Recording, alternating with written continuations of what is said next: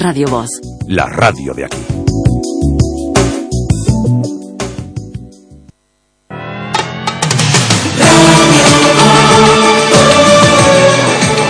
Radio Voz presenta Voces de Galicia. Con Isidoro Valerio.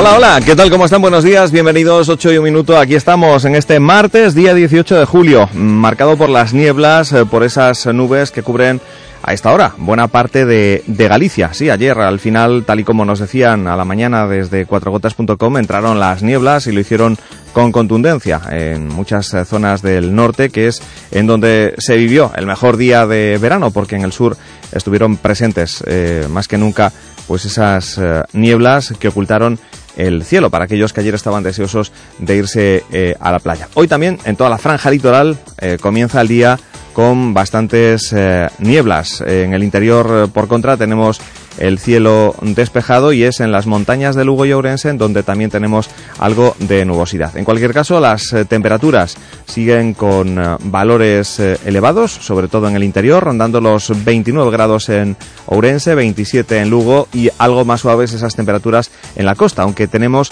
ese bochorno que se ha quedado acumulado pues en el interior de, muchas casas y que ha hecho pues que la noche mm, haya sido pues un tanto desagradable pues para conciliar el sueño, sobre todo aquellos que, pasan calor por las noches en su, en su casa. Bueno, 8 y 3 minutos, que no vamos a hablar de calores ni de temperaturas, vamos a hablar de muchas otras cosas hoy aquí en el programa.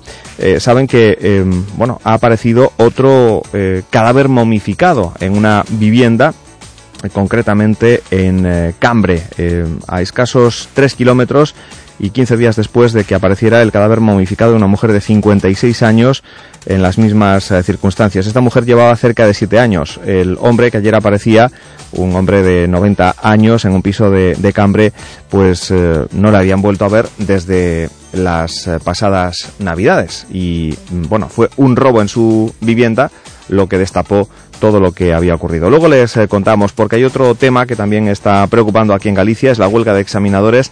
Amenaza el futuro de 500 autoescuelas gallegas. El paro, que puede convertirse en indefinido, ha reducido al máximo el número de clientes en las autoescuelas, que ya sufren y padecen pues la crisis y que eh, pues a mayores ahora están viendo como un problema eh, que no tienen desde las empresas que se dedican al, a la enseñanza de conductores posibilidades de solucionar, pues se les está echando encima. Más de 4.000 gallegos se han visto afectados por la suspensión de las pruebas del carnet de conducir. Y hoy hablaremos de, bueno, todo lo que eh, va a ser la celebración del 25 de julio, de cómo se va a vivir desde el bloque nacionalista galego. Estará con nosotros la portavoz nacional del BNG, Ana Pontón, que por cierto ha acusado al presidente de la Junta de haberse convertido en el mayor obstáculo para lograr, entre otras cosas, la transferencia del AP9 para eh, su gestión eh, autonómica. El BNG va a exigir que Feijó comparezca para aclarar su postura sobre la AP9 y también desde el BNG llaman a la movilización el 25 de julio por un futuro en libertad. Hoy hablaremos con Ana Pontón en esta primera hora de, programa, la portavoz nacional del bloque nacionalista galego. Más cosas que tendremos en el programa. Eh, saben que hay un tema preocupante, el de la obesidad en, en los más jóvenes, en los eh, niños. Los pediatras y los endocrinólogos vienen lanzando un mensaje de forma reiterada. Eh, las nuevas generaciones corren el riesgo de vivir menos que las anteriores y es porque, bueno, eh, les amenaza esa epidemia creciente, la obesidad. Hoy hablaremos con Ana María Martínez Lorente, médico especialista en nutrición de la Dirección General de Sanidad. Eh, hablaremos con, con, ella de algo que, que preocupa a las autoridades sanitarias, esa eh, creciente obesidad, sobre todo entre los más eh, jóvenes. Y hablaremos también del de, mm, programa Emprégate. Los eh, alumnos del curso de Conocimientos y Gestiones Laborales Básicas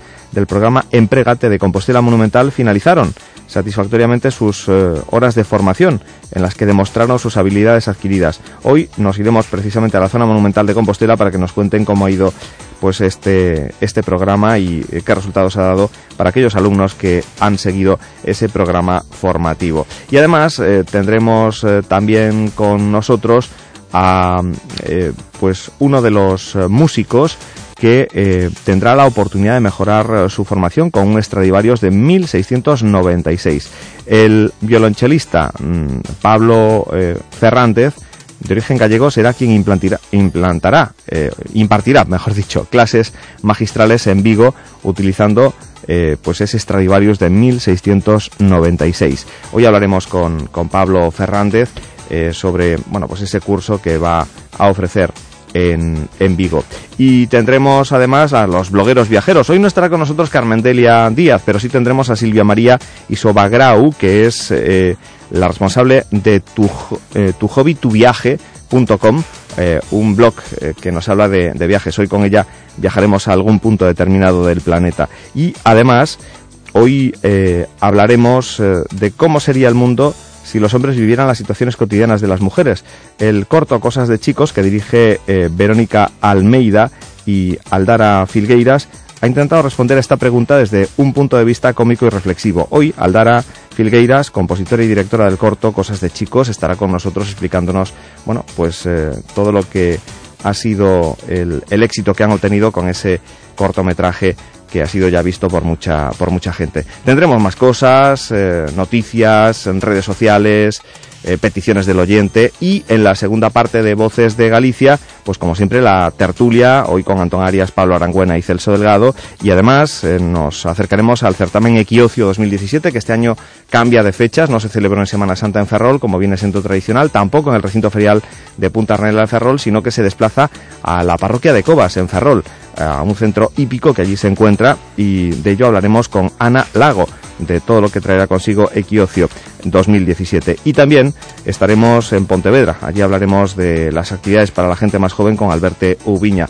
Bueno, todo esto y mucho más desde aquí hasta las 2 de la tarde en un eh, sinfín, en este programa que comienza ahora, que remata, que termina a las 2 de la tarde y que eh, les invitamos a seguir con nosotros. Ah, y no se olviden, no se olviden, por favor, de que estamos en plena selección de las canciones que pueden convertirse en canción del verano 2017. Que esta semana recogemos propuestas, que ya tenemos eh, pues algunas eh, propuestas planteadas por la audiencia, pero que ustedes tienen la palabra, ¿eh? a partir de la una y antes si quieren utilizar el WhatsApp, nos pueden proponer canciones que les gustaría que este año se convirtiesen en la canción del verano. Hay tres que ya han propuesto los oyentes. Una, mm, no podía ser de otro modo, El Despacito de Luis Fonsi.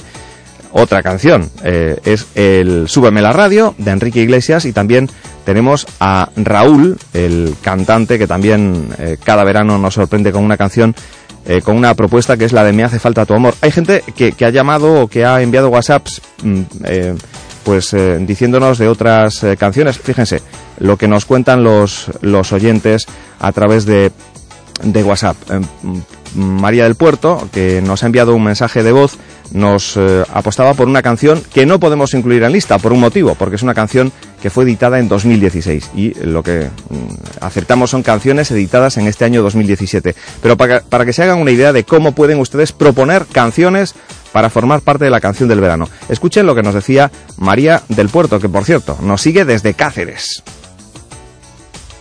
Hola, buenos días. Eh, mi canción del verano es eh, Para Quiéreme como soy de Raúl y Miguel Say y Mario Méndez y me gustaría que, entrara eh, en nuestra lista. mi nombre es Puerto y soy de Cáceres y es una canción alegre y fresquita. Saludos. Pues saludos, pero María, te tenemos que decir María del Puerto, que es como se llama esta, esta oyente, eh, no podemos aceptar esa canción porque es una canción que fue editada en 2016, la canción de Raúl de este año que han propuesto pues otros eh, oyentes, porque aquí tiene un club de fans muy numeroso, es la de Me hace falta tu amor, que interpreta con Miguel Sáez y que es la canción de este año 2017. Bueno, ahí están esas tres, pero hay muchas más que podrían convertirse en canción del verano. A nosotros hay una que nos encanta, porque así se titula Me encanta, y es la canción que ha hecho este año Antonio Carmona. Suena así y con ella les damos la bienvenida.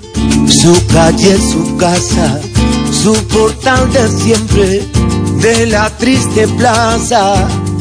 Y siempre dando vueltas a la cabeza. Su corazón se dobla, a nadie interesa. Siempre elegante, también perfumado, con tanta nostalgia.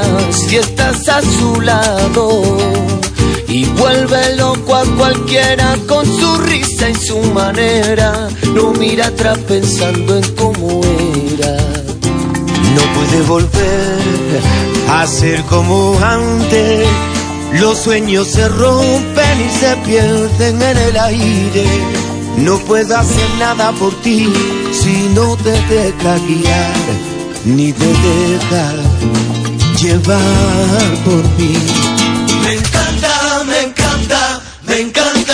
Encanta. Cuando suena tu guitarra, cuando me canta y me baila y me encanta, me encanta.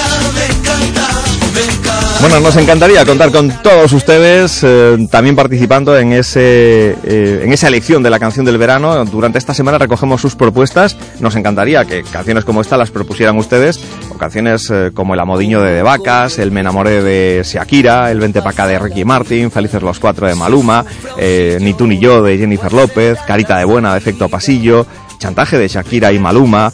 Eh, bueno, hay tantísimas canciones que podrían ser canción del verano en este año, más allá del Despacito o del Súbeme la radio, que son las que, bueno, ya despuntan como, como favoritas.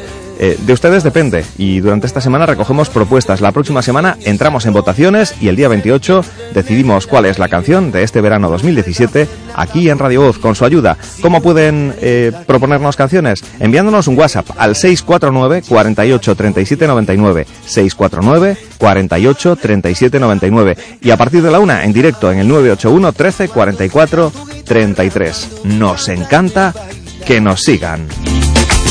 Me encanta, me encanta, me encanta. Oye, me gusta la melodía que sale de tu guitarra. Voces de Galicia. Isidoro Valerio. Radio Voz.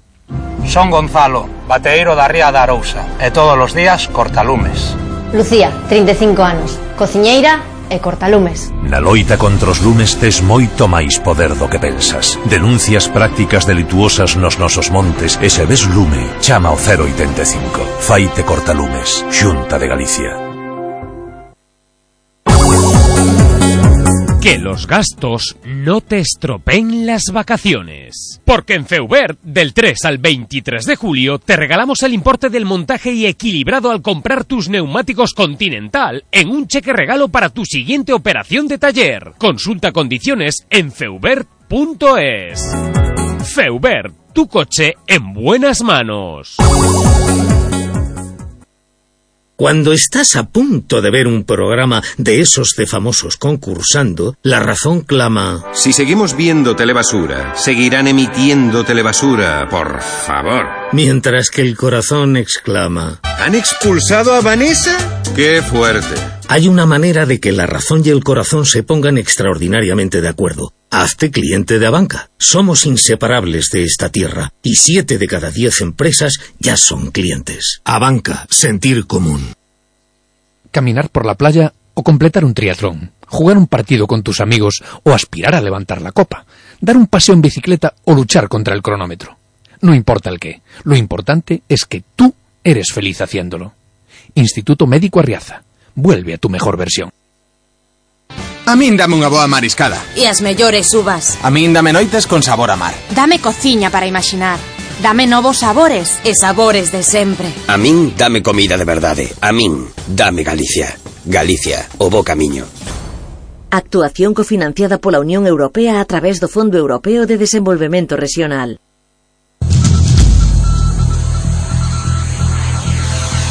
En Voces de Galicia de Radio Voz llega ahora el resumen de la actualidad.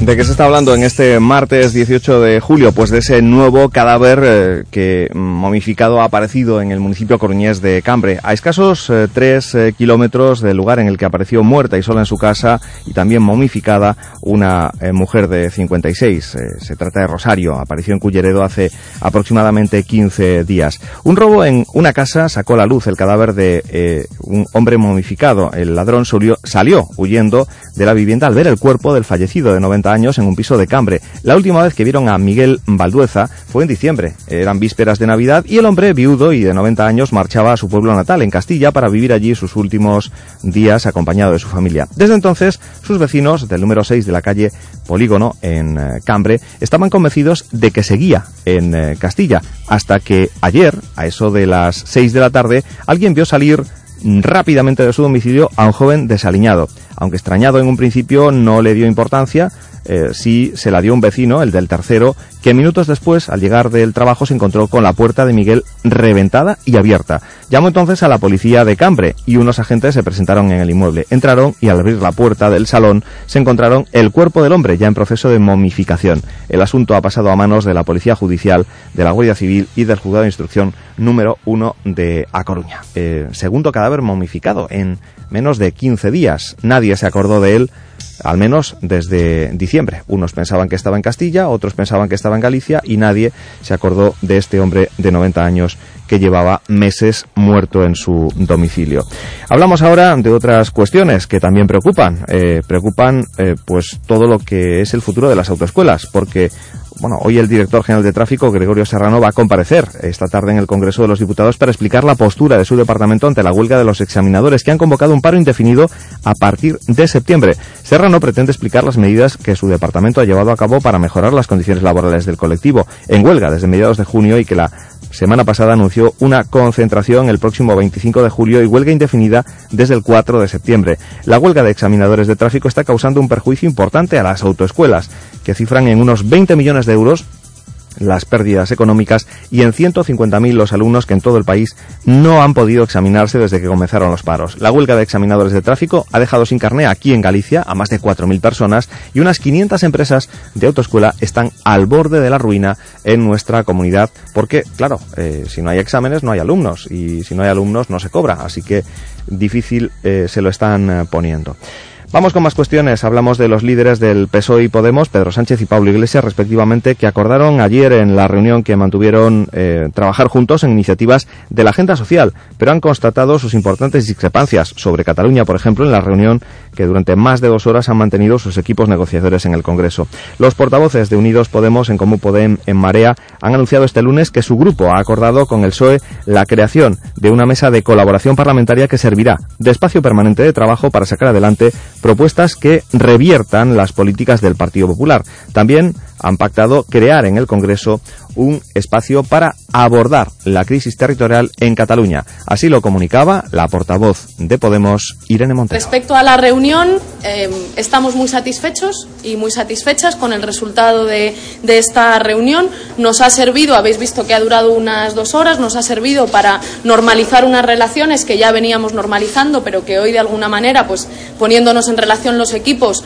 eh, hemos podido confirmar y también este creo que es el resultado más destacable de la reunión de hoy para generar un espacio permanente de trabajo que hemos llamado Mesa de Colaboración Parlamentaria y que nos servirá para ir abordando el trabajo de, de coordinación de ambas formaciones en el, en el día a día. Entendemos que esta mesa de colaboración parlamentaria sirve, por una parte, para establecer una interlocución preferente entre ambas formaciones, entre ambos grupos parlamentarios a la hora de sacar adelante iniciativas concretas. Ahora me detendré un poco en algunas de, las que hemos hablado. Esta mesa sirve también para avanzar, para prefigurar de una forma flexible y dinámica ese proceso de construcción de un gobierno alternativo, prefigura de alguna manera ese gobierno alternativo y sirve también pues no solamente para gestionar nuestros acuerdos y para fortalecer nuestros acuerdos y para poner encima de la mesa nuestros acuerdos, sino también para gestionar nuestros desacuerdos. Que exista entre el Partido Socialista, entre este Partido Socialista y Unidas y Unidos Podemos, una mesa de colaboración parlamentaria con la que fortalecer nuestros acuerdos y también con la que gestionar nuestros acuerdos, para quien más va a ser preocupante, a quien más va a poner nervioso, es al señor Mariano Rajoy, es al Partido Popular, que hoy creo que está un poquito más cerca de salir de, de este Gobierno. Bueno, pues ahí estaba lo que comunicaba Irene Montero tras esa reunión a dos bandas eh, de PSOE y Podemos y era Margarita Robles, la portavoz socialista en el Congreso, la que comparecía también en rueda de prensa para reconocer tras la primera reunión de equipos de Unidos Podemos y del PSOE que ambos partidos trabajarán en la agenda social que deja eh, de lado el actual gobierno. Escuchamos a Margarita Robles. Positiva. Eh, por parte del Partido Socialista se ha puesto sobre la mesa lo que es nuestra principal preocupación. Nuestra principal preocupación en este momento es la agenda social. Entendemos que en este momento en España estamos viviendo una situación de clara desigualdad, una desigualdad que afecta a determinados sectores, a los parados, a los jóvenes, eh, a los pensionistas. Y por eso, en la reunión, la primera intervención que ha hecho el secretario general ha sido decir que la agenda social para el Partido Socialista era fundamental y clave. Y porque además estamos preocupados con que las iniciativas legislativas que se están poniendo sobre la mesa precisamente para incidir en esos aspectos de agenda social que más importan a los ciudadanos de este país que lo están pasando mal, están siendo vetados por el Partido Popular. Nos preocupa enormemente que unas veces por la vía del veto directamente y otras veces por ampliación de plazo de enmiendas no estén saliendo determinadas legislativas, como por ejemplo la iniciativa legislativa popular en el tema de los ingresos mínimos. Ese es el planteamiento que hemos hecho al inicio de la reunión, eh, explicando cómo esa prioridad para el Partido Socialista es clave. Todo lo que sea trabajar por el desempeño y el desarrollo de la agenda social, entendemos que es un marco de colaboración muy positivo para trabajar conjuntamente entre el Partido Socialista y el Grupo Confederal de Unidos Podemos. Bueno, pues ahí estaba Margarita Robles haciendo su balance de esa primera, bueno, segunda reunión entre em, Podemos y eh, el Partido Socialista. Y vamos ahora con esa otra polémica que ayer surgía. Vamos hasta Cataluña. El presidente catalán Carles Puigdemont va a presidir hoy la primera reunión del nuevo gobierno tras los últimos ajustes de cara al referéndum. La reunión eh, em, del nuevo Ejecutivo catalán, en la que Oriol Junqueras asumirá el área de procesos electorales, se produce justo el día después de la dimisión de Albert Batle como director de los Mossos de Escuadra. Y sí, es que Albert Valle presentaba su dimisión por motivos políticos tras los cambios de la semana pasada en el Gobierno, entre ellos la incorporación de Jaquín Forn como nuevo consejero de Interior, con vistas a preparar el referéndum anunciado para el primero de octubre. Después de tres años en el cargo, comprometido eh, con el cumplimiento de la Constitución, Badle eh, ha anunciado su dimisión dejando en el aire el papel de los Mossos en la consulta del primero de octubre. Mientras, el nuevo gobierno se organiza para seguir preparando el referéndum. El gobierno le ha avisado de que moverá ficha en menos de 24 horas. La vicepresidenta del gobierno, Soraya Sáenz de Santa María, valoraba ayer la marcha del director de los Mossos de Escuadra a dos meses y medio del 1 de octubre, fecha del referéndum independentista en Cataluña. Dice Soraya Sáenz de Santa María que es gravísima la dinámica en la que ha entrado la Generalitat. Es gravísima la dinámica que está cogiendo la Generalitat en Cataluña que cualquier persona eh, que quiera hacer bien su trabajo, que respeta la ley y que eh, cumple con su obligación tenga que verse obligada a dimitir por motivos políticos pone de manifiesto la dinámica que está consiguiendo Puigdemont y Junqueras en su, en su funcionamiento. Mire, me preguntaba los pasos siguientes. Yo creo que la Generalitat en este momento, cuando la gente moderada, la gente que ponía realismo político se tiene que ir sencillamente de la Generalitat, se tiene que ir de esa administración, puede hacer dos cosas. O asumir Puigdemont y Junqueras su fracaso ahora, o asumirlo el 1 de octubre, porque el referéndum no se va a celebrar y va a ser un fracaso. Yo creo que cualquier gobierno sensato lo que haría es pararse, es analizar la deriva en la que están colocándose, a la que están llevando a tanta gente moderada y sensata que solo quiere hacer su trabajo bien en Cataluña y reflexionar. Si optan por despeñarse, por no asumir el fracaso de lo que están planteando hasta el 1 de octubre, por tensionar a la sociedad eh, catalana, eh, pues en estos meses tendrán una respuesta por parte del Gobierno y por parte de las instituciones del Estado y me imagino que también por parte de mucha eh, gente sensata en Cataluña preguntándoles que a dónde van. Bueno, pues a dónde van, se pregunta Soraya. También ayer había valoración por parte de los socialistas. El secretario de organización, José Luis Ábalos, cree que la dimisión del hasta ahora director de los Mossos eh, se debe a que éste no quiere asumir responsabilidades penales ante la celebración del referéndum independentista anunciado por la Generalitat el primero de octubre. Este es Mm, José Luis Ábalos. Eh, eh, está en la misma dinámica que eh, de, las, de, las, de los cambios en el Consejo, ¿no?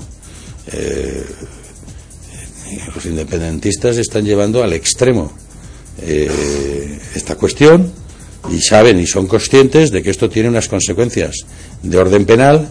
E imagino que alguien que dirige los hombrosos de escuadra que es una fuerza, lógicamente, que se integra también en las fuerzas y cuerpos de seguridad del Estado, pues obviamente imagino que no querrán asumir responsabilidades que en este caso serían agravadas más allá de, cualquier otro elemento, ¿no? Por la función que, que tienen. La interpreto así.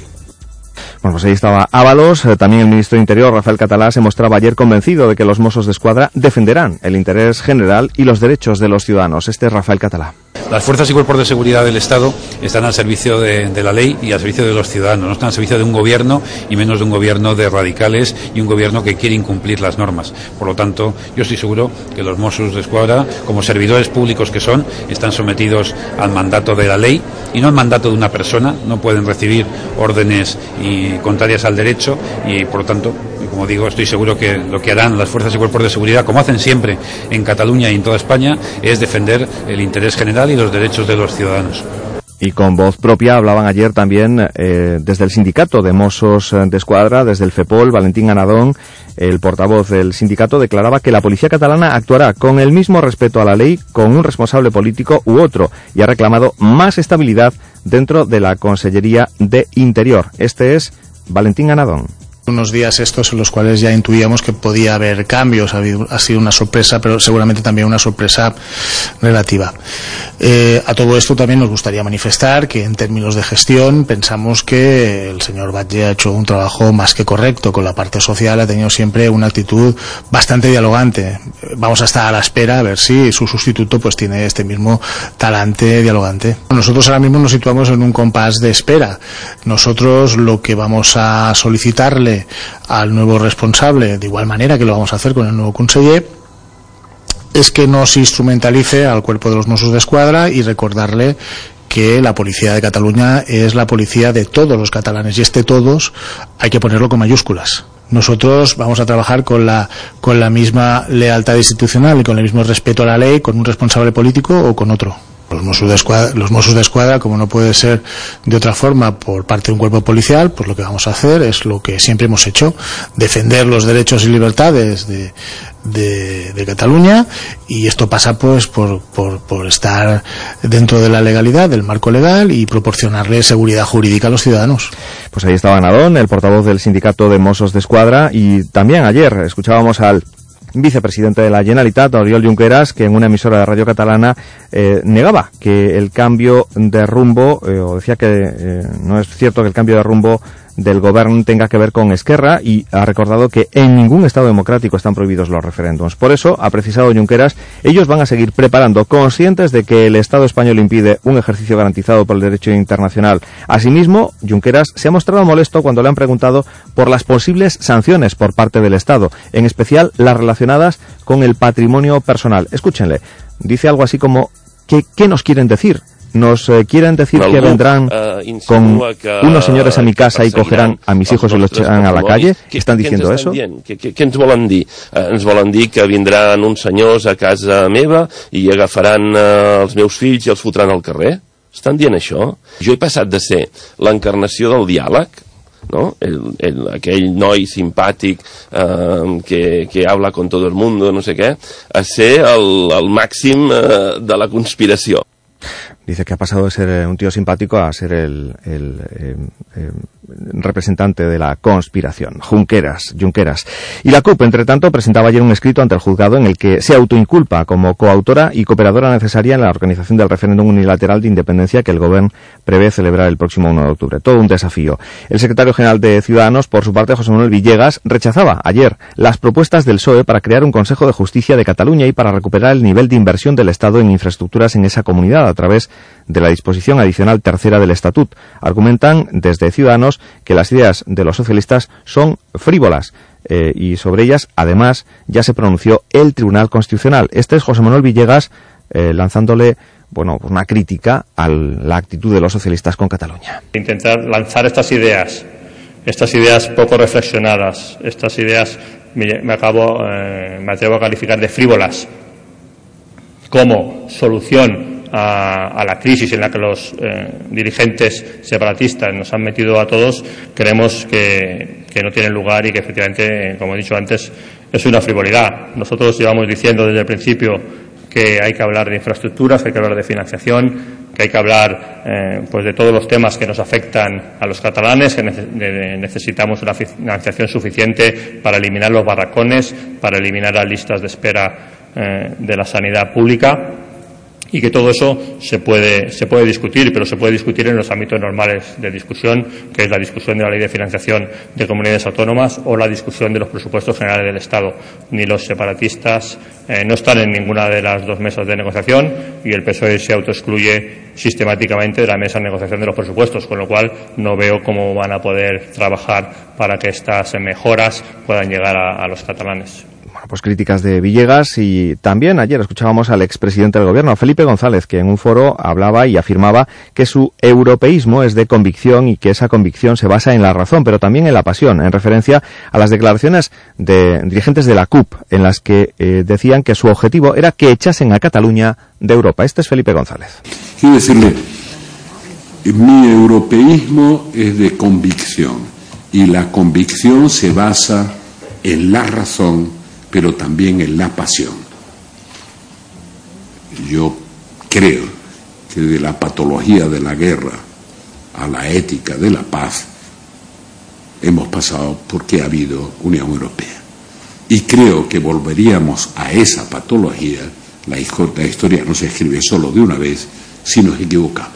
Por tanto, racionalmente, si vamos a ser el 5% de la humanidad, juntitos estaremos mejor que cada uno por nuestra cuenta, nuestra cuenta siendo el 0,3%.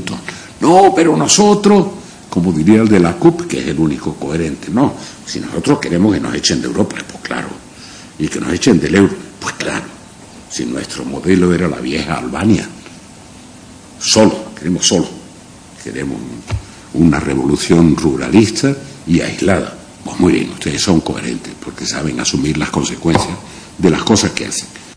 Bueno, y en Cataluña eh, lo último es que Pérez Soler sucederá al Batle como jefe de los Mossos. Eh, Pérez Soler es, eh, fue director general de servicios penitenciarios y es un independentista convencido. Y ayer escuchábamos a una de las portavoces del Partido Demócrata Catalán, Marta Pascal, que decía que no hay duda de que todos los soldados ¿eh? Eh, lo entrecomillamos, del Partido Demócrata Catalán están en disposición de hacer lo que haga falta para lograr el objetivo de celebrar el referéndum del 1 de octubre y seguir con ese proceso soberanista. Así están las cosas y mientras tanto aquí en Galicia el portavoz de María Luis Villares considera que el debate que vivió la organización este fin de semana ha acreditado que se trata de un espacio mestizo en el que se debe hacer un esfuerzo por avanzar partiendo de los puntos en común que tienen los integrantes de la formación, que celebraba el sábado su plenario en el que ha salido reforzado el liderazgo de Villares pero ha reflejado una importante fractura entre el sector oficial y el crítico. El portavoz del partido ha señalado que el debate, dado en cuanto a diferentes aspectos políticos y organizativos durante el plenario, debe ser entendido como normal y satisfactorio, puesto que en organizaciones democráticas es la normalidad dar un debate abierto con paredes de cristal para que todo el mundo pueda tener acceso al mismo. En este sentido, Villares ha apostado por obedecer el mandato de las bases y aparcar aquellas cosas en las que son diferentes y trabajar en aquellas que les ponen en común. Porque en Marea eh, partió de definirse a sí mismo como un espacio mestizo, como un espacio de diferentes que se unen por uns bens comuns e, polo tanto, non debemos de aspirar a facer avanzar en marea por reglas de maioría, senón por reglas de consenso, que foi o que nos trouxe hasta aquí. A confluencia, dixemos desde un primeiro momento, e a unidade popular supuña renunciar a aquelas cousas nas que éramos diferentes para traballar naquelas que nos poñen en común. Ahí estaban, eh, entre tanto Podemos criticaba la ausencia de Noriega y Ferreiro en el plenario del sábado. El alcalde de Santiago ha llegado a decir que él es propietario de sus silencios y de sus ausencias. Entramos en capítulo económico. El ministro de Economía, Luis de Guindos, cree que se va a producir una normalización de la evolución de los salarios de forma natural sin necesidad de ningún tipo de intervención por parte del gobierno, porque la situación de la economía, dice, no tiene nada que ver con lo, eh, la de hace cinco años. Y en el ámbito económico nos vamos ahora hasta Oporriño. El rey Felipe VI presidía ayer en Oporriño el acto de celebración del 50 aniversario de Aimen Centro Tecnológico, un centro dedicado a la fabricación industrial donde comprobaba de primera mano el funcionamiento de la maquinaria utilizada para distintos procesos de fabricación. Un acto en el que estaba acompañado por diversas autoridades, entre otras el presidente de la Junta, Alberto Núñez Feijóo, y la ministra de Empleo, Fátima Báñez. El rey, que en octubre del 2007 ya visitó Aimen todavía como príncipe, eh, con motivo de su 40 aniversario desde la creación del centro tecnológico, ayer realizaba en compañía de las autoridades un recorrido por ese centro de aplicaciones láser donde ha sido informado del funcionamiento de distintas maquinarias. El presidente del Ejecutivo del Consejo de AIMEN Centro Tecnológico, Fernando Vázquez, fue el único que intervino en el acto y destacaba la relevancia de que el rey haya arropado el acto de las bodas de oro de Aimén, un centro que se erige como el primer centro español en láser y uno de los más considerados a nivel europeo. Fernández destacaba que el papel fundamental del centro tecnológico es ofrecer asistencia a las pequeñas y medianas empresas. Entre 5 y 10 años para que la marea llegue a las pymes. ¿eh? Porque las grandes empresas tienen estructura suficiente como para adaptarse y adecuarse a las nuevas tecnologías pero la pequeña empresa le cuesta mucho más. Hay que ayudarla. Pues ahí están desde Aymen. El rey, por cierto, participaba luego en el almuerzo del Círculo de Empresarios y reafirmaba su compromiso con la promoción y la defensa de los intereses económicos y empresariales de España en el exterior, destacando la contribución decisiva de la sólida internacionalización de la economía española para afrontar la grave crisis económica.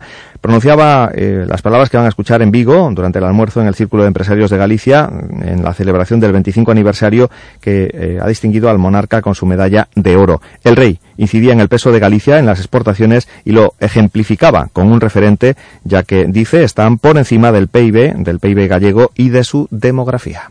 Efectivamente, la sólida proyección exterior de nuestra economía ha contribuido decisivamente a afrontar la grave crisis económica.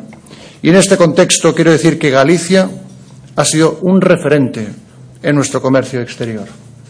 Vuestras exportaciones están por encima de lo que corresponde a vuestro PIB y vuestro peso demográfico dentro de nuestro contexto nacional.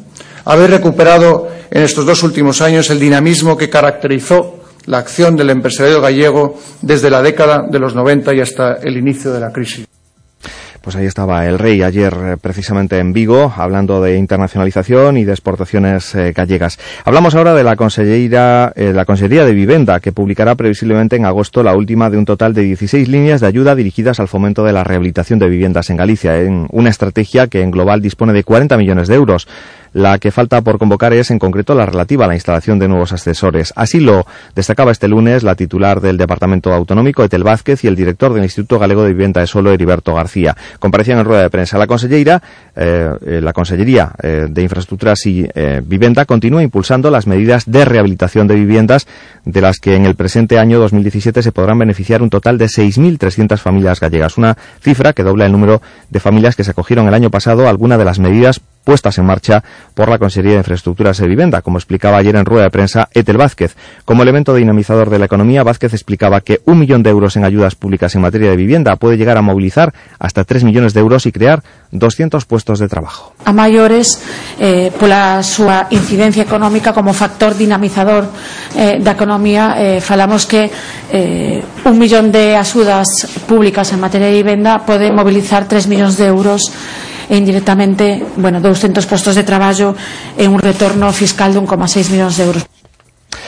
Además, la Consellería de Economía e Industria, que cuenta con su propia línea para ayudar a la instalación de ascensores, aportará 8 millones enfocados a la sustitución de ascensores en búsqueda de mayor eficiencia. Sobre el retraso en la colocación o renovación de ascensores que supone la falta de consenso en algunas comunidades de vecinos, la Consellería constataba que es más fácil siempre que se dé el acuerdo. Pero eh, Heriberto García eh, explicaba que una modificación legal de 2016 permite llegar a expropiación de espacios como patios de luces, por ejemplo, por parte del ayuntamiento cuando existe exista necesidad acreditada de instalar un ascensor por razones de accesibilidad y no haya otra solución técnica alternativa. Este es Heriberto García. En caso de que non houbera consenso, estuviera incluído en un ámbito que estuviera delimitado por lo, por lo Concello, se pudieran eh, adoptar medidas de, de eh, pues de impulso e chegando podendo chegar incluso a expropiación de certos espacios eh, eh, comuns ou privativos para a implantación desos ascensores.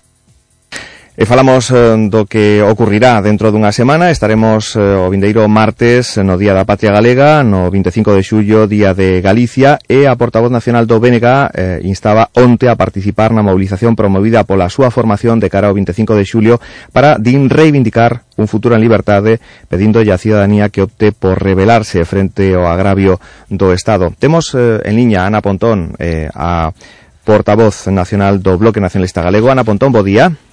Hola, moi bo día, que tal? Chamada a, a movilización, eh, pero eh, que significa isto de un futuro en liberdade? Como podemos explicalo? Ben, Eh, eu o primeiro que quero decir é que o 25 de xullo é o, o Día da Patria Galega, un día para reivindicar que Galicia é unha nación, que existe, que ten dereito pois a, a conquistar o seu futuro, non? que temos eh, dereito a reclamar os nosos dereitos como nación e que neste momento pois estamos vivindo unha discriminación clarísima eh, no Estado, que por certo ten Alberto Núñez Feijó como principal cómplice e non o que facemos pois, é un chamamento a que este 25 de xullo sea unha grande movilización contra a discriminación que o Estado ten con Galiza. Poderíamos falar eh, pois, do que significa a AP9, poderíamos falar do feito de que non teñamos unha tarifa eléctrica galega que nos permita beneficiarnos da produción de electricidade, mentres, por exemplo, Euskadi xa ten para as súas empresas e aforra todos os anos 50 millóns de euros, ou poderíamos falar pois, de como eh, as infraestructuras non acaban de modernizarse no noso país, non? E vemos como AVE que outros territorios le van disfrutando pois durante décadas en Galiza eh, pois non acaba de chegar e o único que nos anuncia o Estado son retrasos e polo tanto este 25 de xullo ten que ser unha grande movilización social contra esa discriminación e para reclamar eh, xustiza e un trato xusto para o noso país. Vemos que noutras comunidades eh, históricas como Galicia, Cataluña e Euskadi eh, se dan dous modelos diferentes do que está a facer o nacionalismo. Eh, desafío soberanista no caso de Cataluña e eh, negociación co goberno para obter réditos eh, eh, eh, e cartos para investir eh, en, en Euskadi. Eh, cal é o modelo que prefire eh, o bloque nacionalista galego? O de independizarse eh, ou o de eh, apostar por polo diálogo, a negociación eh, e obter mm, eh, melloras para, para o que é Galicia eu non creo que ese xa un, vamos, non coincido moito coa análise así que tú acabas de facer, non, sobre cales son as reivindicacións nacionais que hai no Estado, porque creo que son moito máis plurais, o que é certo é que hai un elo en común na reclamación de todo o nacionalismo, que é a reivindicación pues, de soberanía, de capacidade real para poder decidir, e nesa reclamación en a que estamos desde o BNG, pues, pois, nos queremos poder decidir eh, que facemos cos impostos que pagan os galegos e galegas, porque temos un sistema sistema de financiamento injusto que fai ademais que cada ano o Estado recaude máis de 3.500 millóns de euros eh, dos que logo inviste no noso país. Eh, estamos reclamando que podamos decidirnos como organizar as nosas rías, que realmente teñamos re, eh, recursos para poder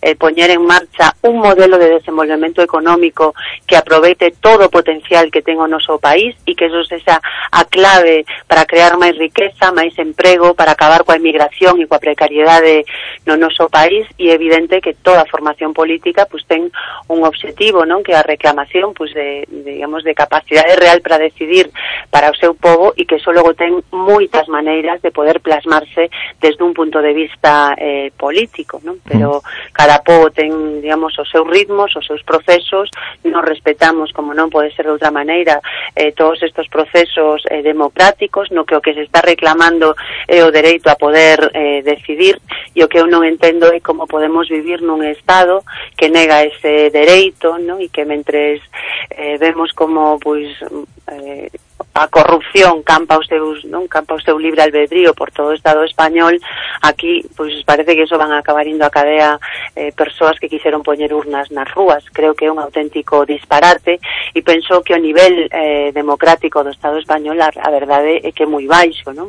Mm. Reino Unido eh, permite que se convoquen referéndums, Canadá permite que se convoten referéndums. A dereita española, por certo, está apoyando un referéndum ilegal en Venezuela e, sin embargo, aquí vemos como se quere meter na cadea a persoas que están cumplindo un mandato cidadán e reclamando un dereito como é o dereito a autodeterminación que está recoñecido pois eh, pola ONU e que forma parte dos dereitos fundamentais das, dos povos eh, porque hai que lembrar que os povos existen.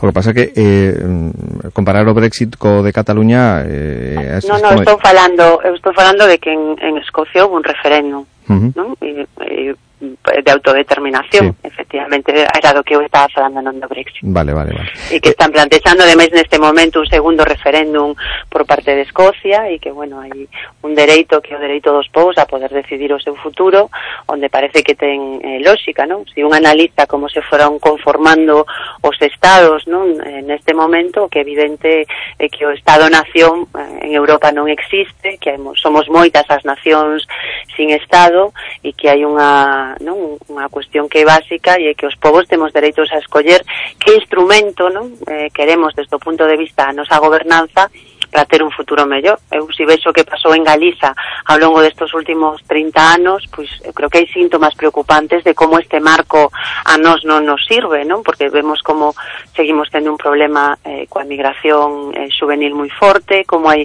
non houve unha converxencia desde o punto de vista económico, eh, como seguimos tendo salarios eh, máis baixos, non? E como, bueno, pois cada vez somos menos galegos e galegas. Eu creo mm. que frente ao que está pasando, pois é evidente que hai políticas que que se están facendo mal desde a Xunta e do Goberno Central, pero que nós tamén eh, podemos aspirar con normalidade a poder revisar eh, o actual marco e decir, bueno, pues nós queremos dar un paso adiante no poder político real que temos como país, porque iso vai nos a servir para que a xente que vive aquí pois, teña mellores condicións de vida. E eu mm. non entendo como eso pode considerarse eh, pois algo eh, que non se poda plantear, porque vamos, con estes esquemas estaríamos todos non, na, non sei, no pleistoceno, non? se non pudiéramos movernos. Mm. Vostedes reivindicarán, polo tanto, unha vez máis o dereito a autodeterminación na eh, movilización que protagonizarán no Día da Patria.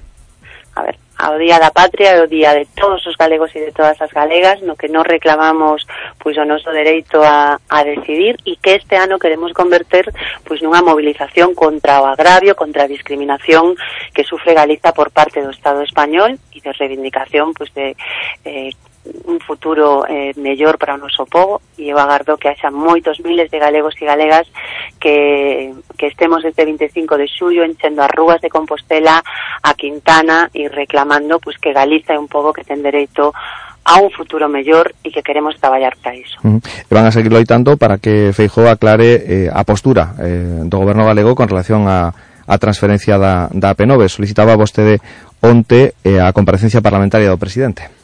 Bueno, creo que este é un tema eh, que non podemos rematar este, digamos, este curso político antes de que chegue o mes de agosto sin que Núñez Feijó compareza no Parlamento de Galiza e nos explique realmente cal é a súa posición en relación eh, coa transferencia.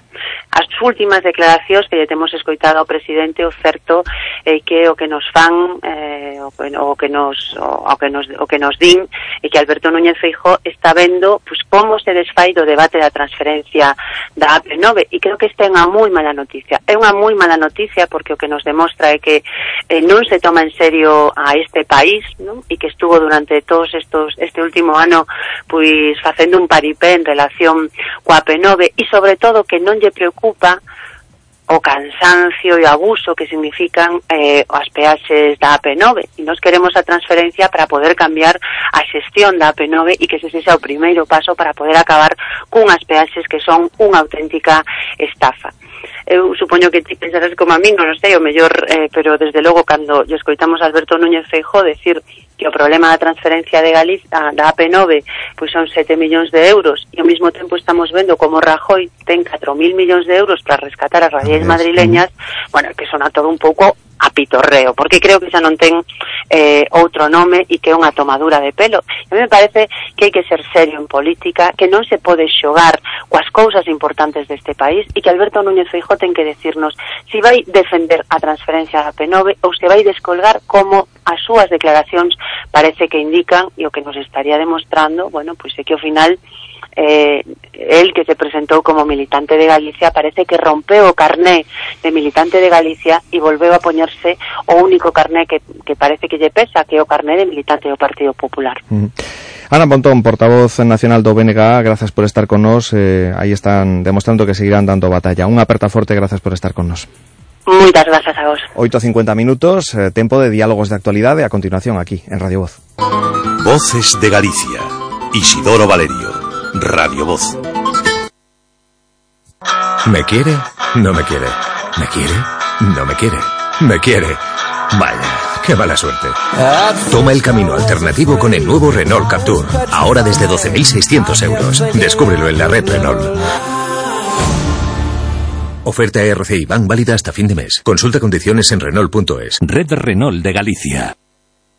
Universidad de Stanford. Elixio Galicia. Porque Galicia leva oito anos consecutivos conxelando as súas tasas universitarias. Porque contamos con docentes de primeiro nivel, campus que apostan pola especialización e proxectos de investigación con excelencia internacional. E porque a terra tira, e moito. Elixe Galicia. Galicia, o bo camiño. Xunta de Galicia. Sintonía de Radio Voz y tiempo de diálogos de actualidad. Hoy con Ignacio Bedoya y con José Rodríguez Dacal, que llega un poquito más eh, tarde, pero teníamos ese compromiso con Ana Pontón que mm, no podía atendernos más, eh, más tarde. Eh, Ignacio, buenos días. Buenos días. José Rodríguez Dacal, buenos días. Buenos días. Buenos días. Bueno, eh, ¿cómo veis todo esto que tiene que ver con los nacionalismos, con las reivindicaciones? Acabamos de escuchar a Ana Pontón hablando en clave eh, gallega de lo que va a ser su reivindicación el próximo 25 de, de julio y estamos viendo lo que está ocurriendo en, en Cataluña con ese desafío que eh, cada día cubre un nuevo capítulo. Ayer con la dimisión del jefe de los Mossos eh, ya tiene sucesor, Pérez Soler será quien le, quien le suceda y parece que esto aumenta de temperatura. ¿Cómo, cómo estáis viendo toda esta, esta cuestión que eh, bueno, se ha convertido en el culebrón del, del verano? Yo lo que veo es que mm, este país, eh, cada día que pasa, es eh, un carajal de mayor, de mayor amplitud, ¿no? Porque resulta que el señor Ábalos sale ayer a la noche diciendo que el Estado podía tener un gesto con Cataluña haciéndole una quita de la deuda. Eh, nombra a la comunidad valenciana y, bueno, pues, óigame, si hay café para todos, hay café para todos, ¿no? Y luego, pues, el tema de los nacionalismos, pues, mm, a ver, a mí me parece bien las reivindicaciones que hacen. Otra cosa distinta es que yo, pues, no, pues pueda estar de acuerdo con el ideario nacionalista o no, ¿no? En principio, pues, eh, Ana Pontón es una persona, desde mi punto de vista, que hace unas declaraciones, pues, muy ponderadas, muy moderadas, serias, muy reflexionadas, además. Me parece que es una persona que reflexiona mucho las cosas y que hay cuestiones en las que lleva razón, evidentemente. Otra cosa distinta es el vehículo sobre el que se montan esas razones. ¿Eh? Que hay personas que pueden estar de acuerdo con él o no pueden estar de acuerdo con él, pero desde luego yo hay cosas en las que sí que coincido con ella, ¿no? Porque para unos sí y para otros no. Y entonces esto yo creo que los políticos tienen que aclararlo. lo, de, lo de la P9 que Lo de la- es un, un agravio Lo de la claro. P9 es sangrante. Lo de la P9 es sangrante porque se tiene 4.000 millones para rescatar las radiales, pero bueno, también tienen 4.000 millones para el País Vasco, para hacer el AWI, para hacer el AVE, en fin, todo este tipo pero de no hay cuestiones, siete para ¿no? rescatar la, la Claro, pero no hay siete para rescatar la, la P9, ¿no? Entonces, bueno, yo creo que esto los políticos tienen que aclararlo. Ujú. eh, José. Bueno, yo mm, en- estoy en, en parte de acuerdo también, sobre todo en el tema de los nacionalismos. Yo creo que España no ha aprendido de aquellos famosos reinos de taifas que destruyeron el que destruyeron el, el reino eh, árabe que hubo en España o el imperio árabe o el califato eh, y que precisamente por aquello, por aquello de los reinos de Taifa se destrozó todo y hoy España pues es, eh, es lo que es. No damos aprendido de que la división acaba siendo un problema, acaba siendo un problema primero para toda España y después sobre todo también para cada uno de los extendidos o de los presuntos extendidos. Lo de las quitas, a mí eso me parece una tontería, o sea, me parece, mm, eh, no sé, una manera de, de venderse para buscar votos en Cataluña. Y después, en cuanto a lo de, en cuanto a lo de Ana Pontón, la considero una persona con, con una capacidad innata, es una política innata, me parece una persona que habla coherentemente, la respeto, no comparto buena parte de sus ideas, pero mm, desde luego lo que dice en buena parte de, de cosas tiene razón. Ella vela por Galicia, su idea es Galicia, y, y, bueno, en eso le doy la razón. Después, en, en otras cosas, en la forma de conseguirlo o tratar también de buscar eh, los caminos hacia una posible independencia en Galicia o algo así, pues ahí ya no, ahí ya tropezamos. Uh -huh. Pero bueno, eh, en el resto, pues eh, ya te digo, yo creo que principalmente que no damos aprendido de errores pasados y que así nos va. Por cierto, que ayer escuchábamos a Felipe González, eh, decía que eh, en relación a, los de la CUP, que decían que su objetivo era que echasen a Cataluña de, Europa, bueno, llegaba a comparar eh, lo que quieren hacer los de la CUP con llevar a Cataluña a convertirse en, en Albania o algo por, por, el estilo. Vamos a escuchar a Felipe González. Quiero decirle, mi europeísmo es de convicción y la convicción se basa en la razón, pero también en la pasión yo creo que de la patología de la guerra a la ética de la paz hemos pasado porque ha habido Unión Europea. Y creo que volveríamos a esa patología, la historia no se escribe solo de una vez, si nos equivocamos. Por tanto, racionalmente, si vamos a ser el 5% de la humanidad, juntitos estaremos mejor que cada uno por nuestra cuenta, nuestra cuenta siendo el 0,3%. No, pero nosotros, como diría el de la CUP, que es el único coherente, no, si nosotros queremos que nos echen de Europa, pues claro, y que nos echen del euro, pues claro, si nuestro modelo era la vieja Albania, solo, queremos solo, queremos una revolución ruralista y aislada. Pues muy bien, ustedes son coherentes porque saben asumir las consecuencias de las cosas que hacen. Bueno, ¿qué os parece lo que decía ayer Felipe González con relación a, lo que se está oyendo en, Cataluña? Por cierto, que ayer escuchábamos más cosas, ¿no? La coordinadora del Partido Demócrata Catalán, Marta Pascal, decía por la mañana que no hay duda de que todos los soldados del Partido Demócrata están en disposición de hacer lo que haga falta para lograr el objetivo de eh, lograr la independencia de, Cataluña, que, bueno, es, es así como casi eh, una declaración de guerra, ¿no? Todos los soldados del Partido Demócrata Catalán. ¿Cómo, cómo lo veis? Bueno, como una salida de bueno, una salida de pata de banco, porque eh, ¿qué, ¿qué, guerra va a haber? Hasta ahora creo que nadie se planteó que hubiera una posibilidad de que hubiera ninguna guerra. Y, y eso, eso yo lo considero como una enorme salida, de una, una salida de pata de banco y nada más. Eh, eso mm, no va a ningún lado. La posible guerra, con qué, o sea, con qué medios iban a, iban a poder eh, meterse en un lío de semejante calibre. ¿Quién los iba a apoyar? Eh, eso mm, yo hay veces que hay veces que la gente habla y que era mucho mejor eh, que estar callados. Uh -huh. Y en cuanto a las opiniones de Felipe González, con mucha sorna, pero tiene bastante razón. Uh -huh. ¿Cómo lo ves, eh, Ignacio? Mm, a ver, yo creo que eh, lo que hay que hacer es ya dejarse de declaraciones de esta naturaleza, declaraciones de carácter velado, eh, porque no todas las canas son respetables. ¿Eh? Todas las opiniones desde las canas son respetables.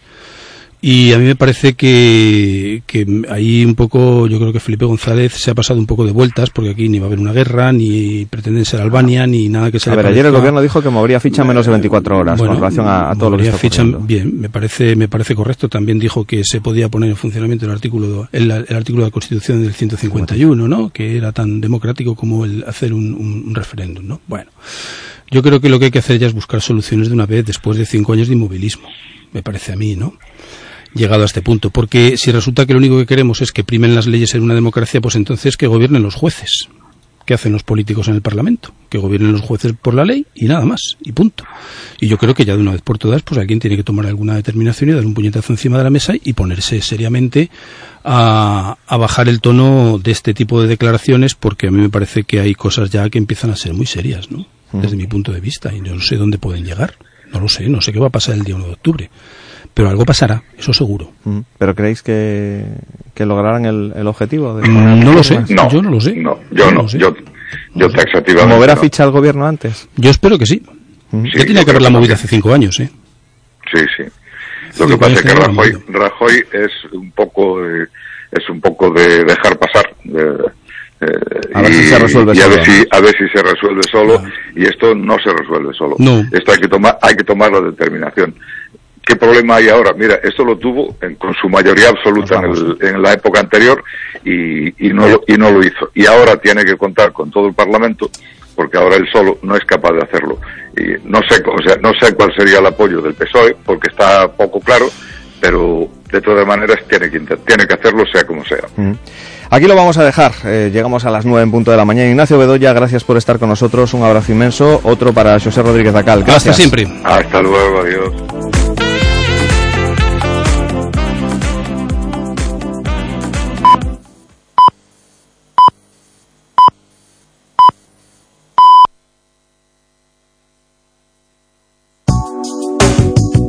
Radio Voz. La radio de aquí.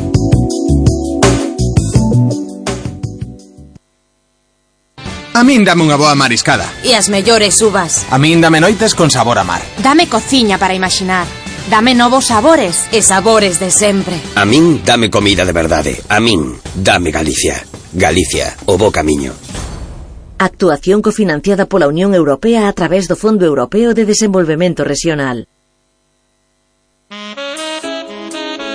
Vives en un edificio sin ascensor. Necesitas modernizarlo eliminando las escaleras que hay en el portal para llegar a tu ascensor. Confía el servicio de mantenimiento de tu ascensor a la empresa líder del sector. ThyssenKrupp pone a tu alcance la solución personalizada para tu comunidad. Llama sin compromiso al 901 020 909 o visita nuestras oficinas. En ThyssenKrupp te hacemos la vida mejor y más fácil.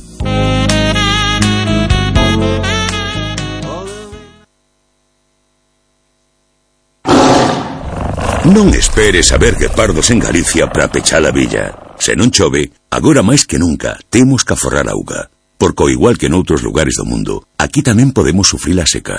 Usa a auga con cabeza. Este anuncio, como a auga, non o deixes correr.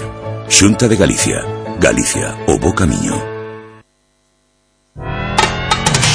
Voces de Galicia. Un programa de Radio Voz con Isidoro Valerio.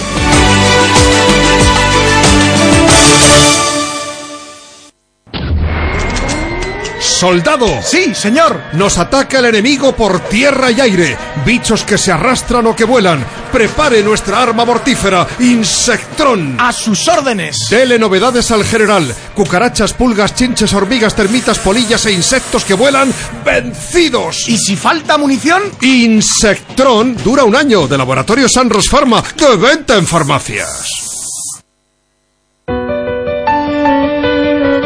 Residencia Geriátrica Nuestra Señora de Fátima, en el centro de Obarco de Valdeorras, en Ourense, al lado del centro de salud. Un entorno envidiable donde podrá pasear, salir de compras y tener plena libertad para continuar con sus hábitos y costumbres. Para autónomos y dependientes con todos los servicios más profesionalizados de geriatría. Habitaciones individuales y compartidas, cocina propia con tres menús diarios. Somos los más baratos. Busque y compare. No encontrará un precio mejor. Nos adaptamos a sus posibilidades. Residencia Geriátrica Nuestra Señora de Fátima. Su bienestar, nuestra razón de ser. Llámenos al 988-321-516 y le informaremos.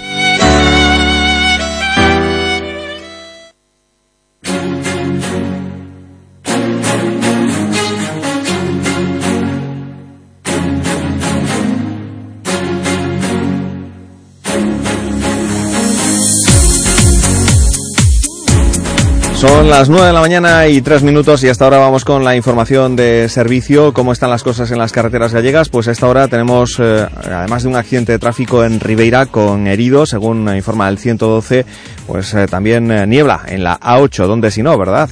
hoy no está cortada, de momento el nivel es rojo, vamos, está en un tris de que la cierren o no.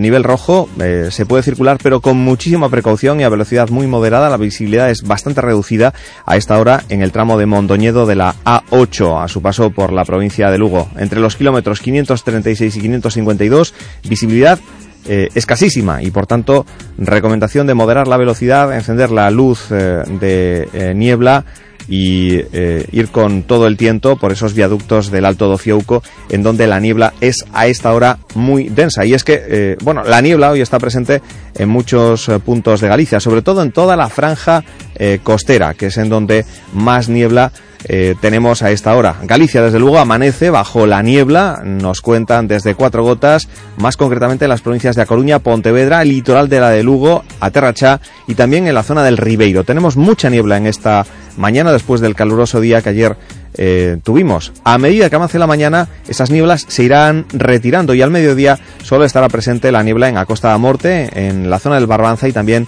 es probable que en el Salnés. Durante la tarde, esa niebla volverá a entrar y afectará otra vez a gran parte de las provincias de Pontevedra y a Coruña, dejando incluso algún orvallo, como hemos tenido esta mañana, en el litoral oeste de Galicia. Lloverá esta próxima madrugada en las provincias atlánticas y durante la mañana del miércoles eh, la lluvia cubrirá al resto de Galicia. Mañana por la tarde las lloviznas se van a quedar en las zonas altas y en el litoral coruñés y mañana notaremos un acusado descenso de las temperaturas máximas. Hoy ya se notará en las zonas de costa que baja la, temperatura. Para jueves y viernes tendremos muchas nieblas por la mañana, sobre todo en el interior, pero con predominio del sol en el resto de Galicia. Solo en el litoral norte se verá alguna nube y poco a poco, a partir del viernes, se vuelven a recuperar las temperaturas veraniegas para dejarnos una última semana de mes propia del verano. Nos informa de todo ello cuatro gotas con esta previsión del tiempo que pueden eh, también eh, conocer a través de los gráficos, a través de los mapas en la web de cuatro gotas, en cuatrogotas.com. Hacemos un pequeño alto y les contamos otras noticias. Residencia Geriátrica Nuestra Señora de Fátima, en el centro de Obarco de Valdeorras, en Ourense, al lado del centro de salud. Un entorno envidiable donde podrá pasear, salir de compras y tener plena libertad para continuar con sus hábitos y costumbres. Para autónomos y dependientes con todos los servicios más profesionalizados de geriatría. Habitaciones individuales y compartidas, cocina propia con tres menús diarios. Somos los más baratos. Busque y compare, no encontrará un precio mejor. Nos adaptamos a sus posibilidades. Residencia Geriátrica Nuestra Señora de Fátima. Su bienestar, nuestra razón de ser. Llámenos al 988-321-516 y le informaremos. Voces de Galicia. Isidoro Valerio. Radio Voz. Son Gonzalo, bateeiro da Ría da Arousa, e todos os días cortalumes. Lucía, 35 anos, cociñeira e cortalumes. Na loita contra os lumes tes moito máis poder do que pensas. Denuncias prácticas delituosas nos nosos montes e se ves lume, chama o 085. Faite cortalumes, Xunta de Galicia.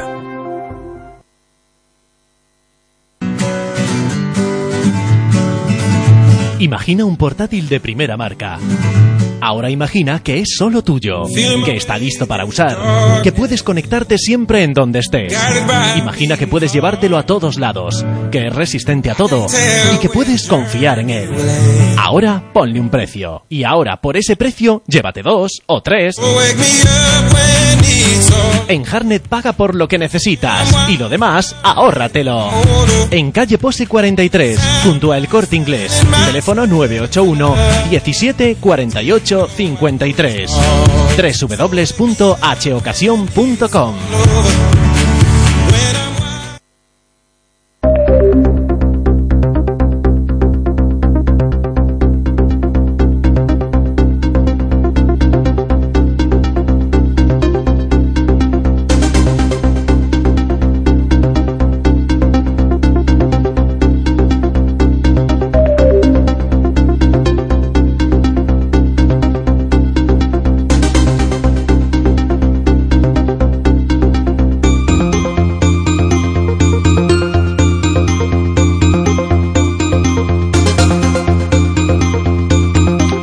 Con la redacción digital de La Voz eh, de Galicia. Vamos a repasar eh, junto con nuestra compañera Marta Ruiz todo aquello que forma parte de la actualidad de este día, de este arranque de jornada, de este arranque de este eh, mm, martes 18 de julio de 2017. Hablamos en principio, Marta, buenos días de esa huelga de examinadores de tráfico con paros de tres días a la semana que sigue causando problemas y que pone en jaque a las autoescuelas gallegas. Buenos días, Marta.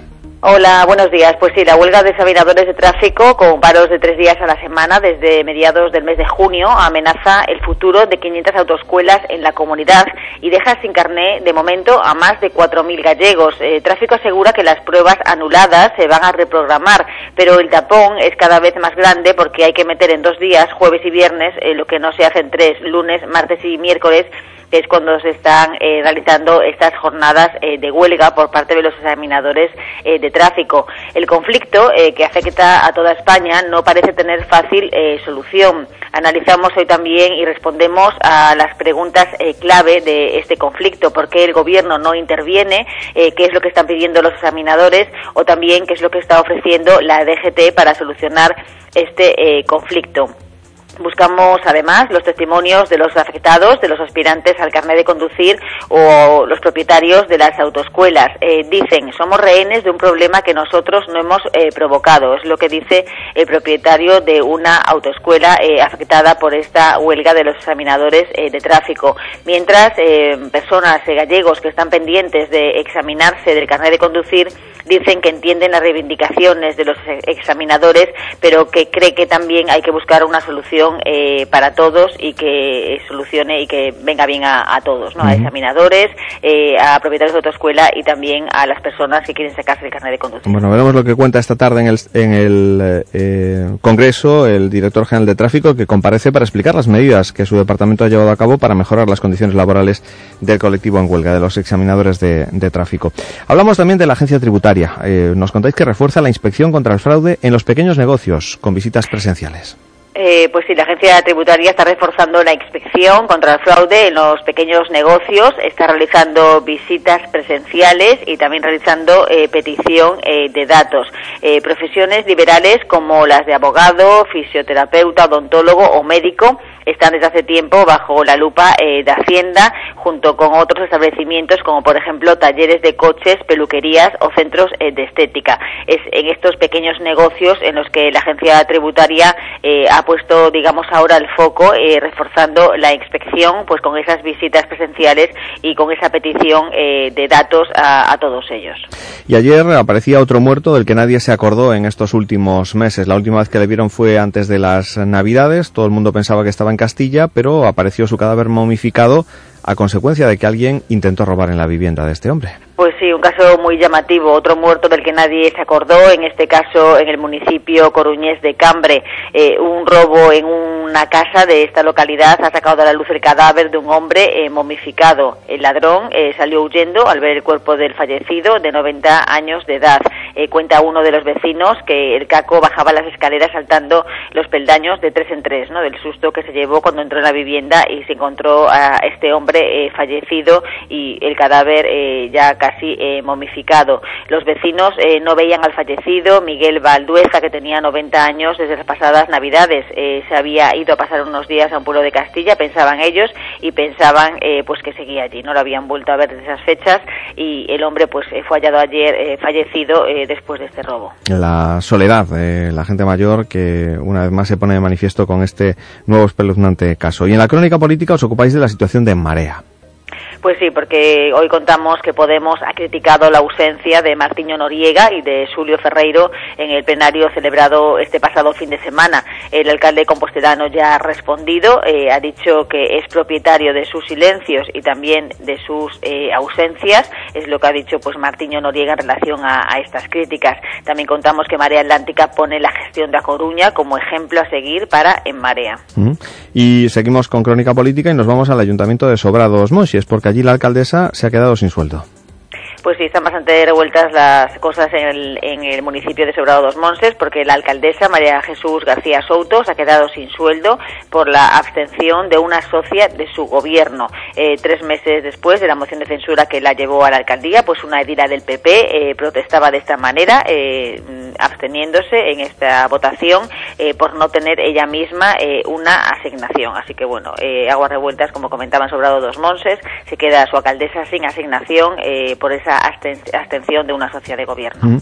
Y hablábamos de los problemas para sacar el carnet de conducir, pero también los hay para obtener el documento nacional de identidad. Hay lista de espera en muchos de los en muchas de las ciudades gallegas.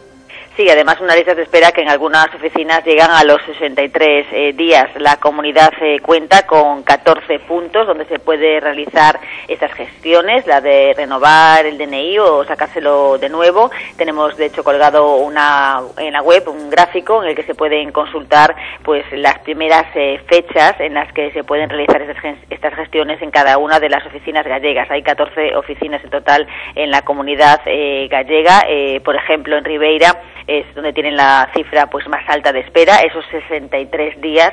Eh, a día de hoy pues no habría cita allí para quitarse el DNI hasta el 18 de septiembre. Eh, también entre los lugares donde más hay que esperar está Marín, eh, donde no habría cita hasta el 13 de septiembre, o Vila García o Viveiro, en los que también habría que esperar al mes de septiembre, en concreto el día 5, pues para eh, poder solicitar cita en una oficina para renovar o, o sacarse el DNI. Así que bueno, en este gráfico en cualquier caso se pueden consultar las esperas en cada uno de los 14 centros eh, de Galicia. Y 10 años, eh, nos contáis, es lo que han tenido que esperar los familiares de Manuel Domínguez Lago, el eh, trabajador eh, que pereció aplastado por un pilar en las obras del AVE en Galicia hace 10 años. Sí, la familia de un fallecido en las obras del AVE, de Manuel Domínguez Lago, eh, han tenido que esperar 10 años a ser indemnizados. Las responsabilidades se han dirimido con un acuerdo civil y los familiares van a recibir ahora 274.000 euros. Eh, Manuel Domínguez Lago, natural de Vigo, que tenía 45 años en el momento en el que falleció, eh, murió pues aplastado por uno de los pilares del viaducto que se estaba construyendo sobre el río Arenteiro y su familia pues ha tenido que esperar esos 10 años para ser indemnizada. Y el profesor Ángel Carracedo es noticia una vez más, eh, tras lograr su equipo un avance importante en la detección de las causas del autismo. Pues sí, un avance importantísimo. El equipo de Ángel Carracedo ha hallado una nueva causa del autismo que se detecta con un test eh, genético. Eh, dice ahora Carracedo que su prioridad es incorporar este descubrimiento, esta nueva causa, a la rutina habitual del laboratorio, porque ahora eh, ya saben cómo hacerlo. Así que, bueno, importantísimo descubrimiento del que hoy damos todos los detalles, esa nueva causa del autismo que se detecta con un test genético. Hoy vamos a hablar en unos instantes de obesidad un tema que preocupa a todos los eh, encargados eh, de, la sanidad. Hoy hablaremos con la Dirección General de Sanidad eh, y con una médico especialista en nutrición de, de este tema, qué es lo que está pasando para que cada vez haya más niños obesos. Vosotros también os ocupáis de este tema y lo abordáis con un especialista del, del Hospital Valdebrón. Pues sí, ya ayer hablábamos de la obesidad en la infancia y de la adolescencia. Hoy de nuevo pues nos ocupamos de este tema y hablamos con Ramón Vilayonga, que es un cirujano gástrico del Hospital Valdebrón y especialista en operaciones eh, pioneras de reducción eh, de estómago. Dice que en España eh, se operan entre 15 y 20 adolescentes al año con obesidad eh, grave. Dice este especialista que la intervención debe ser en cualquier caso el último recurso. Y tenemos que felicitar a la urensana Purificación García. Recibí ayer de manos de la reina Leticia el Premio Nacional de Moda.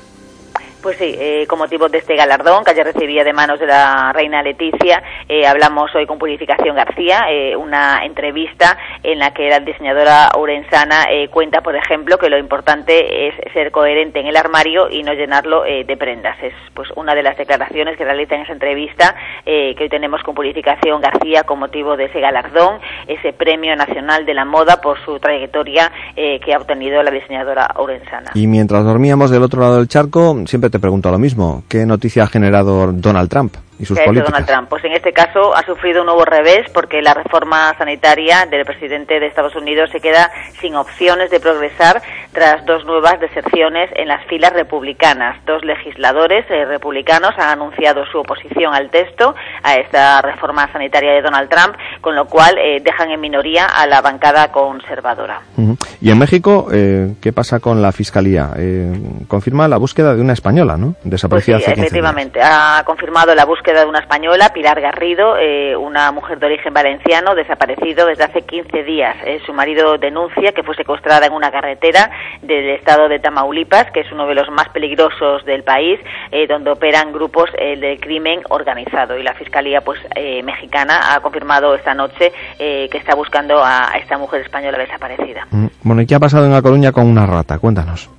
Pues bueno, ayer contábamos que una vecina de Monte Alto había pedido ayuda el sábado a la policía local para deshacerse de una rata eh, que encontró en su cocina. Eh, como le dijeron que hasta el lunes no podían ir, ella en un primer momento puso un cubo con un peso encima para atrapar a la rata, pero finalmente eh, pues ha tenido que ser ella quien mate al roedor y, y también ella misma quien lo tire al contenedor de la basura. Es lo que contamos hoy dice esta vecina de Monteanto, esta vecina coruñesa, que no podía seguir así, con la rata en casa, debajo del cubo, eh, por tiempo indefinido, así que tomó la decisión pues de, matarla. Dice que la recogió con unos guantes y que la tiró al contenedor de la basura, eh, también con el cubo que estaba totalmente mordido por dentro. Me parece un poco surrealista llamar a la policía local por una rata, ¿no?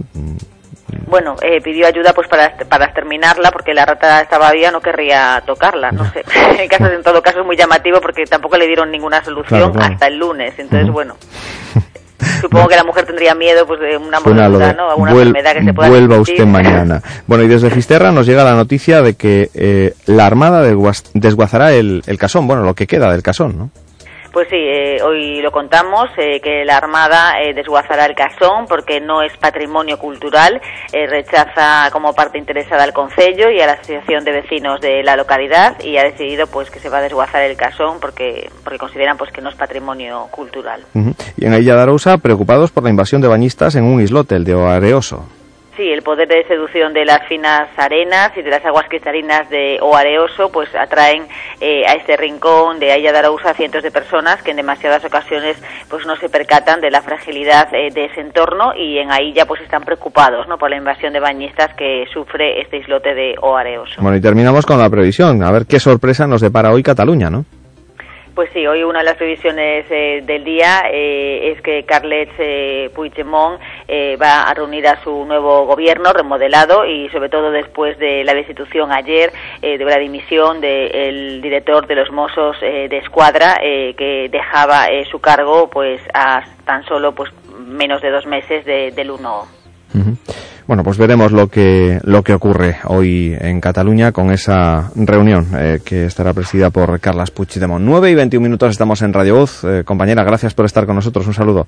Gracias, hasta luego. Ahora nos quedamos con los deportes. Llega Alberto González. Alberto, ¿qué tal? Buenos días. Buenos días. El esnoveno Lobotka ya se entrenó ayer las órdenes de Juan Carlos Unzué después de firmar por el Celta de Vigo para las cinco próximas temporadas. Es un centrocampista que llega de la Superliga de Dinamarca y en el que tienen puestas muchísimas expectativas el conjunto celeste. Un fichaje complicado que se prolongó demasiado en el tiempo hasta llegar a conseguirlo y recalar este en el Celta de Vigo, como indicó el director deportivo del conjunto líbico, Felipe Miñambres.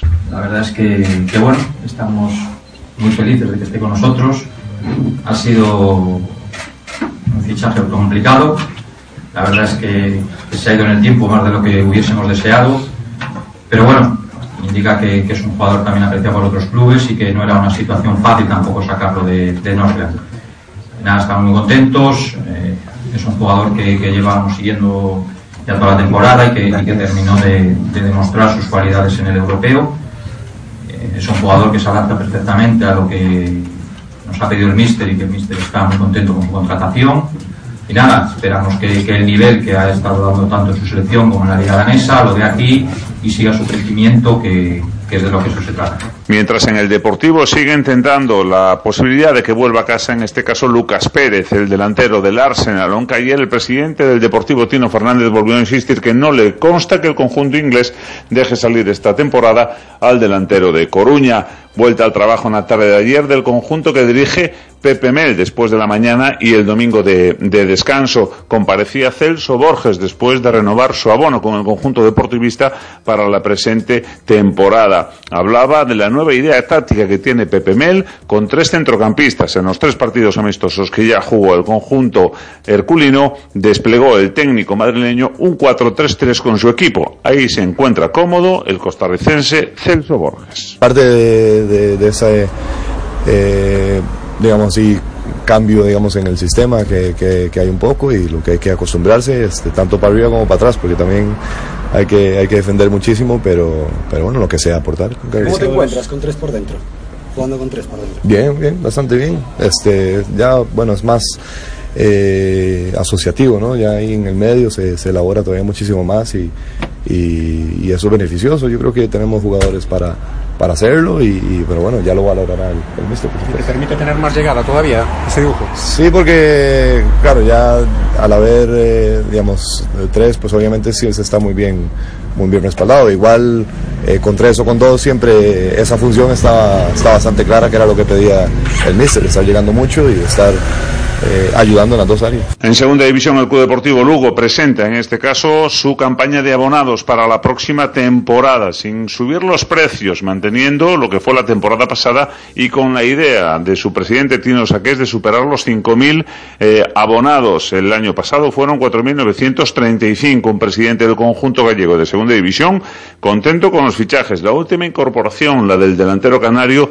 Cristian Herrera, que llega procedente del recién ascendido Girona a primera división. Y por último, en polideportivo, ya está desde ayer en casa Solans Pereira. La atleta de Cangas participaba en la Diamond League en Rabat, en Marruecos, por primera vez convocada para una cita de estas características y en la prueba de 1500 metros conseguía batir el récord gallego y la marca mínima para participar en los próximos mundiales de Londres. Satisfecha y contenta Solans Pereira por esa marca y sobre todo por poder llegar a la cita mundialista. Pues sí, súper contenta. Objetivo cumplido. Eh, ha sido un gran debut en, en Diamond League y la verdad es que para mí ya era un sueño estar en una Diamond y, y pues hacer la mínima en un escenario tan importante pues es como un sueño dentro de otro sueño, ¿no? Es una pasada, pues Y también están en casa las dos jugadoras gallegas que conseguían con la selección española U20 el campeonato de Europa disputado en Matosiños, final ante Eslovenia. Hablamos de Paula Ginzo, la urensana, jugadora del Rivas, próxima campaña en el Estudiantes, y María Araujo, la viguesa del Uniferrol, que además fue la MVP en este caso del torneo. Con ellas, Mario Muñoz, preparador físico olívico del Celta de baloncesto, también miembro de esa selección española U20, campeona de Europa. Gracias Alberto. Eh, 9 y 26 minutos. Les contamos una última hora. Acabamos de conocer la noticia. Ayer a la tarde, en torno a las 7 y cuarto, el 112 recibía una alerta. Eh, eh, una persona que paseaba por la antigua Nacional 6 en San Pedro, en, Noceda, en el término municipal de Asnogais, se encontraba eh, paseando y encontró pues a una caravana enganchada a un vehículo y al lado una silla con un hombre sentado eh, en una posición extraña. Al llegar eh, a su altura comprobó que este hombre estaba muerto y se puso en contacto con el 112. Eh, ocurría a la altura del kilómetro 436 de la Nacional Sexta al hilo de las 7 y cuarto de la tarde. Tras recibir la alerta desde el 112 Galicia se pusieron los hechos en conocimiento del personal sanitario y de las fuerzas del orden que enseguida se ocuparon del hallazgo de este hombre que fallecía al lado de una caravana en As eh, Nogais, al parecer eh, por causas naturales. 9.27 minutos, estamos en la sintonía de Radio Voz, estamos en Voces de Galicia. Vamos con otras noticias. Genética Fontao, genética de vanguardia feita en Galicia. Genética Fontao ofrécelles a noticia agrogandeira. La consejera de Medio Rural, Ángeles Vázquez, anunciaba ayer en el municipio de Bóveda, en Lugo, la intención del gobierno gallego de movilizar unas 300 hectáreas de terreno improductivo en cinco municipios de la zona sur de la provincia de Lugo. El objetivo final eh, es ponerlo a disposición de los agricultores y ganaderos que demanda tierra en ese lugar. La consellera aseguraba que se trata de un proyecto muy alentador, aunque mm, decía que llevará su tiempo hacerlo realidad, por lo que les pide a los propietarios que no tengan miedo a la iniciativa que cuenta con el aval de la propia Junta. Desde su punto de vista va a dar muy buenos resultados porque se centra en un valle muy productivo en el que existe demanda de tierra por parte de agricultores y ganaderos. Confirma que gracias a la colaboración de la Universidad y la Fundación Juana de Vega ya han sido identificados terrenos que en estos momentos son improductivos, pero tienen una calidad muy buena, así como a aquellos productores que demandan tierra para mantener su actividad. 9 y 28 estamos en Radio Voz. Falamos con Abelino Souto, un rapaz da Barcia que con só 18 anos xa pode presumir de ter participado en numerosos concursos gandeiros internacionais e mesmo de gañar algúns deles. Abelino, de onde dirías que proveñen os mellores exemplares? Leo visto animais de moitos sitios e podoche dicir que non hai que marchar fora para obter o mellor. En Xenética Fontao traballan con moi bons touros e conseguen animais de gran calidade e rendemento. Xenética Fontao, a túa mellor fonte de xenética. Voces de Galicia Isidoro Valerio, Radio Voz. Escoita ben, primeira vaca. Segunda vaca. Semellan iguais, as dúas dan leite Pero a segunda dá o leite que fai crecer os teus E tamén a Galicia. Porque así impulsamos un sector importante da nosa economía E consumimos un produto de gran calidade. Galega 100% O leite con noso selo. Galicia, o bo camiño Que los gastos no te estropeen las vacaciones. Porque en Feubert, del 3 al 23 de julio, te regalamos el importe del montaje y equilibrado al comprar tus neumáticos Continental en un cheque regalo para tu siguiente operación de taller. Consulta condiciones en feubert.es. Feubert, tu coche en buenas manos. ¿Todavía con humedades en casa? Este verano di adiós a las humedades definitivamente con Hogar Seco, los expertos en humedades. Además de un diagnóstico totalmente gratuito, Hogar Seco tiene unas ofertas muy atractivas para que no sufras otro invierno con humedades. Llama al 900-828-938 o visita hogarseco.com. Hogar Seco y di adiós a las humedades. Te pasas el día compartiendo. ¿Acaso te pagan por ello? En Unshipping sí. Si compartes Unshipping con tus amigos, ellos se volverán locos. ¿Y tú? Tú conseguirás tu hotel gratis. Unshipping. Mono por compartir. ¿Lo compartes? En Talleres Arteixo queremos acompañarte en cada proyecto para que consigas su mejor versión, proporcionándote siempre las máquinas más fiables. Por eso somos distribuidores exclusivos de retroexcavadoras Takeuchi en toda Galicia. Talleres Arteixo, alquiler y venta de maquinaria desde 1978. Visítanos en Arteixo, en Santiago o en talleresarteixo.com, porque la inspiración llega trabajando. ¿Problemas de humedad en su vivienda? En Aquasec tenemos la solución definitiva y estamos tan seguros de nuestro trabajo que lo garantizamos por escrito. Solucione ya sus problemas de humedad. Pida su diagnóstico completo y gratuito en el teléfono 900-535-625. 900-535-625. Las oportunidades para hoy son En frutería, lechuga iceberg, unidad 45 céntimos. Y en charcutería, jamón entero, pieza 27 euros con 50 céntimos. Solo hoy y solo en Gadis. Colaborador del acontecimiento Prevención de la Obesidad. Aligera tu vida. Cariño, me sigue ese coche. En Renault Selection nuestros coches te eligen a ti. Este mes llévate tu Renault del 2016 o 2017 con condiciones que te atraparán. Y además, con un año de seguro auto de regalo. Oferta válida RCI Bank. Consulta condiciones en Renault.es. Renault Selection. Coches que te eligen a ti. Te esperamos en la red Renault de Galicia.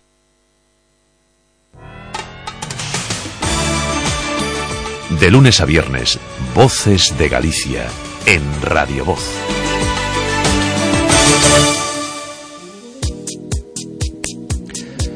Un recuerdo a esta hora, 9 y 32 minutos, el recuerdo de que vamos a poner en marcha a partir de la una, una vez más, eh, el tiempo de la canción del verano, que ustedes nos pueden eh, proponer canciones que eh, les gustaría que se convirtiesen este año en la canción del verano. ¿Cuál es su favorita en este verano? ¿El despacito, el súbeme la radio o tal vez algún otro tema? Algunos ya los han propuesto los oyentes, otros pues todavía no pero usted puede proponerlo. ¿Cómo? Mm, pues enviándonos un WhatsApp al 649 48 37 99. ¿Cuál es la canción que más les está gustando en este verano 2017, de las que suenan por todas eh, partes?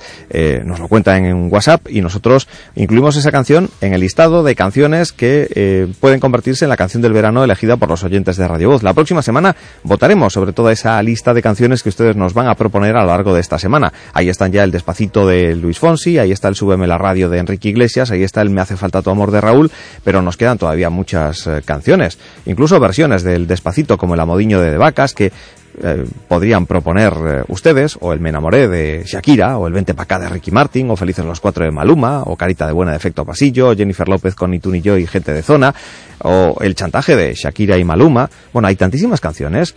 Piense en cuál es la que más le gusta en este verano y propónganos qué canción es la que quiere que se convierta en canción del verano 2017. Aquí en Radio Voz estamos deseosos de saberlo. Ahora un pequeño alto y seguimos hablando de otras cuestiones.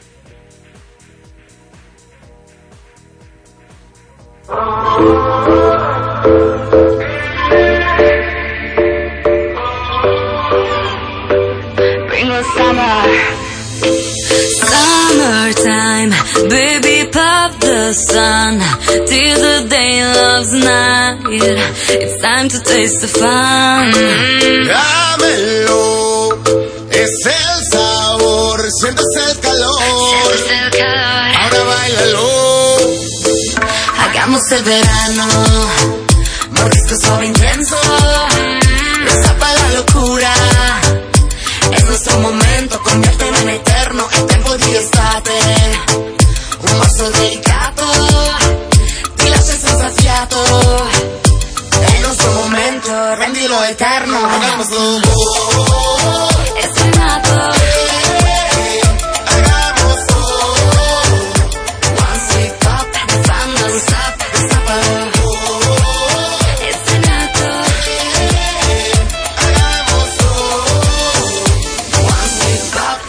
la emoción, está todo.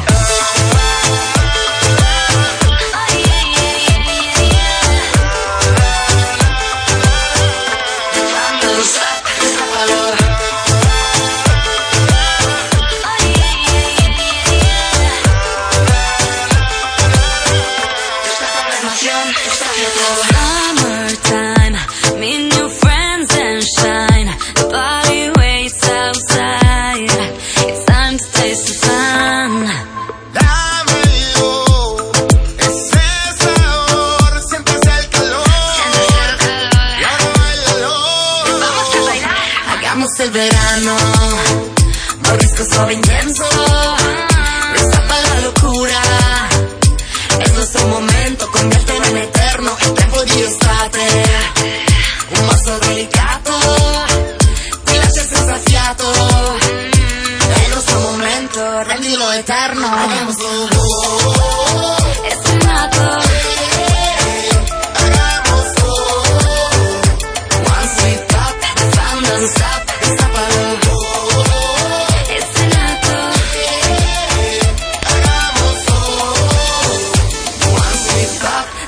emoción. Ahí está Juan Magán con una de las canciones que empieza a despuntar en este verano 2017. También podría convertirse en canción del verano aquí en Radio. De ustedes depende, 981 13 44 33, nuestro teléfono a partir de la una y el WhatsApp en pleno funcionamiento en el 649 48 37 99 para recoger sus propuestas.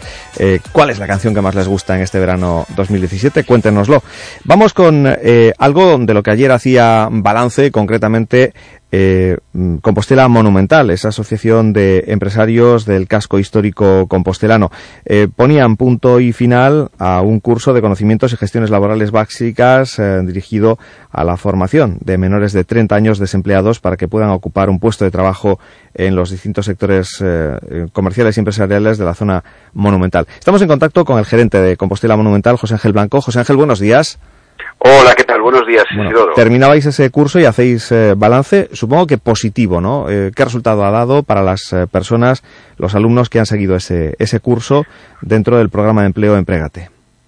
Sí, mira, es un, un programa, como bien decías, que llevamos desarrollando desde enero, desde enero de este 2017. El programa se va a seguir llevando a cabo hasta finales de noviembre de este año, pero la verdad es que hemos cumplido los objetivos no marcados, que era eh, de los 60 chicos que al final hemos seleccionado de una terna de unos 20, 200, perdón, pues bueno, eh, tendríamos que insertar alrededor de 21, ya llevamos 45 que están trabajando en estos momentos de los 60, lo cual la cosa va muy bien, y han venido desarrollando desde ese mes de enero hasta el día de ayer, pues varios cursos de formación. El último, como bien decías, era el de conocimientos y gestiones laborales básicas, que entendíamos que era fundamental para que los chavales también un poco eh, tengan un conocimiento básico de cómo elaborar un contrato de trabajo, porque aquí se está fomentando el que consigan un puesto de trabajo y que también ellos se lo busquen y, y sean autónomos, ¿no? Y monten sus propias empresas, porque tenemos un servicio de orientación laboral que abarca absolutamente todos los aspectos relacionados con la puesta en marcha de negocios, la contratación de, de trabajadores para, como bien decía, surtir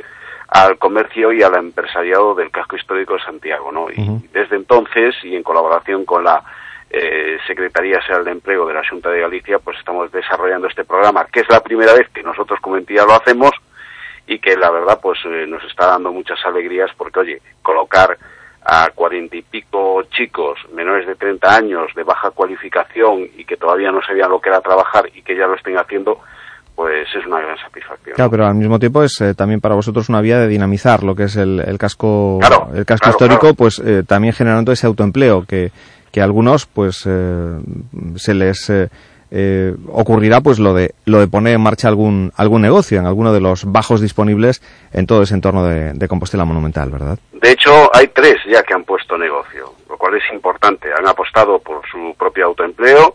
Nosotros incluso le hemos gestionado ayudas para que puedan acogerse a las distintas líneas que hay tanto del Consejo de Santiago de Compostela como del propio de la propia Junta de Galicia o de el Gobierno Central y de alguna forma pues que vayan encarrilando sus vidas y vayan pues generando a sí mismo puestos de trabajo, porque incluso de los tres hay dos que aparte de su puesto de trabajo pues han contratado a dos personas más. Es decir, eh, que el tema va por muy buen camino, eh, yo estoy muy contento y, y de ver cómo hay gente que tiene muchísimas ganas de trabajar en contra de lo que a veces puede parecer. Mm, También hay eh, personas que tienen dificultades para encontrar trabajo, eh, con esos son con los que más vamos a trabajar ahora hasta final del, del programa, a 30 de noviembre, pero mm, la formación es básica y fundamental para, como bien decías, surtir a los comerciantes del casco histórico que al final han mostrado de que sí que tienen demandas y que necesitan eh, trabajadores que se dediquen al sector comercial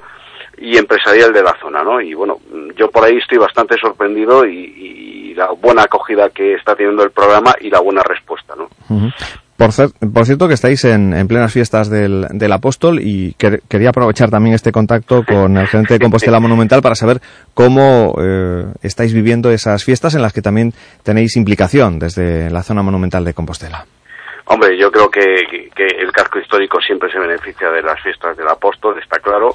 Eh, este año, pues un poco están siendo un poquillo flojillas, ¿no?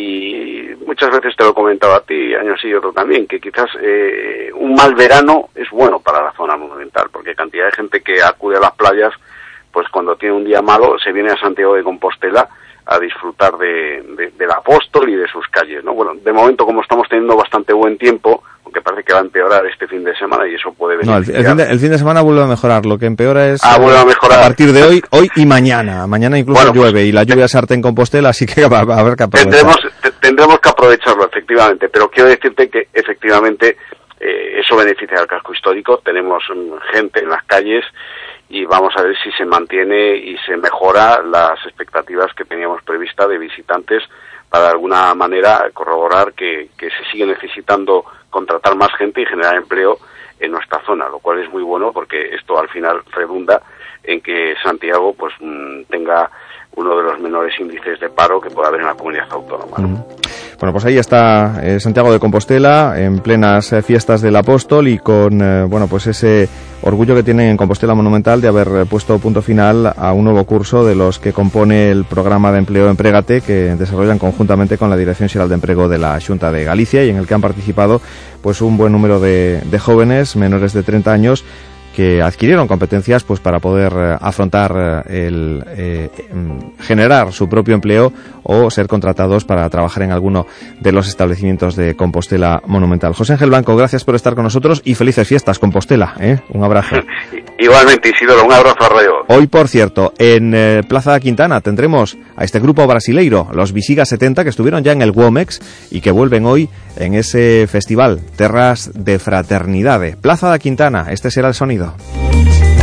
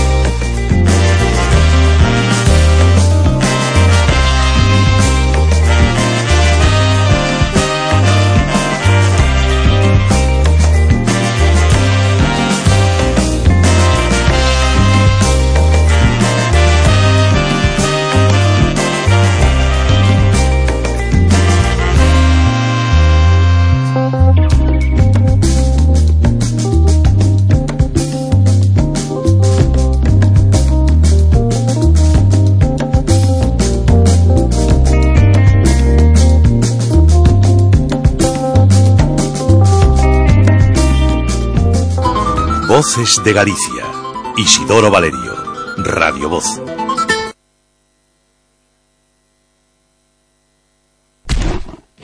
Non esperes a ver rinocerontes en Galicia para pechar a villa. Se non chove, agora máis que nunca temos que aforrar auga. O igual que noutros lugares do mundo, aquí tamén podemos sufrir a seca.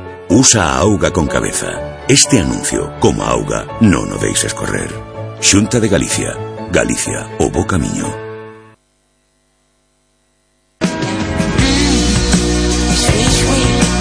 Festas do Apóstolo do 14 ao 31 de suyo sumérsete no diálogo entre culturas do Festival Terra da Fraternidade. Descubre a programación en movimento do Artellando, goza das bandas compostelás no Toural e dos grandes artistas internacionais na Quintana. Rememora o Apóstolo máis tradicional coa xornada do folclore, Día do Frase ou as orquestras da Alameda. Vive o Apóstolo, Concello de Santiago.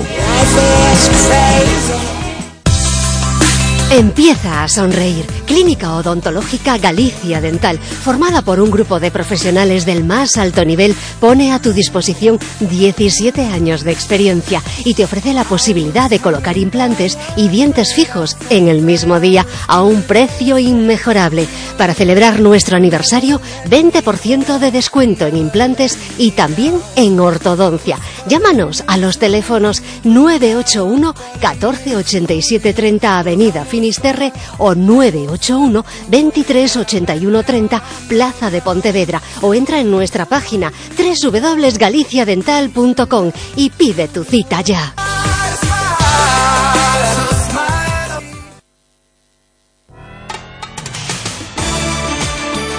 De lunes a viernes, Voces de Galicia, en Radio Voz.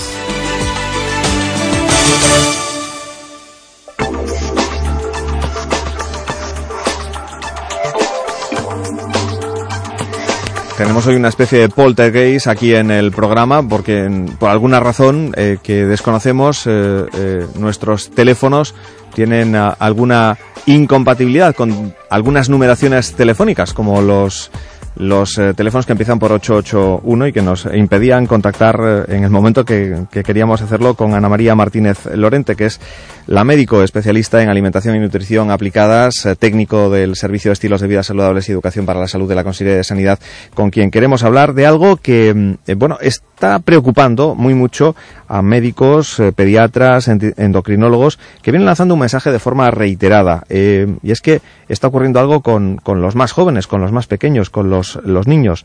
Corren el riesgo de vivir menos porque eh, la epidemia de la obesidad está eh, convirtiéndose en un auténtico problema, más que un problema estético, una auténtica enfermedad que se dispara eh, con el riesgo de que quienes entran en ese camino de la obesidad puedan tener otras enfermedades mucho mm, más importantes, distintos tipos de cáncer, diabetes y patologías cardiovasculares. Ana María Martínez, buenos días. Hola, buenos días. Doctora, eh, preocupados y mucho, y seriamente además en la Consejería de Sanidad por eh, bueno pues estas cifras que están indicando que los, los niños son cada vez más gorditos y que la alimentación eh, parece que eh, hace, hace aguas en el sentido de que no estamos haciendo las cosas correctamente. Bueno, pues parece que no. eh, Está claro que la obesidad es un problema importante de salud pública, es la enfermedad nutricional más, más prevalente en los menores de 20 años y porque la obesidad es una enfermedad muy compleja y porque el principal riesgo de la obesidad en la edad pediátrica es la tendencia a persistir en edades posteriores, es decir, eh, tiende a perpetuarse en adultos y lo que supone un factor de riesgo claro para desarrollar enfermedades crónicas en la edad adulta. Pero también los niños no están eh, alejados de este problema porque se les expone a una serie de problemas físicos, psicológicos y lo que entraña pues graves repercusiones sanitarias. Entonces sí, por supuesto, la Consellería está preocupada y, está trabajando para, para solucionarlo. Claro, pero niños cada vez más sedentarios, niños que se alimentan cada vez peor, que incluyen grasas en su eh, alimentación, grasas saturadas y que provo- provocan esas acumulaciones, porque es tal vez el exceso de grasa lo que más preocupa, ¿no? Eh, en lo que se está detectando en los en los niños. Sí, eh, la obesidad es eh, precisamente exceso de grasa, es un exceso de adiposidad y esto tiene repercusiones en el estado metabólico y se, se piensa que es una enfermedad crónica. Entonces, eh, como exceso de grasa es el, la acumulación de grasa es la que induce una serie de cambios metabólicos, endocrinos, eh, que son los, los verdaderos causantes de toda la complejidad eh, de la enfermedad.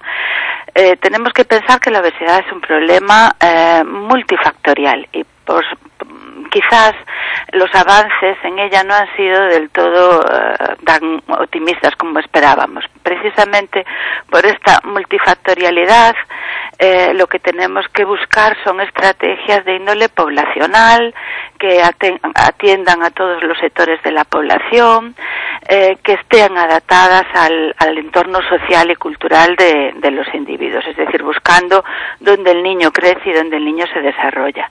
Entonces no podemos eh, achacarle solo a la alimentación, solo al sedentarismo, eh, solo a la falta de sueño, que también parece que es una de los determinantes, sino que es todos estos factores en conjunto los que nos llevarían al padecimiento de la obesidad. Mm. Pero, a ver, parece mentira, ¿no? Que con todo lo que hemos evolucionado, cada vez tenemos más información, sabemos más cosas, que haya mucha gente que se cruce de brazos y mm, vea que su, que su hijo, bueno, pues está aumentando de peso, de masa corporal, eh, y, y no se haga nada, y que cuando se quiere hacer es porque ha surgido otra patología adicional motivada precisamente por esa obesidad, ¿no? Sí, bueno, eh, lo- el estilo de vida, desde luego, en nuestra población ha cambiado y en algunos aspectos ha cambiado a peor. Eh, el patrimonio que teníamos, particularmente en Galicia, en cuanto a la tradición cultural, a, a la educación, para la salud, pues parece que se ha ido perdiendo, alejando de lo que sería un patrón saludable y recomendable. Eh, en cuanto a la familia, pues eh, como consejo sería que vuelvan a eh, educar al niño en un hábito alimentario saludable.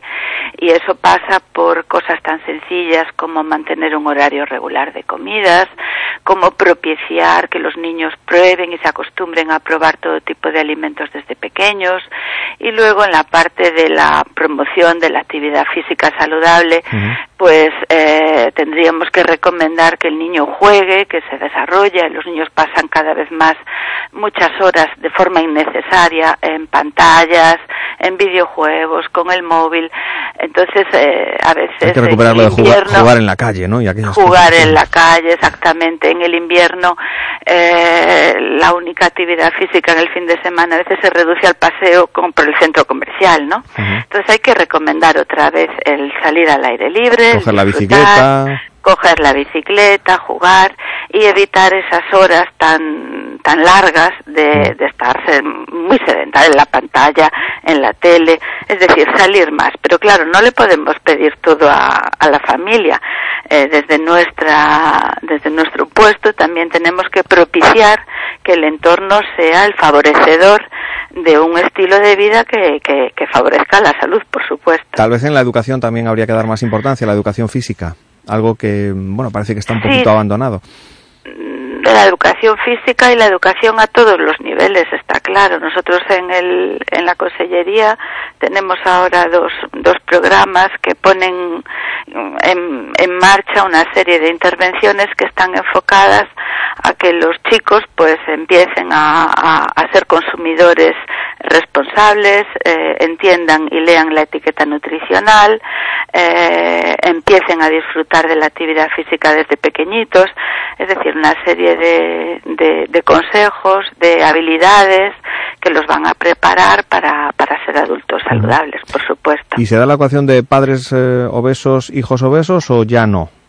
Por supuesto que sí, porque la obesidad, dicen, es una enfermedad no transmisible eh, en la forma clásica de las transmisibles, que eran los contagios, pero sí eh, se contagia, entre comillas, digamos, un estilo de vida. Eh, las familias tienen un estilo de vida que transmiten a los hijos porque son los principales modelos eh, de ellos. Entonces, los, los niños tienden a copiar los hábitos que hacen sus padres, por supuesto que sí. Pero hay que empezar a preocuparse, ¿no? Por esa tendencia eh, a aumentar de, de peso, a padecer obesidad, que es ya pues una auténtica epidemia que está preocupando muy mucho, muy seriamente a todos Sí, los eh, especialistas, sí, sí, porque además la- está provocando la aparición de, de enfermedades eh, que no eran habituales en, en niños muy pequeños y que acuden a la consulta pediátrica con enfermedades de mayores, ¿no?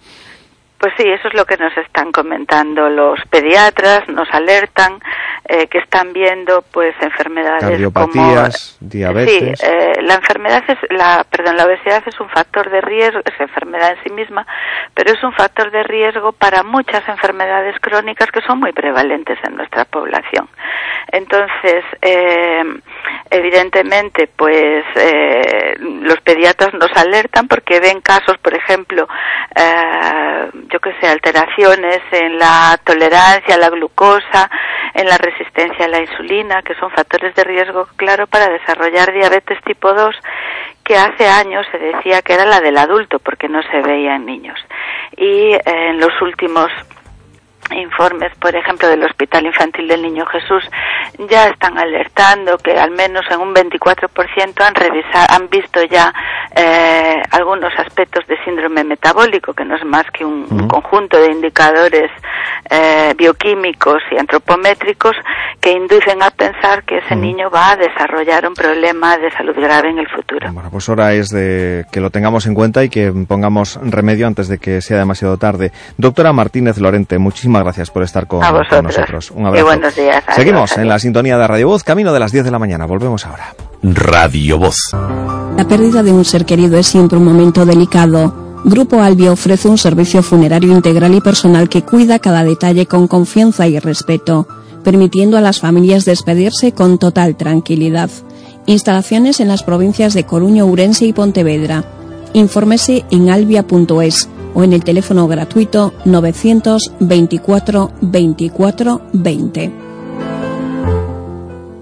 A min dame unha boa mariscada. E as mellores uvas. A min dame noites con sabor a mar. Dame cociña para imaginar Dame novos sabores e sabores de sempre. A min dame comida de verdade. A min dame Galicia. Galicia, o bo camiño.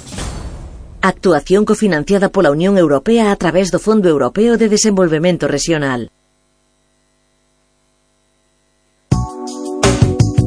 Radio Voz. La radio de aquí.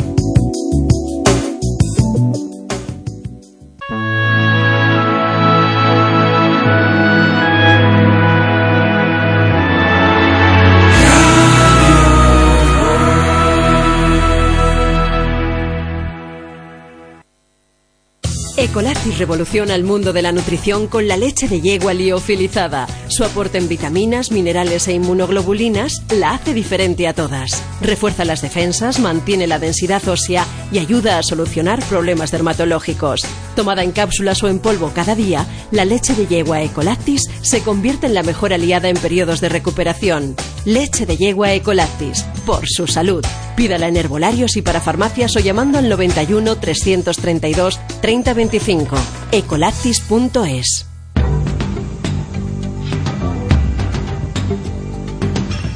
Todos os sábados e domingos de 4 a 5 da tarde, un mundo de músicas, unha viaxe musical polas distintas culturas do planeta. E de seguido, de 5 a 6 da tarde, Músicas de Raíz, unha selección de diferentes músicas étnicas na sintonía de Radio Voz, todos os sábados e domingos, presentado por Vieito Romero.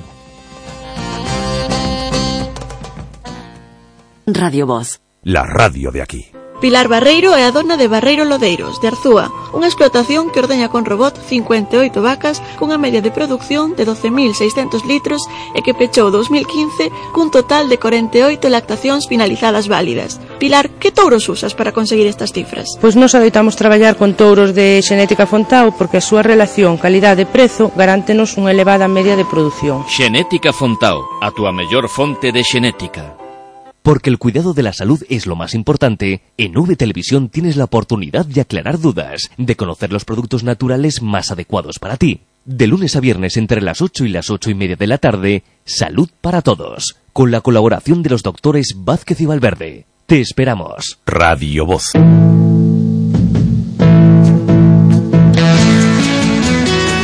En Radio Voz, os sábados, de 6 a 7 da tarde, a música da tua vida. Un percorrido nostálxico polas melodías do pasado. A música da tua vida, en Radio Voz, os sábados, de 6 a 7 da tarde.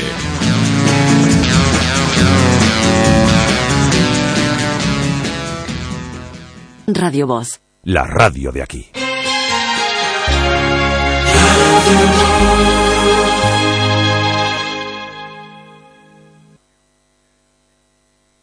Son Gonzalo, bateiro da Ría da Arousa e todos os días cortalumes.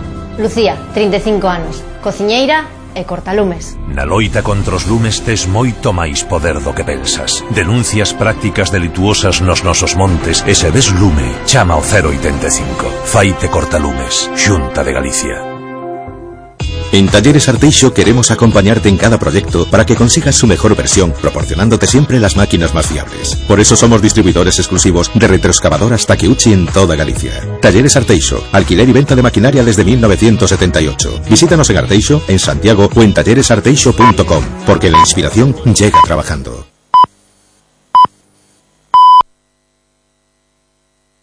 Radio Voz.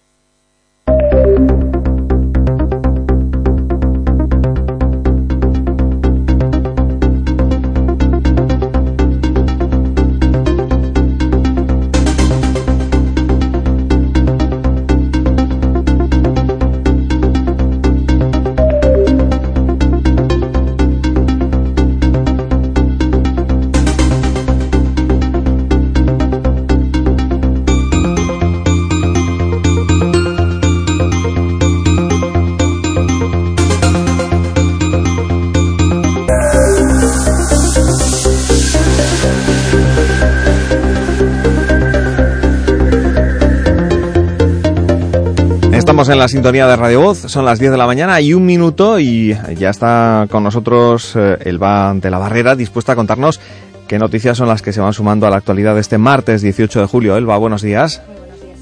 A ver, que tenemos, tenemos el micrófono eh, cerrado. Ahora sí, Elba. Muy buenos días, Isidoro. Arrancamos con los sucesos del día. De última hora, a las 8 menos 5 minutos, se producía una colisión entre una moto y un coche en la calle Rosalía de Castro, a la altura del número 55 en Ribeira. Un particular alertaba a emergencias de la posibilidad de que el motorista hubiese resultado herido. Emergencias daba así parte a los efectivos de la policía local, protección civil, bomberos y personal sanitario. Y un hombre fue encontrado ayer muerto en el término municipal de Asnogais, en, en, en Lugo. Al hilo de las 7 y cuarto de la tarde, la alertante, indicaba Emergencias Galicia, que iba paseando por la antigua Nacional 6 en San Pedro, concretamente en Noceda, y a la altura del kilómetro 436 se encontró un hombre sentado en una silla en una posición extraña. A su lado había una caravana enganchada a un vehículo y aproximadamente a la misma hora dos personas resultaban heridas de consideración en padrón tras caer de la moto en la que viajaban. En el momento de producirse el accidente, los motoristas circulaban por la carretera que une Padrón y Herbón, justamente a la altura de entrada de la parroquia de Herbón. Pasados unos minutos de las 7 de la tarde, un informaba a emergencias de este accidente. Ambos fueron trasladados al Hospital Clínico de Santiago de Compostela.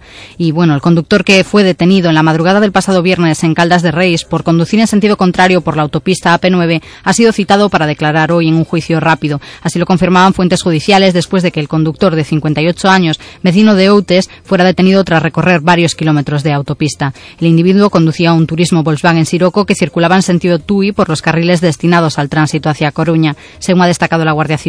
Este susodicho fue sometido al control de alcoholemia, en el que obtuvo tasas de 0,78 y 0,76 miligramos de alcohol por litro de aire expirado en sendas pruebas. Por todo ello, los agentes procedieron a su detención como presunto autor de dos delitos contra la seguridad vial, por conducción temeraria y superar la tasa de alcohol máxima permitida.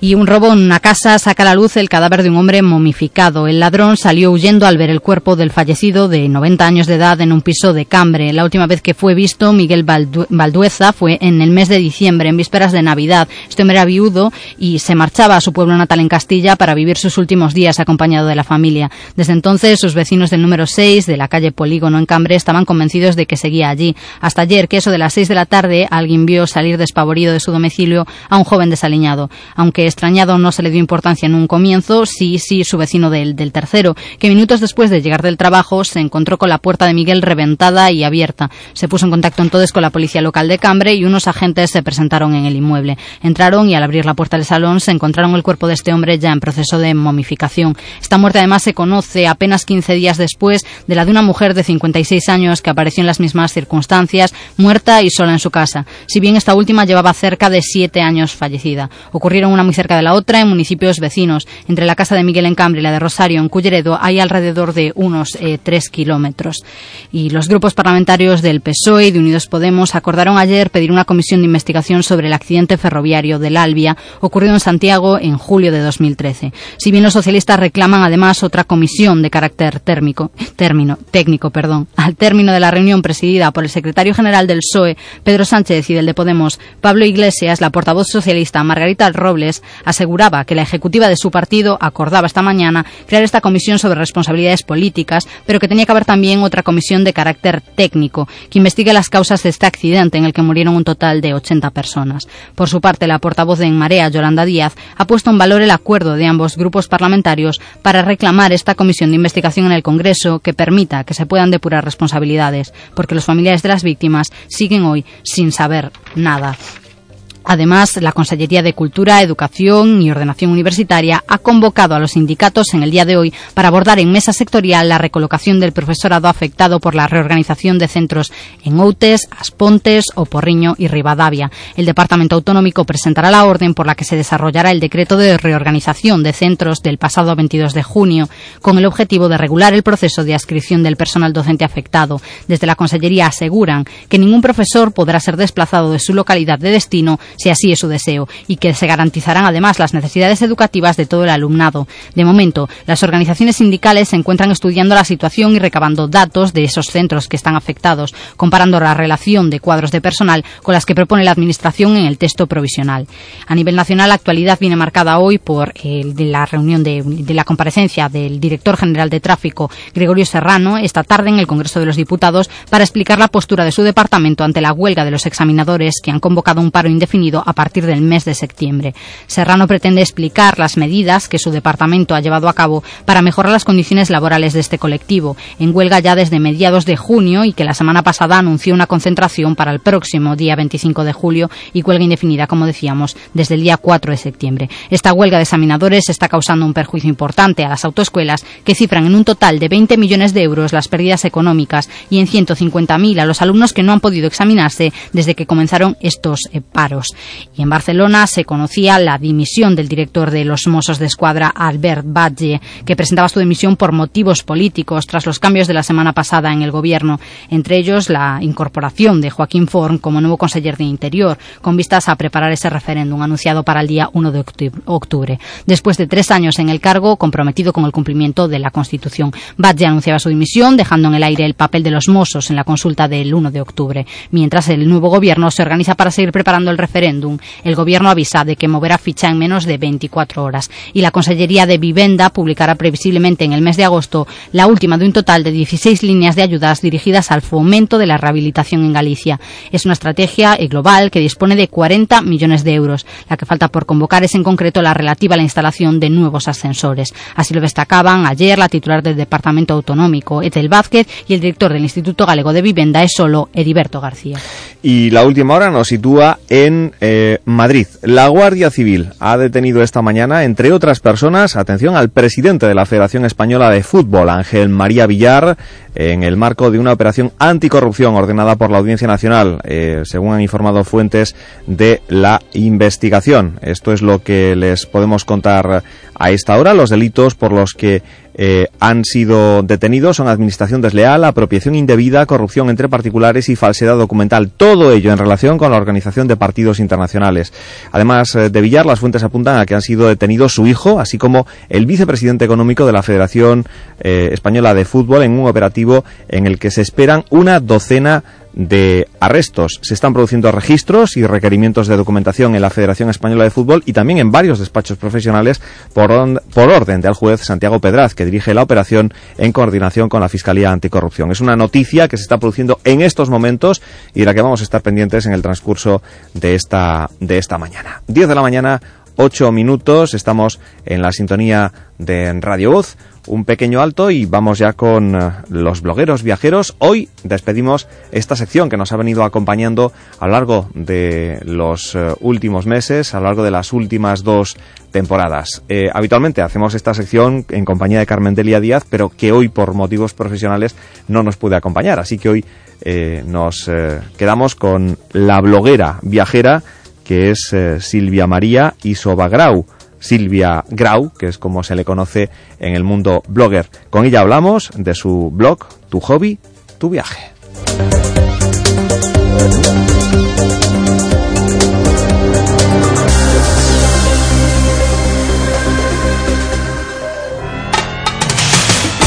En Radio Voz, Voces de Galicia. Isidoro Valerio. Estos son testimonios reais de experiencias reais. Chegamos e tiñamos a praia para nós. Que gusto poder dormir pola noite. Non me quero ir. A min dame unhas vacacións de verdade. Dame Galicia. Galicia, o bo camiño. Actuación cofinanciada pola Unión Europea a través do Fondo Europeo de Desenvolvemento Regional. ¿Me quiere? No me quiere. ¿Me quiere? No me quiere. ¿Me quiere? Vaya. ¡Qué mala suerte! Toma el camino alternativo con el nuevo Renault Captur. Ahora desde 12.600 euros. Descúbrelo en la red Renault.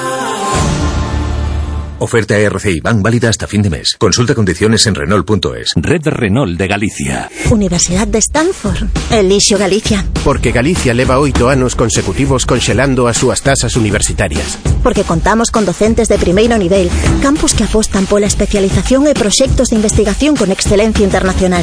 E porque a terra tira, e moito. Elixe Galicia. Galicia, o bo camiño. Xunta de Galicia. Copigal, alquiler multifunción A3, color y blanco y negro por 25 euros al mes. Sí, ha oído bien. Alquiler multifunción A3, color y blanco y negro por 25 euros al mes. Copigal, central en Coruña y delegaciones y servicio técnico en toda Galicia. Copigal, teléfono 981 63 61 55 www.copigal.net. ¿Necesitas arreglar tu moto? Ven a Autoavión Motos y benefíciate de sus descuentos.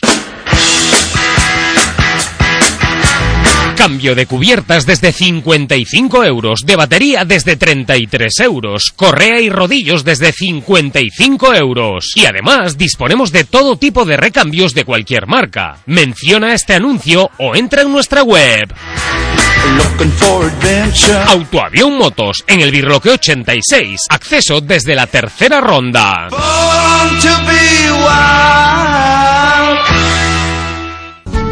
¿Te gustaría disfrutar de la mejor comida con unas vistas espectaculares? El restaurante Mirador de San Pedro te ofrece una carta irresistible en un marco incomparable para disfrutar con la familia, amigos o para comidas de empresa. Y si vas a celebrar tu boda, comunión, bautizos, ven a conocer nuestros salones exclusivos. Tus momentos especiales serán inolvidables con nosotros. Comparte felicidad y disfruta. Llámanos y te informamos en el 981 10 0823.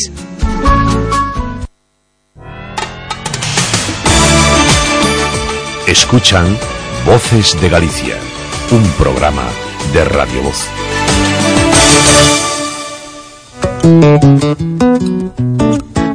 Ay, cómo nos gusta viajar, ¿eh? La verdad que yo cuando voy por ahí siempre me paro con la gente, hablo y les pregunto, oiga, ¿dónde puedo comer? Pero claro, cuando yo ando por aquí por la calle y alguien viene, algún, eh, alguna persona con pinta de turista y me dice, eh, ¿qué? ¿Dónde, dónde podemos eh, comer aquí? ¿Dónde se come bien aquí? Y claro, a uno pues le, le pasa una cosa muy curiosa y es que me pasa siempre lo mismo cuando me preguntan eh, ¿dónde se come bien aquí? Eh, ¿Dónde podemos comer de verdad? Y les digo yo, oiga, que usted está en Galicia, que en Galicia comemos de verdad, comemos bien, en cualquier rincón, en cualquier lugar. ¿Qué les voy a decir? Eh, Si es que Galicia son palabras mayores. Y hablando de gastronomía, pues a mí que me den el marisco, que me den el pulpo, que me den eh, cualquiera de los platos con sabor a mar, que me den pues una buena ternera, una buena carne, eh, que me den eh, un buen cocido, un- unos pimientos de, de padrón, o un queso del país, o una tarta de Santiago. Si es que está todo delicioso. A mí que me den los sabores de Galicia. Y yo es lo que le digo a la gente cuando me dice, oiga, ¿y aquí dónde podemos comer bien? Pues aquí, en Galicia, comemos bien todos los días. Así que entre donde entre, vaya donde vaya, va a comer usted eh, muy bien. Da igual que se vaya a un eh, eh, pequeño establecimiento que a un restaurante con estrellas Michelin. Lo mejor está en Galicia. No hay, du- no hay duda. Para comer y para comer bien, a mí que me den Galicia. A min dame unha boa mariscada e as mellores uvas. A min, dame noites con sabor a mar. Dame cociña para imaginar Dame novos sabores. e sabores de sempre. A min dame comida de verdade. Dame Galicia. Galicia, o bo camiño. Actuación cofinanciada pola Unión Europea a través do Fondo Europeo de Desenvolvemento Regional.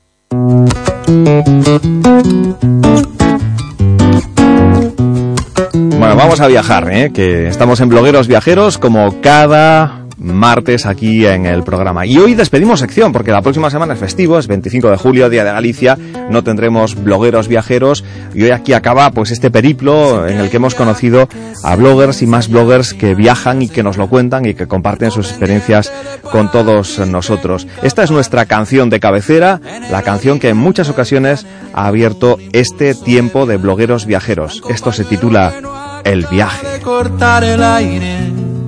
En el deseo de ese viaje está el legado inesperado. Las emociones que no fueron presentidas y son la vida. En la canción que nos espera está el dorado no contemplado. Ciudad oculta que no está en ninguna guía. ¿Y qué es la vida? ¿Y qué es la vida?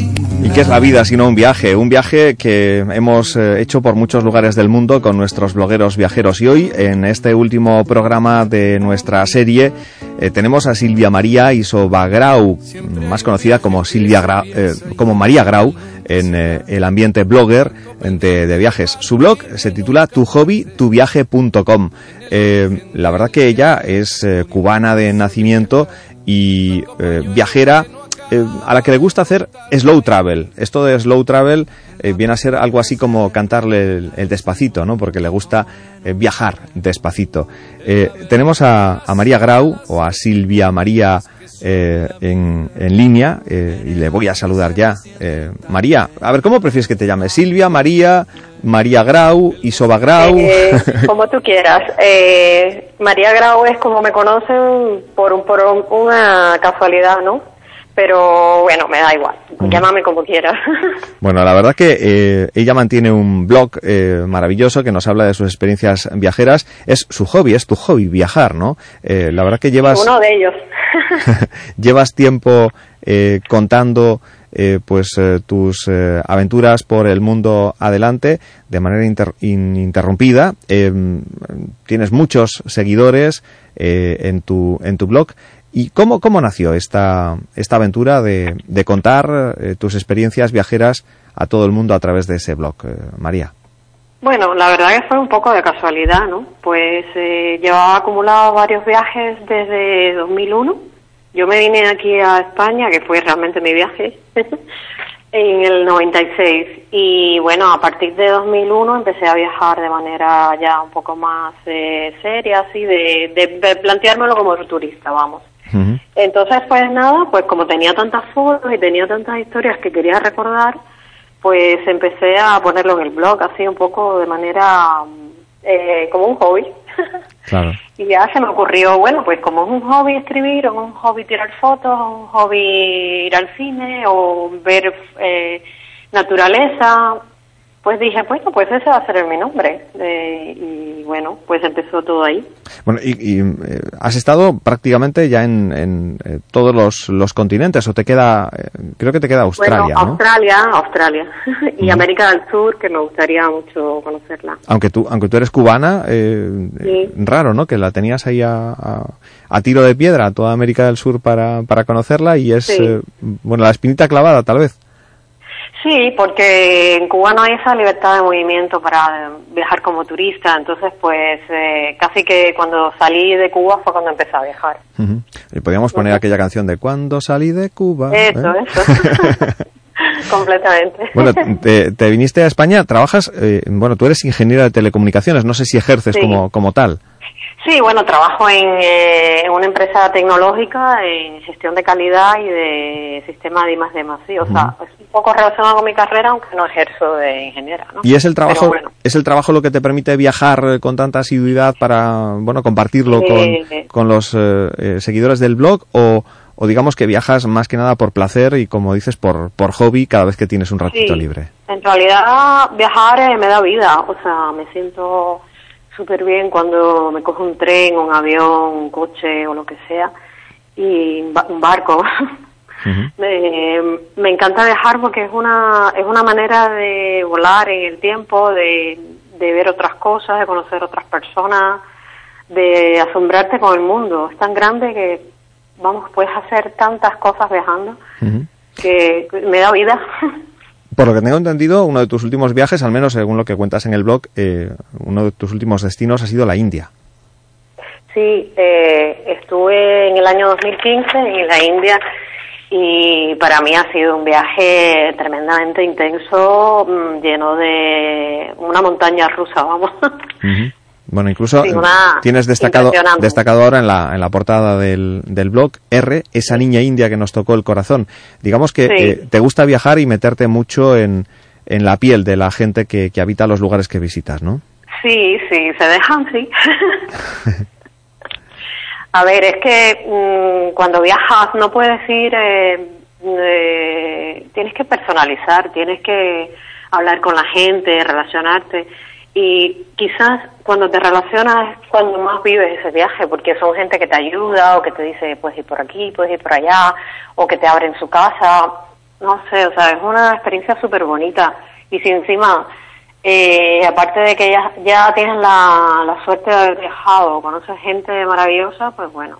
Claro. Y pues esa niña era una historia que tenía como clavada, porque me dio tanta pena verla a ella y a su familia y, y, fue corto pero, pero bonito, o sea, porque ella se dejaba tirar fotos, eh, prácticamente no hablamos, o sea, era todo gestual. y, y bueno, como en la India es así. Claro. Eh, estuviste en Varanasi, ¿no? Eh, sí, en Varanasi fue eso. Que es en donde encontraste a esa niña. Pero eh, nos decías, viajaste en 2015 a India y sin embargo lo, lo has subido al, al blog recientemente. Es, Sí, porque, a ver, es que son, ah, la India tienes que procesarla poco a poco. Claro. es un país muy complicado porque llegas que puedes venir y decirle no vuelvo más o tengo que volver. O sea, es como contradictorio todo. Entonces, pues yo eh, voy dejando algunas historias como, como en cuarentena ahí a que se vayan posando y cuando cuando me apetece, pues, o cuando veo que ya puedo contarlas, pues las voy O sea, que no, no eres así de una disciplina, hago el viaje, lo cuento a continuación cuando, cuando vuelvo. Digamos que cuando, cuando el cuerpo te lo pide. Mm, eh, Exacto. Así se explica el título, ¿no? Tu hobby, eh, tu viaje, para ti esto es un hobby, no, no es un medio de vida, ni muchísimo menos. De, de, hecho, tú no tienes, digamos, el, el, el blog eh, pues eh, lleno de, de, publicidad y de, y de cosas por el estilo, digamos que lo haces porque te place y punto. Exacto, exacto. O sea, que es un, un hobby más. Mm. ¿Y te reporta mucho feedback eh, por parte de la, de la gente? Sí, ¿no? Sí, o sea, eh, haces amigos por las redes sociales, eh, ya tienes amigos que son como de la familia, ¿no? Y ni siquiera los conoces, o sea, eh, yo voy a eventos de Travel Blogger Meeting de vez en cuando, eh, ahí conoces muchísimos blogueros, entonces bueno, en este mundo eh, conoces mucha gente o que hay gente que quiere ya dedicarse al mundo profesionalmente o gente que como yo que lo toma como simplemente un, hobby más. Y bueno, eh, digamos que nos unimos en a lo mejor en buscar destinos que no conozco y lo busco en amigos o, en, en, tu programa por ejemplo que pones tantas personas que han viajado, pues hay un montón de destinos ahí que no conozco, entonces pues pues eh, nos vamos nutriendo todos, yo creo. Claro, pero tú eres muy de eh, no hacer el típico viaje, ¿no? De, de buscar no, tal no. vez el, el, viaje alternativo, de sí, a lo mejor ir a un destino que va mucha gente, pero darle esa, esa otra vuelta, no ir a, a los lugares típicos y característicos, eh, sino adentrarte un poquito más en las entrañas de, del lugar visitado, ¿no? Sí, eh, bueno, más o menos. O sea, eh, hay, hay sitios que, bueno, que son imprescindibles que tienes que ver. O sea, ir a la India y no ver el Taj Mahal es imperdonable. Claro. Entonces, son cosas que eh, las ves eh, porque tienes que verla porque son lugares únicos o patrimonio de la UNESCO o, o, o accidentes geográficos que son la leche. O sea, tienes que ver cosas que son imprescindibles de ver. Y ya después luego te puedes desviar un poquito de ese camino que hace todo el mundo, sino vas viendo otras cosas o te dejas llevar un poco por, por tu intuición o te desvías una esquina o yo qué sé, o vas eh, un poco, antes lo tenía más preparado, antes sí que lo tenía más preparado y iba un poco más eh, organizado. Ahora solamente organizo las noches en los sitios y ya pues como que vamos viendo lo que vemos y lo que no. Oye, Lo que vaya surgiendo. Por cierto- Bueno, mi pareja y yo, porque yo viajo con mi pareja normalmente. Ajá. Viajo solo también, pero bueno, mi pareja, que es como mi modelo profesional, pues Rafa, también eh, lo hacemos juntos. O sea que viajáis, eh, viajáis siempre en, en compañía. Oye, eh, si de algún destino podemos hablar eh, con conocimiento de causa, pues con muchas razones, es de, de Cuba, ¿no? Que seguramente pues está en, en esos destinos deseados por Sí, muchos sí. de nuestros oyentes. Tú has escrito mucho, evidentemente, es tu, Sí. tu país, el país que dejaste para venirte a, a España y, y de Cuba sí que nos puedes dar mucha información de acerca de cómo eh, recomendarías tú conocer ese, ese país. Eh, tienes Pues Cuba- varios, varios posts Sí. eh, acerca de, de Cuba y, y tienes dos concretamente, primera y segunda parte, de tus sitios favoritos de ciudad de, de La Habana, por de La ejemplo. Habana. ¿no? Sí. Sí, yo he escrito eso, por ejemplo, es el típico paseo que a mí me gustaría hacer en La Habana eh, y que lo he hecho. Entonces, eh, lo he hecho por cercanía de sitios que hay que ver y, y por dar un poco de variedad de, de cosas de La Habana. Entonces, mm, La Habana me la conozco muy bien, es una ciudad muy bonita y es una ciudad que a medida que vas avanzando por el malecón, pues te vas encontrando diferentes épocas la, la colonial, eh, ya más eh, moderna, ya después la de los rascacielos, o sea, eh, las zonas residenciales. Entonces, Es una ciudad tan, tan bonita que durante tanto tiempo, a pesar de que no ha sido cuidada o que no ha sido, conserva ese tono melancólico que a lo mejor te da Oporto, que te da alguna otra ciudad. Y ya si, si la, ya quieres terminar perfecto es eh, relacionarte con algún local porque los cubanos son muy abiertos, son muy hospitalarios, te hacen sentir bien y Cuba es un país que engancha sobre todo a la gente por su gente, sea, porque enseguida te sientes cómoda, eh, te sientes a gusto, es un país muy musical, o sea, la música está por todas partes, eh, eh, es completamente atípico, la verdad, dentro del Caribe o, América, es un país que te ofrece muchísimo, entonces es una isla preciosa, Mm, ¿Qué voy a decir yo? Claro. Pero, a ver, eh, sitios imprescindibles para no perderse, por ejemplo, en La, en la Habana, en la capital. Pues en La Habana tenemos varias, varias zonas. Está La Habana Vieja, con su catedral, la Plaza de Armas, eh, eh, el Morro, que el Morro es una, una fortaleza que es de entrada a la bahía donde está el faro. hay una ceremonia llamada el Cañonazo de las Nueve, que recrea un poco de cuando se cerraban las puertas, porque en la época colonial pues se cerraban las puertas de la ciudad, era una ciudad intramuros, y avisaban de un lado de la bahía a otro para que cerraran las puertas. Y ya por lo demás, pues te puedes pasear por el malecón, que es un clásico, o irte a tomar un helado a, a, la, heladería Copelia, ¿no? Que es, cuentas la, la, catedral del helado, la, la denominas. Eh, tiene muchísimas variedades de helados eh, y de hecho eh, os recomiendo una película maravillosa que se llama Fresa y Chocolate. Que la primera escena precisamente empieza ahí en Copelia. Haces mucha referencia al barrio del Vedado, ¿no? Como, como un lugar imprescindible de visitar. A mí me encanta el Vedado porque es una zona donde está toda la parte cultural de Cuba, o sea, todos los sitios para oír música, eh, los cines, eh, ocio, todo lo que es ocio eh, está en el Vedado, aparte la calle 23 que es la que atraviesa todo todo ese, ese barrio, es preciosa, hay edificios muy bonitos, casas, o sea, es, un sitio donde estás muy a gusto. Bueno, recomendamos a todo el mundo darse una vuelta por tu blog, por tu hobby, tu viaje, ese blog de viajes de eh, nuestra eh, invitada, que hoy es eh, María Grau, así se le conoce en el ambiente blogger. Oye, y preparando supongo que viaje, porque estamos en verano y toca viajar, o, has viajado tan recientemente que ya, ya no hay tiempo para más. Cuéntanos.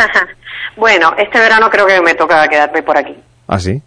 Bueno, que también tienes muchos, muchos destinos, muchos destinos por, por España, ¿no? Eh, ¿En Galicia has estado en alguna ocasión?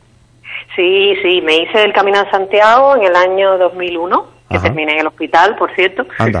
¿Pero por qué? sí, porque terminé, me caí, me caí, me terminé escayolada. Pero bueno, después regresé ya y me saqué la compostelana. Bueno, bueno. Espero, espero que, que, vuelvas por aquí y que, y que... Al contrario, o sea, a Galicia me encanta, soy apasionada de Galicia. Claro. Eso es un, eh, aparte de me hice el Camino a Santiago, estuve trabajando por allí y bueno, también nos hicimos una ruta por las Rías Baixas. Sí, porque has estado en Coruña, en Pontevedra, en Santiago y también en, en Ogrove, ¿no? Es, en Ogrove, sí. Precisamente eh, donde estuviste mm, en un momento además importante como el, en la fiesta del, del marisco, ¿no? Exacto. Una maravilla. Galicia es que eh, la tengo todavía muchas cosas por ver pero siempre es uno de mis destinos favoritos de España, a pesar de que no voy hace mucho tiempo, pero eh, es súper recomendable. Oye, nos, nos vamos a despedir y lo vamos a hacer con una, una canción que seguramente te recordará tu tierra, porque son ni más ni menos que los gofiones con quienes nos vamos a despedir eh, deseándote un muy buen verano, esperando que te vengas por Galicia, que nos visites aquí en, en, Radio Voz, en donde también tienes tu casa, y recomendándole a todo el mundo que se dé una vuelta por tu interesante blog, contándonos eh, claves y curiosidades de muchos de los destinos que has eh, tenido oportunidad de conocer. María, un abrazo. Un abrazo muy fuerte. Nos vamos a ritmo de cha cha cha, la música de ah, tu tierra, con los gociones. Un abrazo fuerte. Gracias por estar con nosotros. Un abrazo a vosotros. Gracias. Tu hobby, tu. .com. Ahí le tienen con sus experiencias viajeras. Nos vamos con música cubana. El bodeguero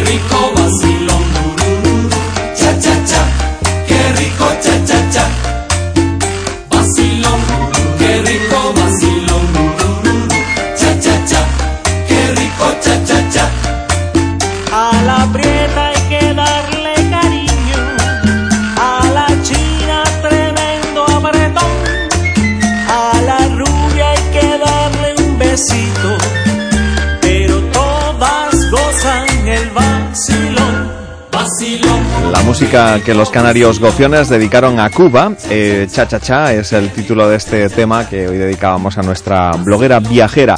10 de la mañana, 32 minutos. Hacemos un pequeño alto y hablamos de un cortometraje que nos trata de hacer ver cómo sería el mundo de los hombres, eh, el mundo si los hombres vivieran las situaciones cotidianas a las que se enfrentan las eh, mujeres. Aldara Filgueiras es eh, la compositora de una canción que vamos a escuchar enseguida, que es la banda sonora de ese cortometraje y codirectora del corto Cosas de Chicos, del que hablamos enseguida, corto que dirigen Verónica Almeida y Aldara Filgueiras. Non esperes a ver elefantes en Galicia para pechar a villa. Se non chove, agora máis que nunca temos que aforrar auga. O igual que noutros lugares do mundo, aquí tamén podemos sufrir a seca. Usa a auga con cabeza. Este anuncio, como auga, non o deixes correr. Xunta de Galicia. Galicia, o bo camiño. Que los gastos no te estropeen las vacaciones. Porque en Feubert, del 3 al 23 de julio, te regalamos el importe del montaje y equilibrado al comprar tus neumáticos Continental en un cheque regalo para tu siguiente operación de taller. Consulta condiciones en feubert.es. Feubert, tu coche en buenas manos. VSM Sistemas Coruña. Llevamos más de 40 años ofreciendo servicios de impresión para empresas y autónomos desde 28 euros mes. Sí, 28 euros mes. VSM. Llámanos 981-242-744 y compruébalo.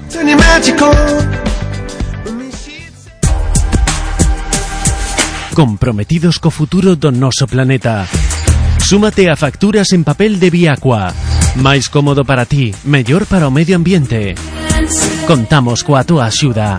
Infórmate na nosa oficina virtual na web www.viacua.gal. ¿Preparando tu día más especial? En el restaurante El Pantano te ayudaremos a que sea único. Consulta nuestros menús personalizados para tu boda, comunión, bautizo en un marco incomparable y con disponibilidad de comedores privados. Además, en Restaurante El Pantano podrás celebrar tus eventos de empresa con salones privados y medios audiovisuales. Restaurante El Pantano, muy cerca de ti, en Horto, San Román. Teléfono de reservas 981 67 68 69. Son Gonzalo, bateeiro da Ría da Arousa, e todos os días cortalumes. Lucía, 35 anos, cociñeira e cortalumes. Na loita contra os lumes tes moito máis poder do que pensas. Denuncias prácticas delituosas nos nosos montes e se ves lume, chama o 085. Faite cortalumes, Xunta de Galicia. Voces de Galicia. Un programa de Radio Voz con Isidoro Valerio.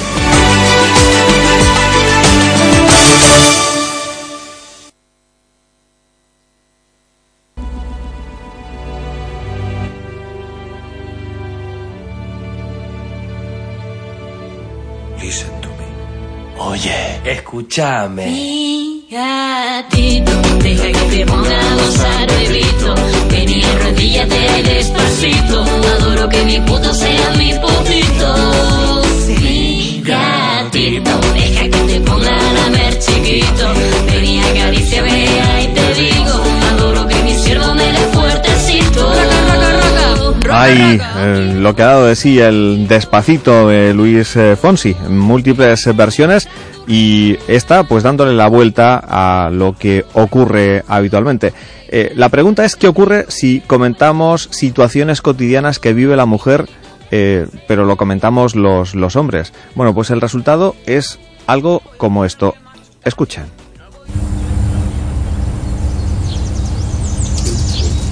Vaya invento. Que necesito que me dé el sol. ¿Qué pasa? ¿Que si hablas se va el sol? No, pero me hacéis hablar, gesticulo, luego me quedan marcas y no puede ser porque tengo que estar perfecto. ¿Y eso? Ay, me han preguntado si estaba enfermo hoy en el trabajo. ¿Y estás? No, estoy sin maquillar.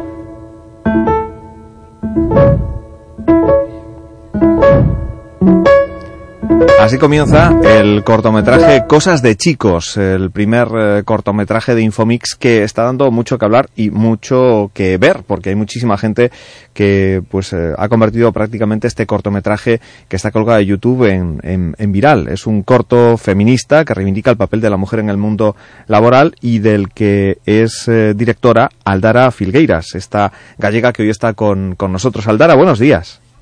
Buenos días. ¿Qué tal? Eh, ¿Contentos eh, o contentas con, eh, con el éxito de, de este, este cortometraje que, por el que habéis apostado para, bueno, tratar de ver eh, lo ridículas que son algunas situaciones cuando se enfocan desde el punto de vista de- del género, ¿no? Contentos, muy contentos. Somos un grupo mixto, un grupo en el que predomina la igualdad, que es lo que defendemos, y no nos esperábamos, la verdad, tener tanto éxito en tan poco tiempo. Mm. Éxito además sin comentarios, prácticamente sin comentarios ne- negativos, ¿no? Todo el mundo está viendo como muy positivo lo que aporta para hacer ver, eh, eh, bueno, pues eso que queréis eh, reivindicar, ¿no? Que es el- la igualdad, eh, la igualdad entre, entre hombres y mujeres. Sí, la verdad es que no, no estamos recibiendo muchos comentarios negativos, siempre los hay, pero, pero la mayoría son positivos de ambos sexos. Además es muy, muy llamativo porque no sabíamos cómo le iban a recibir los hombres y la verdad es que lo han entendido perfectamente como, no como un ataque, sino como una inclusión para, para trabajar juntos por esta, una sociedad más igualitaria, ¿no? y, y en los comentarios negativos, pues al final de lo que de lo que nos hablan muchos de ellos es de por qué nos, no hablamos también de los problemas de los hombres. Y yo les digo que tranquilos, que hemos hecho, este es el primer trabajo que, que hago como directora, pero, pero vendrán, vendrán seguramente muchos más temas de los que hablar. Eh, bueno, habéis contado con Daniel Brotón, Ignacio Montes y Raúl de la Torre, que son los tres actores que protagonizan, bueno, pues esas situaciones a las que se le da la vuelta, ¿no? Eh, habitualmente las protagonizan mujeres, eh, pero eh, cuando lo vemos protagonizado por, por hombres, pues nos damos cuenta de, de lo mal repartido que está el mundo, ¿no? Sí, y también de lo ridículo. Muchas Sí. veces escuchamos esto de eh, sois unas pesadas, siempre estáis diciendo lo mismo o cosas similares. Y, mm, y nos parecía interesante darle la vuelta para, para que se viera realmente que no es que seamos pesadas, es que todavía no, no hemos acabado de trabajar en, en el tema de la igualdad.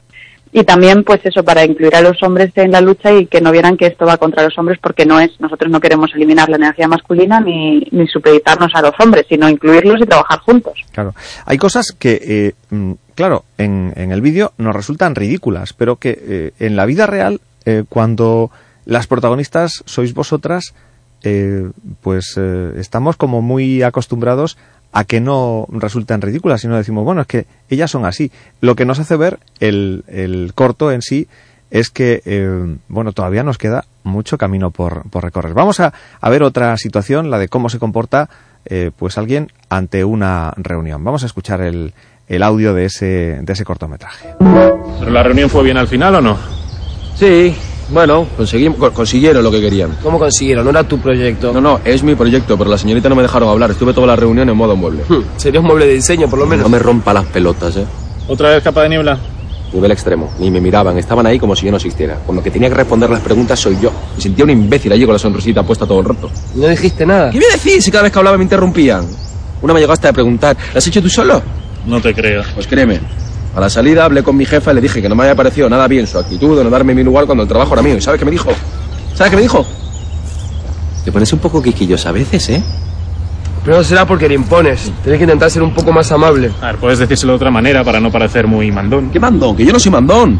Yo hago mi trabajo y quiero defenderlo. Eso no es el mandón. ¿En qué época vivimos? No me jodas. Bueno, nosotros lo sabemos, pero tienen una forma un poco más retrógrada de pensar. No la justifiques encima. Retrógrada era mi abuela. Esto es querer silenciarnos y hacernos pequeño. Y por ahí no. Sí, parece que nos exigen más solo por ser hombres. Bueno, no parece, es. Yo hago exactamente el mismo trabajo que Natalia y cobro mucho menos.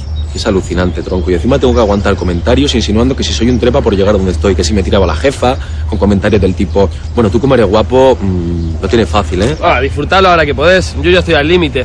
Con 30 años, las cosas empiezan a caerse. La verdad que, mm, bueno, ponéis el dedo en la, en la llaga, ¿eh, Aldara? Sí. Hombre, ponemos el dedo en lo que hay que mirar y de lo que hay que ocuparse. Igual preocuparse un poco menos y, y hacer algo más por, por cambiarlo. y por porque todos podamos tener las mismas oportunidades y a raíz de ahí ya la persona con sus actitudes y aptitudes será la que la que sea válida o no, pero no por cuestión de sexo. ¿Cómo, cómo surgió todo, eh, bueno, pues eh, el hacer el guion de, de lo que es este, este corto que nos eh, lleva pues a situaciones eh, que, a las que se le da la vuelta y que protagonizan hombres cuando mm, lo habitual es que las protagonicen mujeres y, y hacéis ver eh, que, que es todo ridículo, que no tiene sentido eh, cuando se le da la vuelta a la tortilla, ¿no?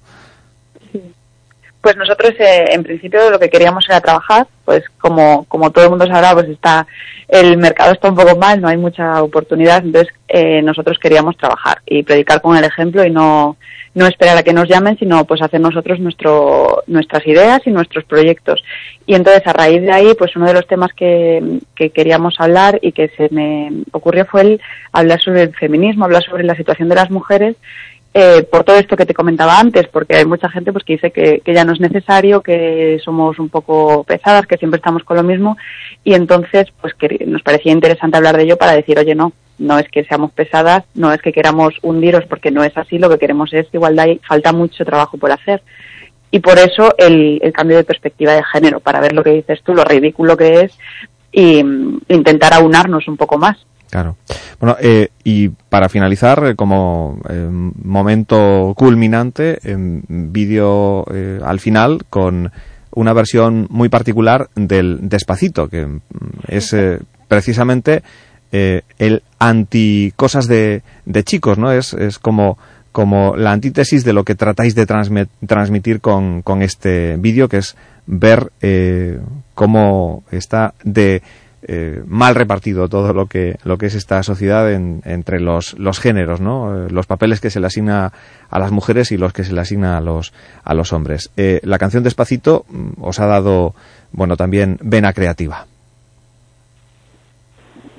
Sí, la verdad es que nos parecía muy interesante hablar de esto y de, de cómo pues este tipo, este género de música trata trata y sexualiza a la mujer, que al final es prácticamente cosificarla eh, y lo bailamos todos los fines de semana, gente de todas las edades, y, y parece que no acabamos de, de, escuchar lo que dicen, que son en muchos casos barbaridades. Obviamente, no todo, pero, pero gran parte de, de este género musical. Entonces nos parecía interesante pues darle la vuelta y decir, oye, ¿qué estamos haciendo, no? Claro, pero bueno, prácticamente todo el género del reggaetón eh, sí. va de lo mismo, ¿no? Con lo cual casi podríais haber utilizado cualquier canción, aunque tal vez la, la más destacada es el, el, Despacito, que todo el mundo, incluso los niños, ¿no? Eh, se saben claro. la letra y, y la, la, cantan como si no estuvieran diciendo lo que está diciendo. Y si nos paramos a analizarlo, es así un poco fuerte. Claro, y es un, problema porque realmente los niños, es lo que tú dices, no son conscientes, pero en sus cabezas el mensaje está entrando. Y al final, pues la evolución personal de ellos va a estar influenciada por eso. Y deberíamos tener un poco más cuidado de, de qué les dejamos escuchar e incluso qué escuchamos nosotros. Y fue curioso porque realmente nosotros trabajamos en febrero este corto y no sabíamos que iba a tener tanto boom el despacito. Y entonces ahora pues nos hemos encontrado con, con que ha sido la canción casi de la historia, porque está cerca de las de las más vistas en YouTube. Uh -huh. Entonces ha sido todo una coincidencia, la verdad. Bueno, esperemos que a partir de ahora también vuestro corto sea mucho más visto. Vais por cerca de 400.000 visualizaciones, sí. al menos en, en eh, Infomix eh, TV, que es uno de los eh, canales en los que está colgado. Y supongo que luego con pues estas replicaciones y enlaces que se van haciendo sucesivamente, pues estaréis ya muy por encima de esas, de esas cifras. Eh, te doy la, la enhorabuena porque nos parece un, eh, magnífico modo de reflejar cómo sería eh, la discriminación sexista en el trabajo si la sufriera un hombre, haciéndonos ver que la discriminación sigue existiendo, que las diferencias siguen existiendo y haciéndolo pues con un tono irónico que bueno pues nos hace eh, asimilarlo de un modo mucho más, más fácil a todos. Aldara, enhorabuena, muchísimas gracias por estar con nosotros. Nos vamos con ese Mi Gatito, que es como habéis titulado vosotros la versión del, del Despacito. Gracias por, por acompañarnos y enhorabuena, un saludo. Gracias a vosotros por hacerme un hueco. Gracias. Un abrazo. Seguimos aquí en la sintonía de Radio Voz. Listen to me. Oye, escúchame. Mi gatito, deja que te ponga a gozar, bebito. Vení, arrodíllate despacito. Adoro que mi puto sea mi putito. Mi gatito, deja que te ponga a lamer chiquito.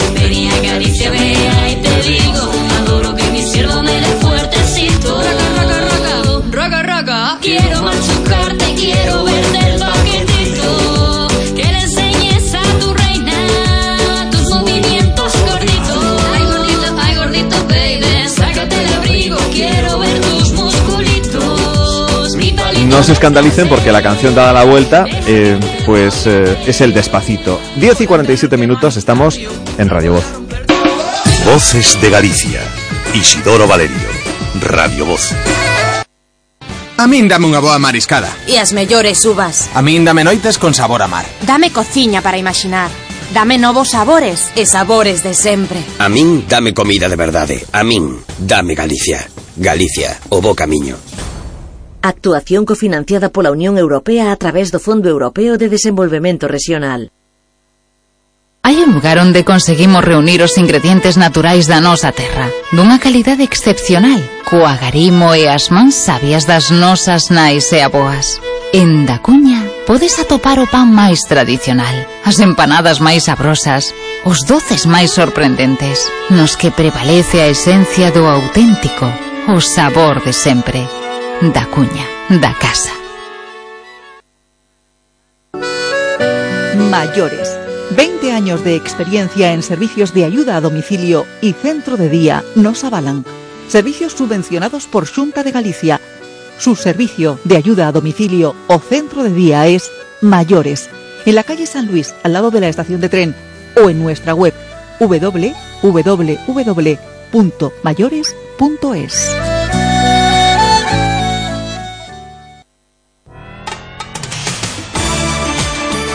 De lunes a viernes, Voces de Galicia. En Radio Voz. Bueno, pues hablamos del violonchelista eh, Pablo Fernández, eh, va a estar en, eh, en Galicia, próximo el, el- el 17 de agosto, va a estar eh, concretamente en Vigo, ofreciendo clases magistrales a jóvenes músicos y mm, eh, estos van a tener la oportunidad de mejorar su formación ni más ni menos que con un Stradivarius de 1696. A Pablo Fernández le tenemos en, línea, este violonchelista eh, del oído absoluto y de origen gallego que, que estará en Vigo el 17 de agosto. Pablo, buenos días. Buenos días. Buenos días y muchísimas gracias por, por estar con nosotros. Bueno, ¿cómo surge esta iniciativa eh, eh, y cómo va a ser lo previsto ese 17 de agosto? Cuéntanos. Bueno, pues surgió porque yo soy muy cercano a Galicia, mi padre es gallego y pasamos aquí mucho tiempo. Entonces, cuando en Bambera me ofrecieron eh, ir a dar clases en Vigo, pues me pareció una idea genial y la verdad tengo un ritmo de conciertos muy alto todo el año y dar clases es algo diferente para mí y me apetecía mucho. Así que vas a estar en, en una academia de, de música que es la que ha propiciado pues este, este encuentro con jóvenes violonchelistas. Supongo que es algo que te apetece, ¿no? Eh, eh, una cosa es dar, Muchísimo. dar conciertos y, y otra cosa es eh, contactar con, con jóvenes como tú que, eh, que apuestan por ser intérpretes de ese instrumento. Desde luego, la- pues, como decía, es, es diferente para mí y, es algo que, suelo disfrutar mucho cuando, cuando lo hago durante el año. Muchas veces gente me pide tocar para mí cuando estoy viajando por ahí en conciertos, pero no es lo mismo porque las condiciones en las que vamos a estar allí en la, en la escuela Bambera van a ser reales. Bueno, supongo que para ti todo un orgullo esto de que el año pasado fueses elegido joven del año, artista joven del año 2016, eh, eh, recibiste el premio del International Tchaikovsky Competition en su decimoquinta edición y estás considerado por la crítica uno de los mejores violonchelistas. ¿Cómo se consigue todo eso siendo una persona tan joven? Bueno, pues es mucho trabajo, claro, yo, yo me alegro mucho de, de, bueno, de que la crítica diga eso. Yo lo único que puedo hacer yo es seguir trabajando así y la verdad lo disfruto mucho. Me van las cosas muy bien y estoy haciendo justo lo que quiero. Bueno, ¿qué le dirías a todos aquellos que, que quieran apuntarse eh, a estar contigo el, el jueves 17 de agosto en, en Vigo, en, la, eh, en Bambera, concretamente, que es eh, el centro en el que vas a impartir esa clase magistral? Pues que si se quieren apuntar, que se metan en la página web de Bambera, como dices, y ahí viene toda la información y que se vengan, que nos lo vamos a pasar muy bien. No solo va a haber eh, alumnos activos, sino también de oyentes, así que ahí para todo el mundo. Ujú. ¿Qué, qué le dirías a aquellos que quieren eh, o están iniciando ahora su carrera y que han apostado por ese instrumento que tú dominas a la perfección, el violonchelo? bueno, pues nada, que es un instrumento precioso, que da muchísimo trabajo, eso sí, y que, que si les gusta y pues que, que sea por ello, que no tengan miedo de pasar millones de horas con el instrumento, que es una profesión maravillosa. Por cierto que tú comenzaste con tres añitos a, a tocar el violonchelo. Sí. Y- pero daba- dabas hecho, mi- dabas hecho con el violonchelo, lograbas abarcar. Hombre, era un chelito muy pequeño, era un chelito muy pequeño, era prácticamente como un violín grande. Entonces, sí, empecé con, con mi madre, que inventó un método que se llama el mago de pasón, y que enseña el oído absoluto a niños pequeños eh, de esos años y enseña iniciación al instrumento. Eh, de hecho, Bambera es parte de la, de la escuela de mi madre, que sí te enseñan el método de mi madre. Y, y pues eso, desde hace ya 23 años llevo tocando el cero. Bueno, así que eh, de familia le vino al galgo también, ¿no? Había, digamos, antecedentes musicales en, en casa. Ujú. Pablo, pues eh, eh, encantados de haber hablado con, contigo y desear que continúe tu buena trayectoria. El 17 de agosto recordamos que estará en, en Vigo. Los que quieran apuntarse, que lo vayan haciendo porque las plazas son eh, limitadas para esa eh, clase magistral que ofrecerá Pablo Fernández, este genial músico, este genial violonchelista que está entre los mejores ahora mismo a nivel internacional. Un abrazo fuerte, Pablo. Gracias por estar con nosotros. Un abrazo, muchas gracias.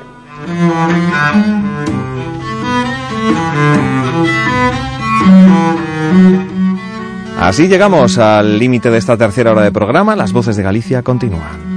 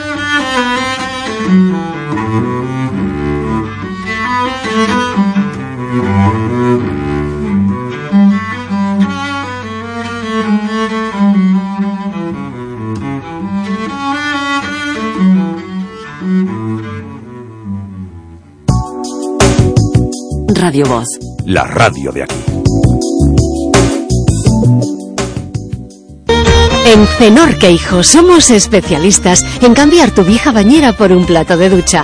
Confía en Cenor Queijo, empresa reconocida por la Consellería de Industria por su labor y buen hacer. Te ofrecemos trabajos garantizados a precios cerrados y sorprendentes. Aprovecha ahora nuestra oferta de 12 meses sin intereses y gana en seguridad evitando riesgos de resbalar.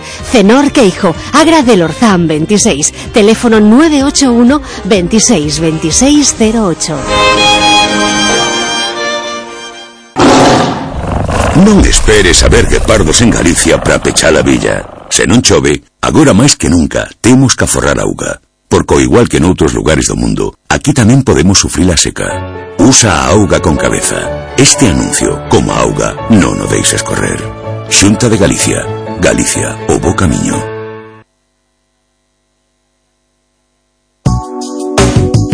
Radio Voz. La radio de aquí.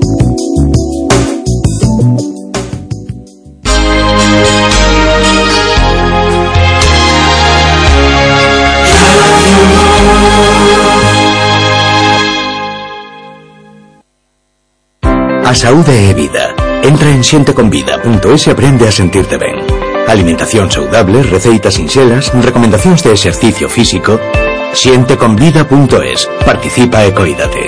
Sanidade Pública de Galicia, en beneficio de todos.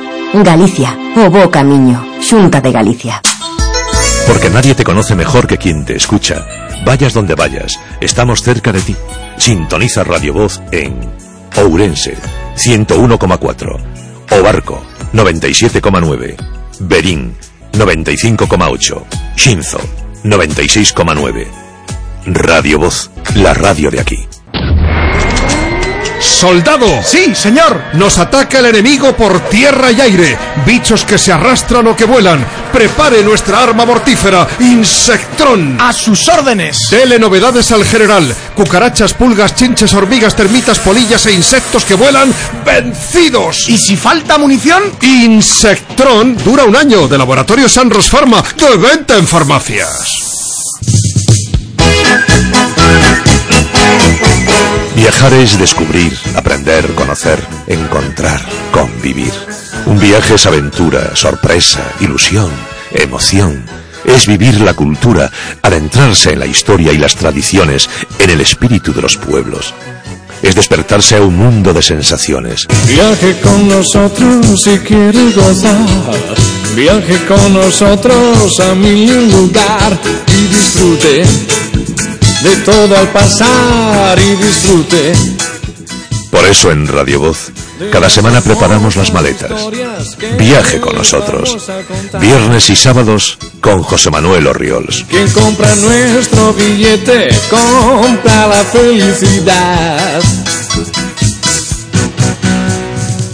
Hoxe desplazámonos ata o Concello de Trabada para visitar a gandeiría Callobro Holstein. Esta explotación conta con 80 vacas cunha media de calificación de 84 puntos e un promedio de 13.000 litros.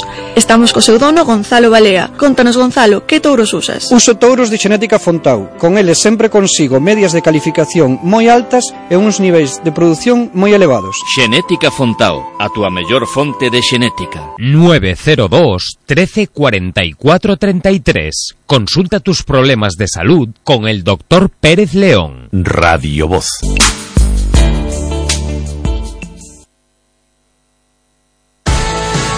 Gasolinera Miramar Oil, calidad a bajo precio. Estamos en el garaje Miramar de la Grela, calle Isaac Peral 6. Nuestros combustibles provienen de CLH Coruña y contienen los aditivos más eficientes y de mejor calidad. Miramar Oil, servicio 24 horas, Isaac Peral 6 La Grela a Coruña. Desde ahora su gasolinera se llama Miramar Oil. Calidad a bajo precio. Su vehículo y su bolsillo se lo agradecerán. Son Gonzalo, bateiro da Ría da Arousa e todos os días cortalumes.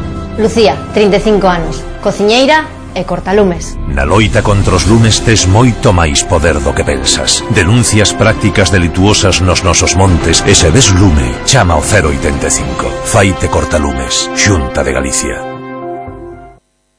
Radio Voz.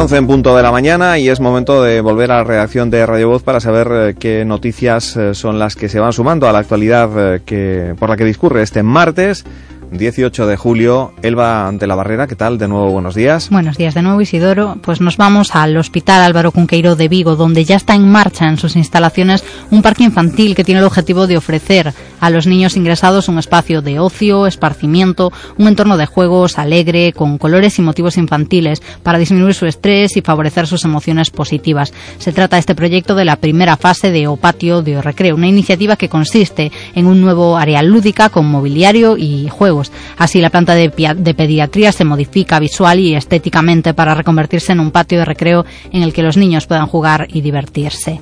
Eh, seguimos en el área sanitaria, donde nefrólogos gallegos en Santiago de Compostela destacaban las ventajas de las nuevas técnicas de hemodiálisis, como la hemodifiltración online de alto volumen, que representará una técnica de diálisis continuada con líquidos ultrapuros, que permitirá una mejor depuración de las toxinas eh, urémicas. Así se lo trasladaba el doctor Cándido Díaz Rodríguez, nefrólogo del Complejo Hospitalario Universitario de Santiago, durante, durante la celebración del update en HDF online del alto volumen en la capital gallega Y seguimos en la capital, donde se acerca el aniversario del accidente ferroviario de Angrois y los grupos parlamentarios de Partido Socialista y de Unidos Podemos acordaban pedir una comisión de investigación sobre el accidente ferroviario del Albia ocurrido en Santiago en julio del año 2013. Si bien los socialistas van más allá y reclaman otra comisión de carácter técnico, lo hacían por mediación de Margarita Robles, la portavoz, quien ha asegurado que la ejecutiva de su partido acordaba la creación de una comisión de responsabilidades políticas y que tenía que haber también esa otra comisión de carácter más técnico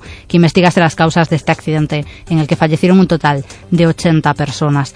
Eh, nos vamos a Cambre, donde bueno, un robo en una casa sacaba a la luz el cadáver de un hombre momificado. El ladrón salió huyendo al ver el cuerpo del fallecido de 90 años, Miguel Valdueza, que fue visto por última vez por sus vecinos en el mes de, de diciembre. En otro orden de cosas, la Consellería de Cultura, Educación y Ordenación Universitaria convoca a los sindicatos para el día de hoy para abordar en una mesa sectorial la recolocación del profesorado afectado por la reorganización de centros como Outes, Aspontes, Oporriño y Rivadavia. Desde la Consellería aseguran que a tranquilidad, que ningún profesor podrá ser desplazado de su localidad de destino si así lo desea y que se van a garantizar, además, se van a cubrir las necesidades educativas de todo el alumnado. A nivel nacional, la actualidad de hoy viene marcada por eh, la, comparecencia esta tarde del director general de tráfico, Gregorio Serrano, que comparecerá, como decíamos, en el Congreso de los Diputados para explicar la postura de su departamento ante la huelga de los examinadores que han convocado un paro indefinido a partir del 4 de septiembre. Serrano explicará las medidas en que su departamento eh, ha llevado a cabo para mejorar las condiciones laborales del colectivo, que está en huelga ya desde mediados del mes de junio y que la pasada semana anunció una concentración que está prevista para el próximo día 25 de julio. Y nos marchamos a Barcelona, donde el tema candente del día es la dimisión del director de los Mossos de Escuadra, Albert Badge, que presentaba su dimisión por motivos eh, políticos dejando en el aire el papel de los mozos en la consulta del 1O. Y de última hora, la detención de esta mañana, de la que hablábamos antes, entre otras personas, del presidente de la Federación Española de Fútbol, Ángel María Villar, en el marco de la operación Soule contra la corrupción, ordenada por la Audiencia Nacional en colaboración también con la Fiscalía Anticorrupción. Además de Villar, algunas fuentes de la investigación apuntan a que ha sido detenido su hijo Gorka, así como Juan Padrón, que es vicepresidente económico de la Federación, en un operativo en el que se espera una decena de, de arrestos. Eh, la Unidad Central Operativa está desarrollando esta operación supervisada por el juez Santiago P. Pedraz. Se prevé eso una decena de detenciones y se están realizando registros, uno de ellos en la propia sede de la Federación y en el despacho del presidente. Hay también varios requerimientos abiertos y ahora mismo los empleados de la Federación están siguiendo las instrucciones de estos agentes que están en los pasillos de las oficinas de la ciudad de, fútbol de Las Rozas sin poder ocupar sus puestos de trabajo ni usar tampoco sus ordenadores. Una de las investigaciones apuntan a supuestos tratos de favor de Villar a dirigentes de federaciones territoriales usando arbitrariamente dinero de la Real Federación Española de Fútbol para obtener apoyos incondicionales con vistas a su reelección como máximo mandatario del fútbol español. Villar, de 67 años, fue reelegido en mayo por octava vez consecutiva como presidente de la Federación para iniciar otro mandato de cuatro años después de no haber encontrado oposición y sin necesidad de celebrar elecciones. Bueno, se atribuyen al detenido, al presidente de la Federación Española de Fútbol, entre otros delitos de supuesta corrupción, falsedad, apropiación y alzamiento. Operación lanzada esta mañana contra la Real Federación Española de, de Fútbol, de la que nos estamos haciendo eco desde el momento en el que saltaba esta noticia esta mañana, con un despliegue importante en la sede de la Real Federación Española de, Fútbol. Eh, la investigación ha sido eh, declarada secreta, pesa sobre ya el secreto sumarial y por tanto esto es lo que hasta el momento les podemos contar. 11 y 5, estamos en Radio Voz, hay otras noticias, las que a esta hora se mueven a través de las redes sociales. ¿De qué se está hablando? Sin duda que de este tema se estará hablando, pero se lo contamos todo enseguida.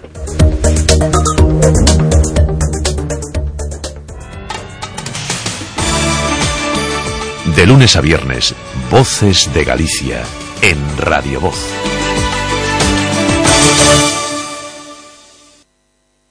Escoita ben, primeira vaca. Segunda vaca.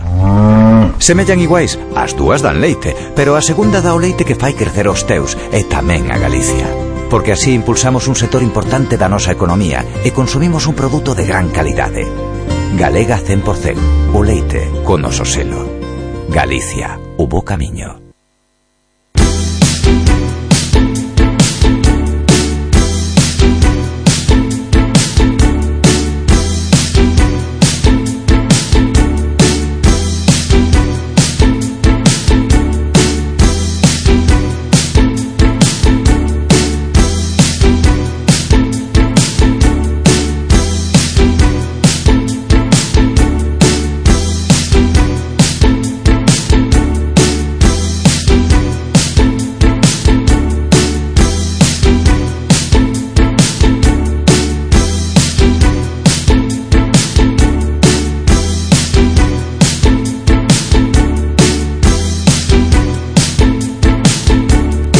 Es increíble pero cierto, el fútbol mueve pasiones y hoy desplaza del primer puesto del ranking de los eh, eh, trending topics, de las tendencias, de lo que se comenta en las redes, lo desplaza el, Ah, el apellido, el apellido Villar, ¿no? Feliz martes para todos, que es otro trending topic del día, Sí, menos pero- para pero Ángel María Villar. Hoy no está en cabeza. eh, eh, la verdad que yo creo que es de las pocas veces que se desplaza el feliz día a- por, por otro tema que, que supera este, ¿no? Y la operativa eh, que está desarrollando eh, la UCO de la Guardia Civil en la Real Federación Española de Fútbol motiva que Villar sea ahora mismo eh, lo más comentado en, en las redes con su detención esta mañana, ¿no? Es, tendencia totalmente Ángel María Villar y además es que bueno en, tono de absolutamente jocoso y las, la gente está comentando en las redes sociales declaraciones de los vecinos de Palco diciendo que Villar siempre saludaba al menos Villar no pitó el himno. Última hora Ángel María Villar será baja para la Supercopa de España por molestias en la mano derecha al llevar décadas trincando. Es un tema controvertido la corrupción en este país pues afecta muchísimo y bueno eh, el fútbol como decías Isidoro levanta pasiones y, y en este caso pues pues negativamente no Dice aquí el tuitero que se autodenomina Señor Dios que Ángel María Villar, tras 30 años haciendo de la Federación Española de Fútbol su chiringuito, ha sido detenido por corrupción. Increíble. Y hay, bueno, más eh, comentarios. El hematocrítico, el hematocrítico eh, por su parte, dice han ganado los que apostaban por eh, porque algún día detendrían a Villar. Se pagaba a 000000001 en mm, Bewin, ¿no? Que es eh, ese portal de, De apuestas. de apuestas. Bueno, eh, la verdad que hay muchísimos eh, comentarios y está siendo evidentemente lo más tuiteado, retuiteado a lo largo de esta mañana. Todo lo que tiene que ver con eh, esa operación de la Unidad Central Operativa de la Guardia Civil en torno a la Real Federación Española de Fútbol y que de momento se ha saldado con la detención del presidente de la Real Federación de Fútbol, Ángel María Villar, y también de su hijo Gorka, según han informado al parecer fuentes de la, de la investigación. ¿Qué más cosas? Bueno, feliz martes, como decíamos, y Los Mossos, por supuesto, también son tendencia por la dimisión de- del director Albert Badge como director de los Mossos de, de Escuadra y, bueno, también eh, es trending. Bueno, eh, aquí en este caso también bastante jocosa Bueno, la eh, gente. Está también Federación Española de Fútbol, Real Federación Española de Fútbol, eh, con las siglas Sí, RFEF. Eh, la verdad que, que- que muchas, Sí, muchas está- cosas está- en torno a la actualidad y está muy muy vivas en torno a, a la actualidad que no, no cesa, ¿no? Todo lo que tiene que ver con con eh, las eh, últimas noticias que hemos ido conociendo. Por cierto, que hoy además el ministro de Interior, Juan Niezo Zoido, ha, ha dicho que confía en que los Mossos de Escuadra, tras la, inmersión, la dimisión del que fuera el director de los Mossos por motivos políticos, cumplan con las obligaciones que tienen asumidas por ley y no sean obligados a, a incumplirla, aunque ayer se manifestaban precisamente los portavoces del sindicato de Mossos de Escuadra en el sentido de que ellos están para, para cumplir la ley independientemente de quien ponga el, gobierno catalán al frente de la dirección de los Mossos de Escuadra. Bueno, más cosas. Más cosas. El, día 18 de julio, por supuesto, también es tendencia y es tendencia por varios motivos. Un día como hoy, en 1936, pues iniciaba ese golpe de Estado franquista en nuestro país y también está dejando pues bastantes comentarios en las redes sociales, tanto bueno pues de los eh, detractores, por supuesto, como de los partidarios de ese golpe. El día 18 de julio del 36 acabó el sueño de un sistema educativo laico igualitario, miles de maestros fueron asesinados, comenta uno, otro en torno de burla dice felicidades al Partido Popular en su cumpleaños y las típicas cuentas así de, broma, ¿no? Como Margaret Thatcher dicen qué ambiente tan sano tiene que haber hoy en el Valle de los Caídos. Eh, otro comenta gracias por librarnos del comunismo y en esta línea pues está desarrollando los comentarios de, de 18 de julio eh, en, en Twitter. Y bueno, además de ello se conmemora hoy también el aniversario del nacimiento de Nelson Mandela, Isidoro y su Día Internacional por la lucha incesante que llevó a cabo por una Sudáfrica libre y también está habiendo muchísimos comentarios al respecto. Bueno, pues hoy el Mandela Day, hoy también una fecha en la historia eh, trágica de, España, el 18 de, de, de julio. Por cierto que los del jueves eh, han tuiteado una noticia que incluyen en, en su revista satírica. Dice, convierten el Valle de los Caídos en el parque temático Fachaventura. Cinco atracciones del Valle de los Caídos que te harán disfrutar como un enano, un enano nazi, o sea, como Hitler.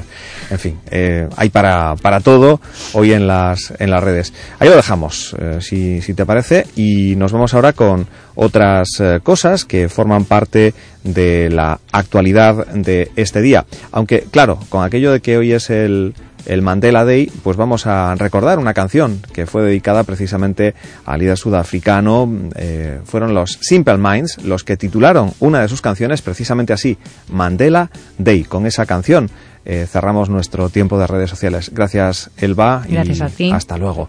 Seguimos 11 y 12 minutos, sintonía de Radio Voz, Mandela Day.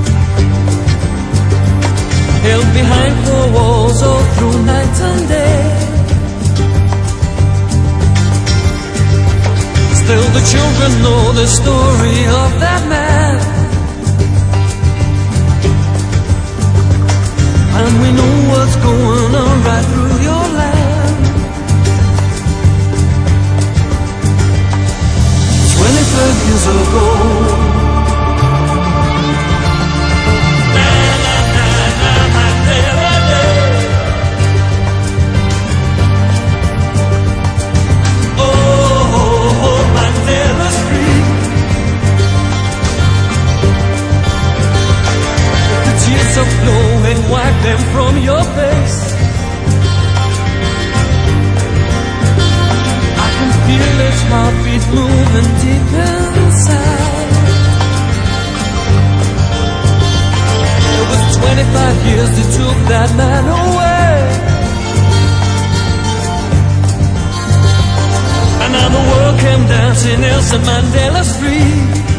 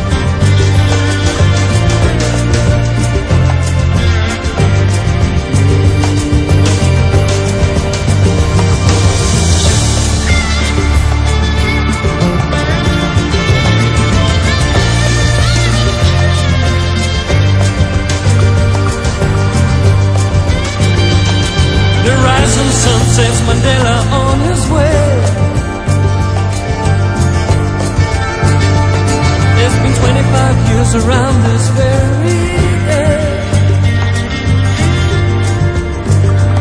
From the one outside to the ones inside.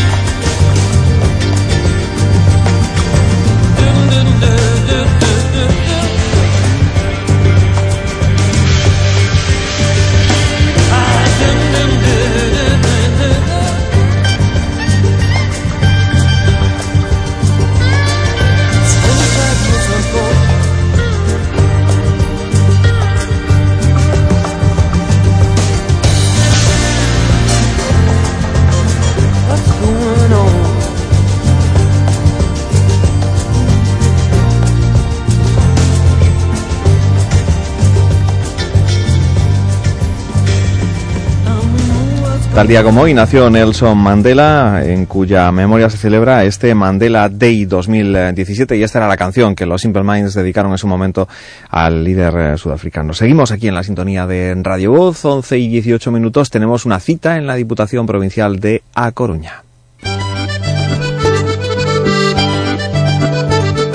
A Deputación da Coruña achéganos a realidade social da provincia. Deputación da Coruña, o servicio de todos os cidadáns.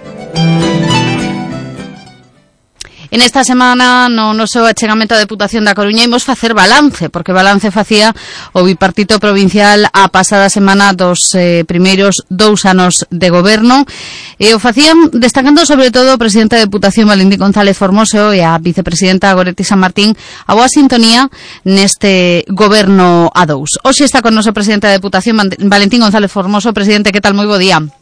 Ola, bo día. Como resumiría vostede estes dous primeiros anos de goberno?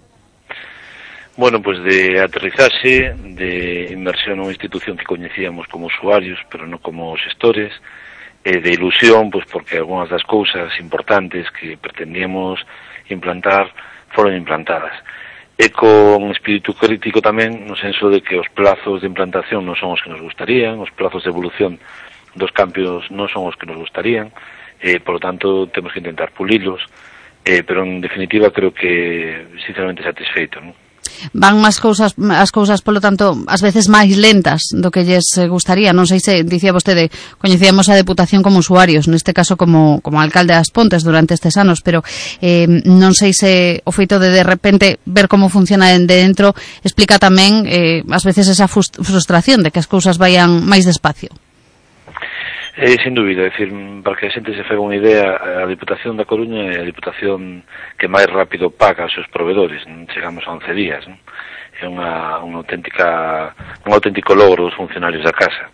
Eh, pero tamén é certo que somos eh, moi lentos en, licitar pois obras, en licitar prestación de servicios, tardamos unha media de 476 días, é dicir, máis dun ano, o cal significa que os recursos de deputación que teñen que estar o máis rápido posible, pero eso sí, con todas as garantías legais do seu destino, eh, na rúa, na sociedade, para xerar actividade de emprego, non está a ocorrer. Por lo tanto, é un, tema que temos que revisar todos, é dicir, eh, elabora as normas nos parlamentos, quen as xestiona, que somos nós, quen as aplica, que somos os funcionarios, porque en definitiva se trata de conseguir un equilibrio entre as garantías eh, da transparencia na xestión de recursos públicos, pero tamén que a xestión exista, porque senón a cidadanía desespera. E, por lo tanto, estamos falando de que en un momento onde necesitamos actividade, necesitamos emprego, eh, temos que ser máis ágiles. Non?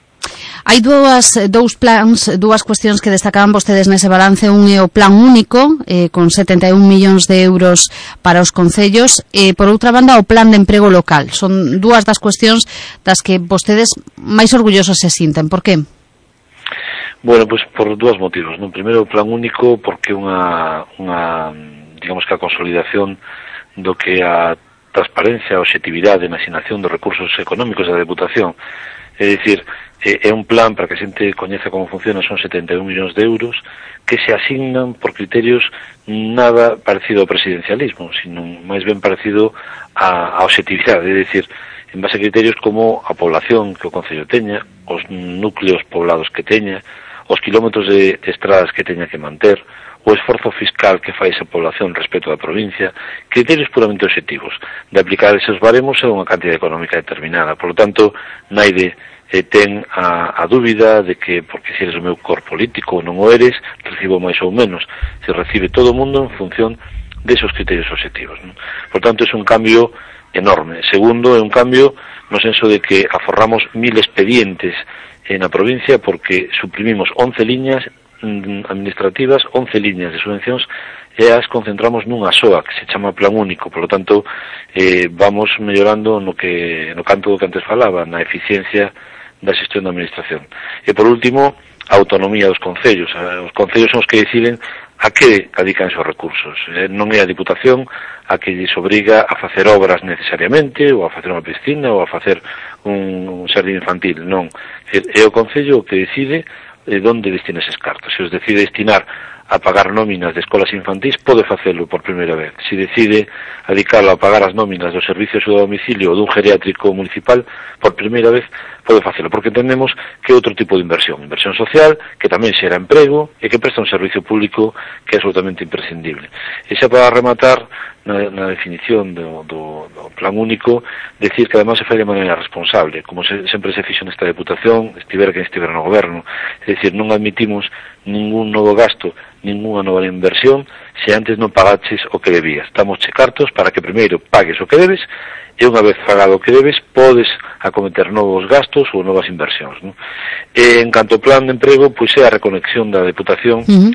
cos problemas da xente, é dicir, hoxe en día o problema é o emprego, o desemprego, máis ben, e polo tanto eh, que a Deputación multiplicara por sete os seus fondos, que diseñara un plan de emprego consultado coa Xunta de Galicia, cos agentes sociais en canto ao seu deseño que vai orientado a, a contratación social por parte dos concellos da provincia, 400 postos de traballo, eh, que vai orientado tamén a contratación por parte das empresas da provincia, desempregados e desempregadas durante un ano, nos que financiamos o 75%, e coa vocación de que cando acabe o plazo de subvención, aqueles que, que vayan, para, que teñen capacidade demostrada no seu posto de traballo, que queden na empresa se ten carga de traballo, e por último unha nova liña que significa apoiar calquer boa iniciativa emprendedora, que neste caso van a ser máis de 200 neste mesmo ano. Son 30 millóns de euros de inversión, 3.000 postos de traballo creados con este plan de emprego. Creo que son, eh, a de outros que podríamos falar, outros plans, son os dous eh, principais neste, neste cuadro de mandato. Dúas cuestións destacadas, polo tanto, pero si me gustaría saber tamén eh, nos próximos dous anos, nos dous anos que quedan, cales serían os obxectivos que lle gustaría cumplir. Bueno, pues me gustaría cumplir primeiro consolidar eh, un plan único que xa non ten bota atrás. Me gustaría consolidar, mellorar o plan de emprego en canto a asignación de, de fondos que seña superiores, porque vemos que hai moitísima demanda nun país que empeza a recuperar económicamente, que necesita acompañamento, que ne necesita non volver a cometer os erros que históricamente se cometeron, non desdeñar boas ideas por pequenas que parezan eh, no ámbito empresarial. Nos gustaría recoller os defectos que vimos no, no propio plan de emprego e que nos foron dicindo na, na explicación comarcal que fomos dando aos asentes implicados eh, pois eh, melloralo nese sentido porque ten deficiencias que hai que corregir eh, e me gustaría tamén lógicamente poñer plans que temos entre más como plan de patrimonio que significa investir eh, bastante recursos económicos da Deputación en recuperar patrimonio como pode ser o pasatempo de Betanzos ou outros bens de interés cultural que están en estado de deterioro enorme e que quen tenga competencia pois non ten recursos ou decide non asignalos a este fin e nós queremos aportar o noso grado de arena nese, nese sentido. Esta é a primeira vez eh, na historia da Deputación da Coruña que non existe un goberno de maioría absoluta e un bipartito, eh, neste caso co, co Bloque Nacionalista Galego. Eh, gustaríame saber mm, se vostede esperaba acadar este grau de acordo que, no, que, que están a amosar, eh, que amosaban, por exemplo, na balance que facían a pasada semana cando asumiu o cargo. Pois cando asumiu o cargo, a verdad que asumiu con, con todos os temores do mundo, non? Primeiro porque non estaba acostumbrado a, a gobernar eh, en coalición con Neide, segundo porque a pesar da coalición non temos entre os dous por primeira vez na historia a maioría absoluta eh, na Deputación, eh, terceiro porque na Corporación Provincial había eh, seis grupos provinciais cando normal eran tres, uh -huh. e ademais dos tres eh, que entraban, dous eh, propiciaban eh, a, o peche das deputacións, xa no primeiro pleno. Por tanto, a verdad que todos os temores do mundo que eh, se foron disipando en canto puxemos en riba da mesa eh, pues o debate sobre os asuntos concretos que había que levar a pleno, eh, pleno tras pleno o a corporación en xeral, todos máis al lado do debate ou de alguna desaveniencia en algún tema concreto que é normal que o eh, pero en definitiva a Deputación está sacando para diante os plans a tempo, os plans en forma de vida, os presupostos en forma de vida, aprobando todas as cuestións estructurais, vertebrais, vertebradoras da economía provincial que necesitan de apoio. Por lo tanto, sinceramente, todos esos temores que tiña están moi máis que disipados. Non? Unha última cuestión xa para, para rematar. Como é a relación coas administracións, cos propios concellos, pero tamén coa Xunta de Galicia?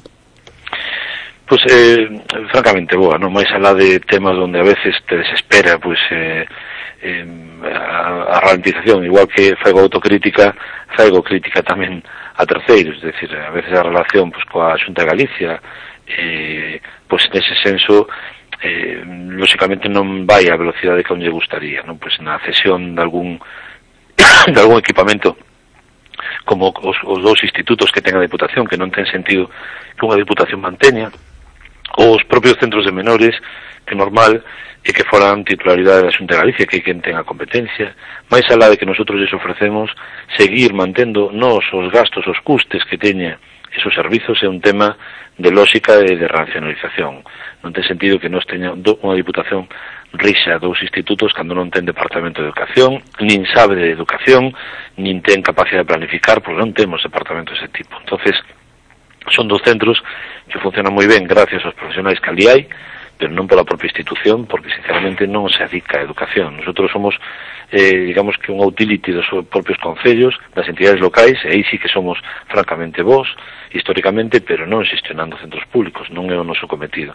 Nesa receptividade por parte da Xunta de Galicia, sí que me gustaría que profundizara e me gustaría que mellorara enormemente os ritmos de, de, de comprensión e os ritmos de asunción de compromisos, non? Unha, ixe para rematar, collera vacacións o presidente da Deputación? Home, eu espero que unha semana poder collela, sinceramente, por lo menos na Deputación, ¿no? decir, no Concello xa é máis complicado. Bueno, pois nada, esperemos que descanse tamén un poquinho neste verán. Valentín González Formoso, presidente da Deputación da Coruña, grazas por estar con nós. Moitísimas gracias a vos, Santiago. Deputación da Coruña. Chegar a cada concello. Estar con cada persoa. Radio Voz. La radio de aquí. Si quieres coger las riendas de tu salud, toma nota. Cada tarde de lunes a viernes tienes dos citas con Salud para Todos. De 6 a 6 y media en Radio Voz y de 8 a 8 y media en V Televisión.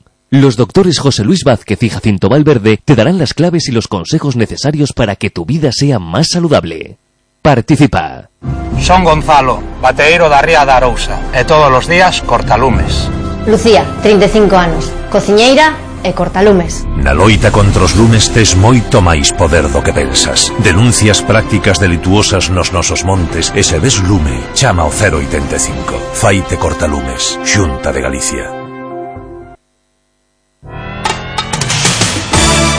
Radio Voz, Voces de Galicia. Isidoro Valerio.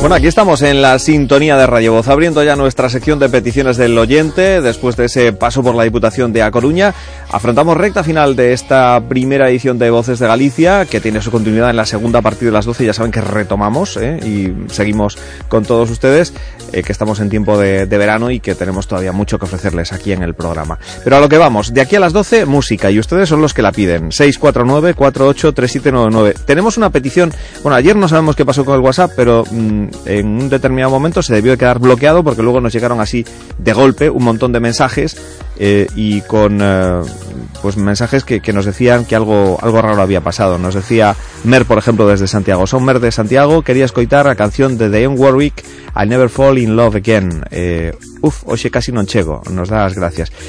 Nos vuelve a enviar ese mensaje, el mismo, que es una cosa extrañísima porque es exactamente el mismo, nos entra de nuevo el WhatsApp y nos dice, perdón, non sei eh, que, que lle pasa o teléfono, pero sei que recibiches tarde o was, pode quedar para mañán, mil disculpas e gracias. Bueno, Mer, eh, tenemos esa canción, pero no se titula I'll Never Fall in Love Again.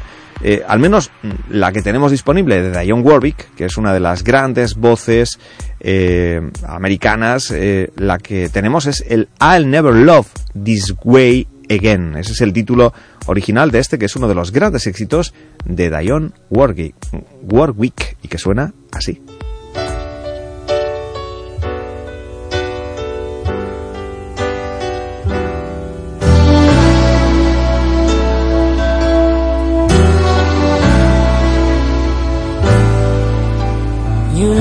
inside my fantasies and made each one come true. Something no one else had ever found a way to do. I've kept the memories one by one since you took me in. I know I'll never love this way again. I know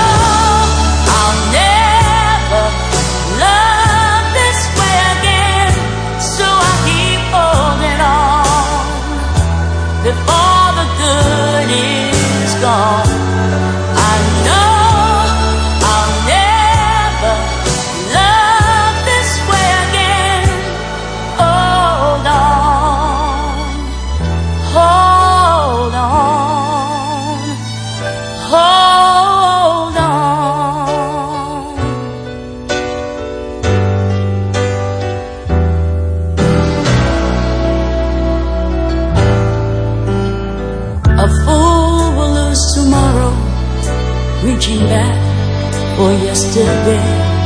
I won't turn my head in sorrow if you should go away. I'll stand here and remember just how good it's been. And I know I'll never love this way again.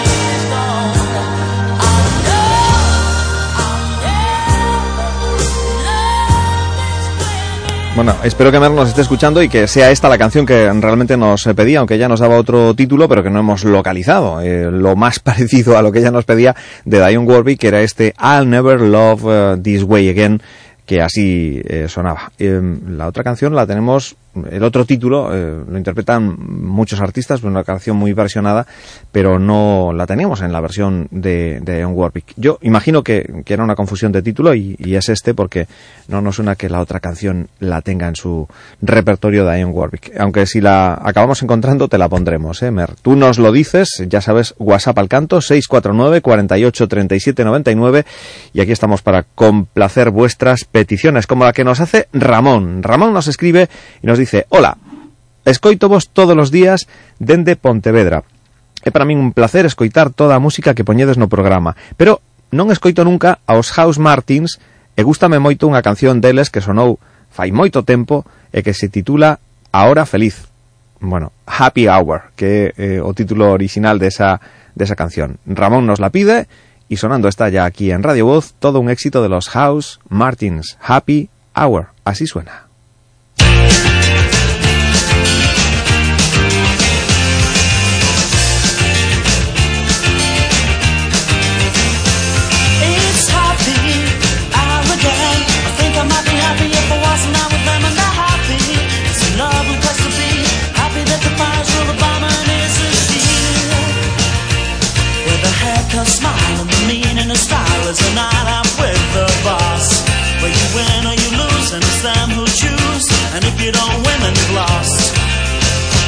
good place to be.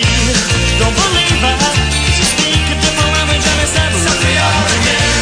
Don't believe I, oh no, cause it's never something I again. Oh, oh, oh, It's another night out with a boss, following in footsteps overgrown by moss and his arms. Good women growing trees, and if you catch them right, they will land upon the knees. Where they open all the wallets and they close all the minds and they love to buy you all a drink. And as we ask all the questions, when you take all your clothes up and back to the kitchen sink. What a good place to be. Don't believe I speak a different language and it's never really happened to me. Don't believe I, oh no, cause it's never been happened for me.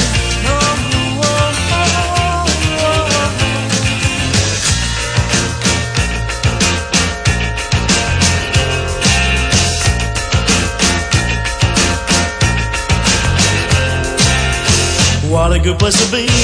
Don't believe I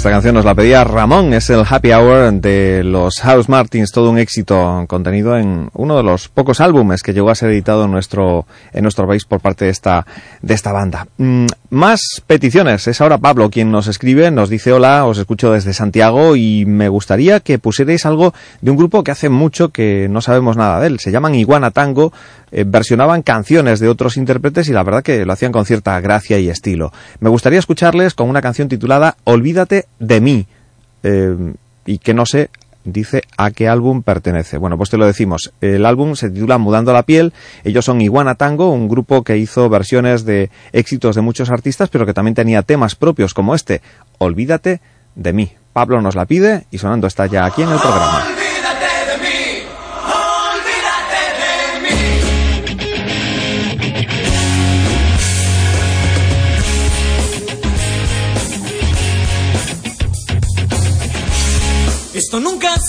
Fácil, sé que te juré mi amor, sé que hicimos muchos planes, no me llores por favor, y aunque parezco el culpable, esta historia es de los dos, yo aún sigo sufriendo, me ha costado mucho decir sin dudar, niña no hay vuelta atrás, olvídate de mí, y olvida nuestro amor, olvida las promesas Siento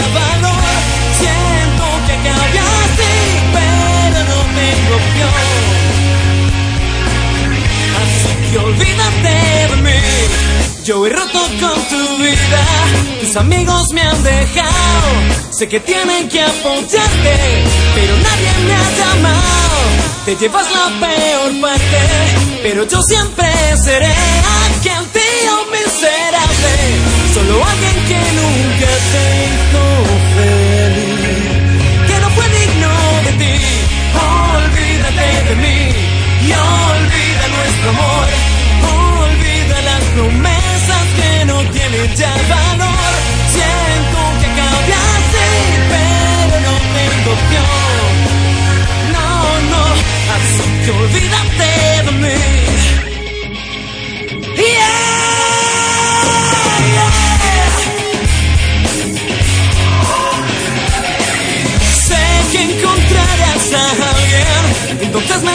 No, no dudes en llamarme, yo no te quiero borrar.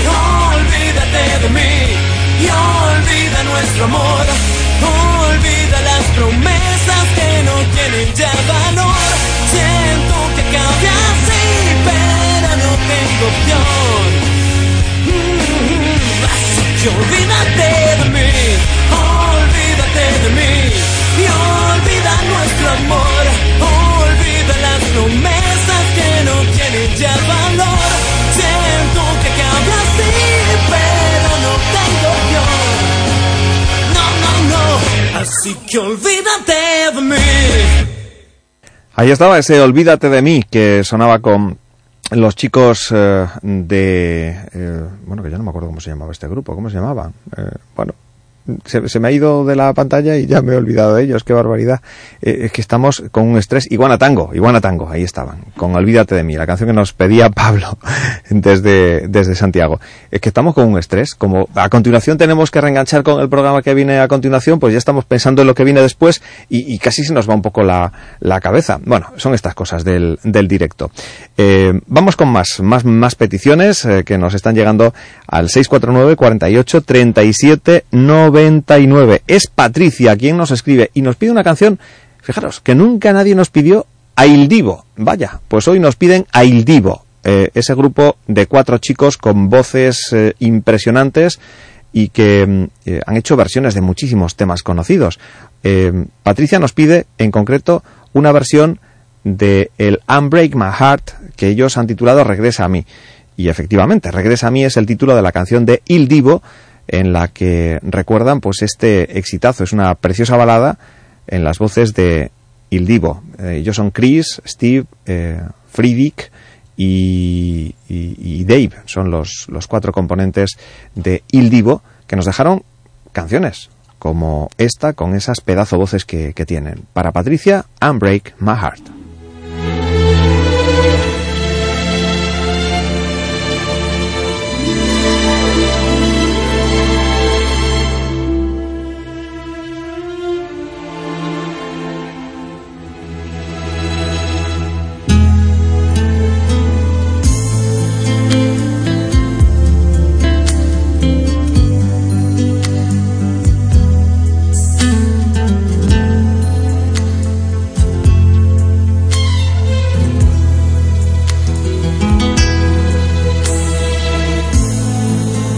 Abandones así, hablando solo de ti.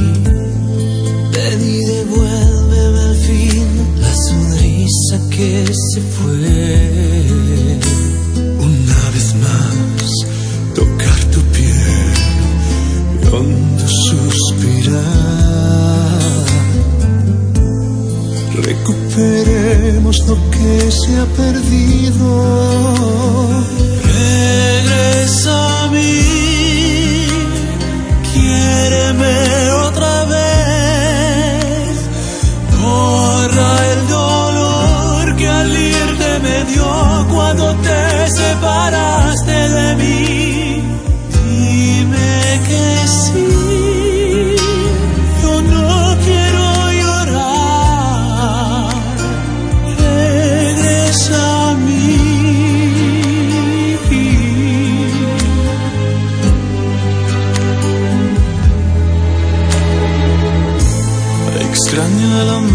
que se fue, extraño la dicha también.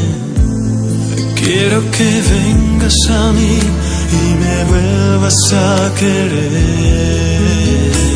No puedo más si tú no estás. Tienes que llegar.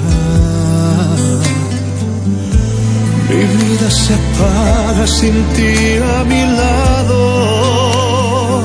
Regresa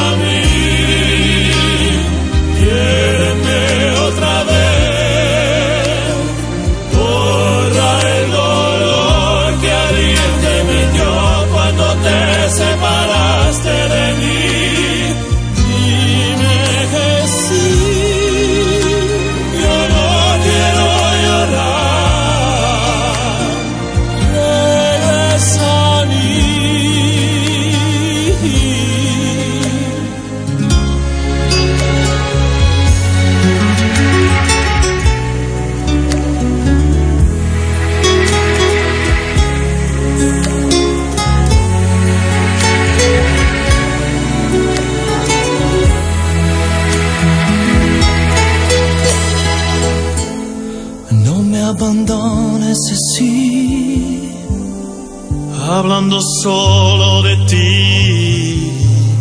Devuélveme la pasión de tus brazos.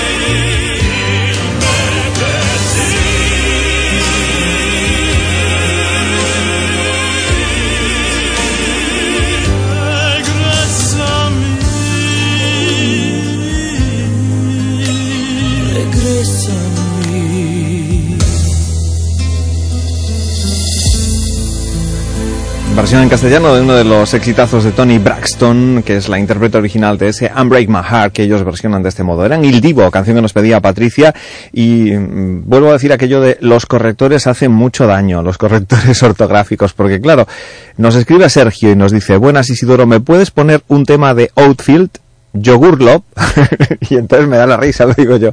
Nada, este mm, le ha hecho eh, un zapitoste el corrector, porque de, de Outfield, de este grupo, de este trío, la canción que conocemos mm, se titula Your Love y no tiene nada que ver con un yogur.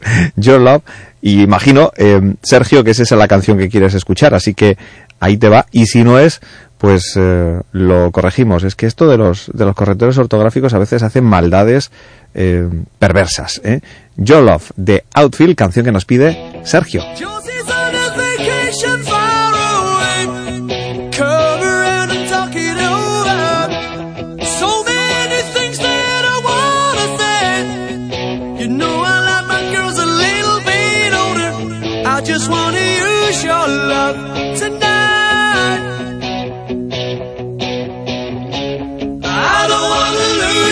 Love tonight.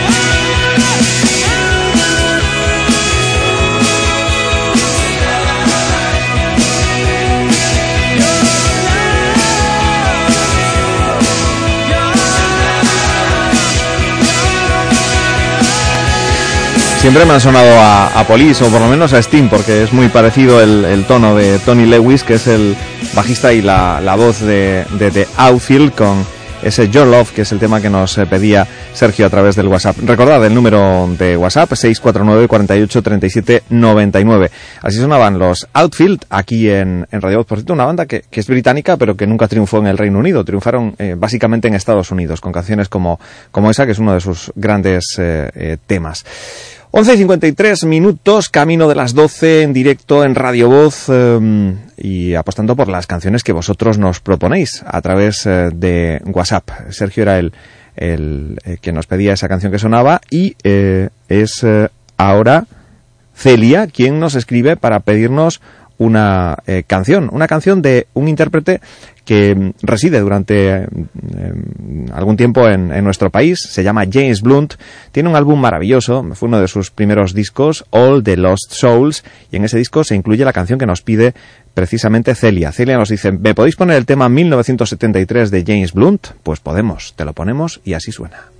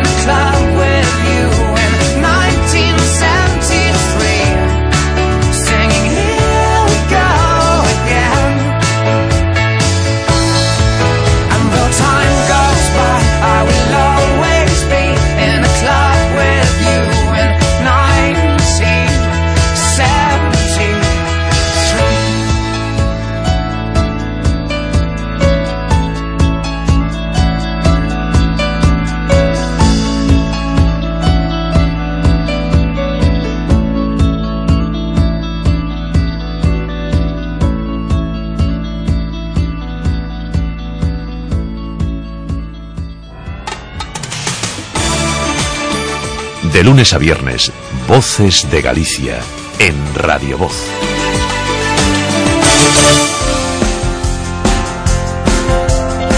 Pues hoy así vamos a llegar al final. Eh, nos queda exactamente un minutito para decir eh, adiós a esta mm, primera edición del Voces de Galicia, pero retomo la segunda seguida. Así que eh, es un hasta ahora mismo. Volvemos en cuanto nos cambiemos de estudio, porque nos vamos ahora para el central de Radio Voz a presentar el, el total de, de Voces de Galicia para todas y cada una de nuestras emisoras, algunas de las cuales ahora retornan de su tiempo local.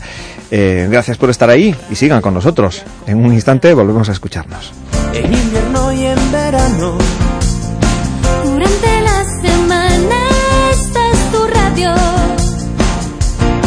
Vosotros sois voces de Galicia, escuchas el y compañía. Vosotros hacéis voces de Galicia, nos acompañamos hasta el mediodía. Vosotros sois voces de Galicia, escuchas el Sigoro y compañía. Vosotros hacéis voces de Galicia, nos acompañamos hasta el mediodía.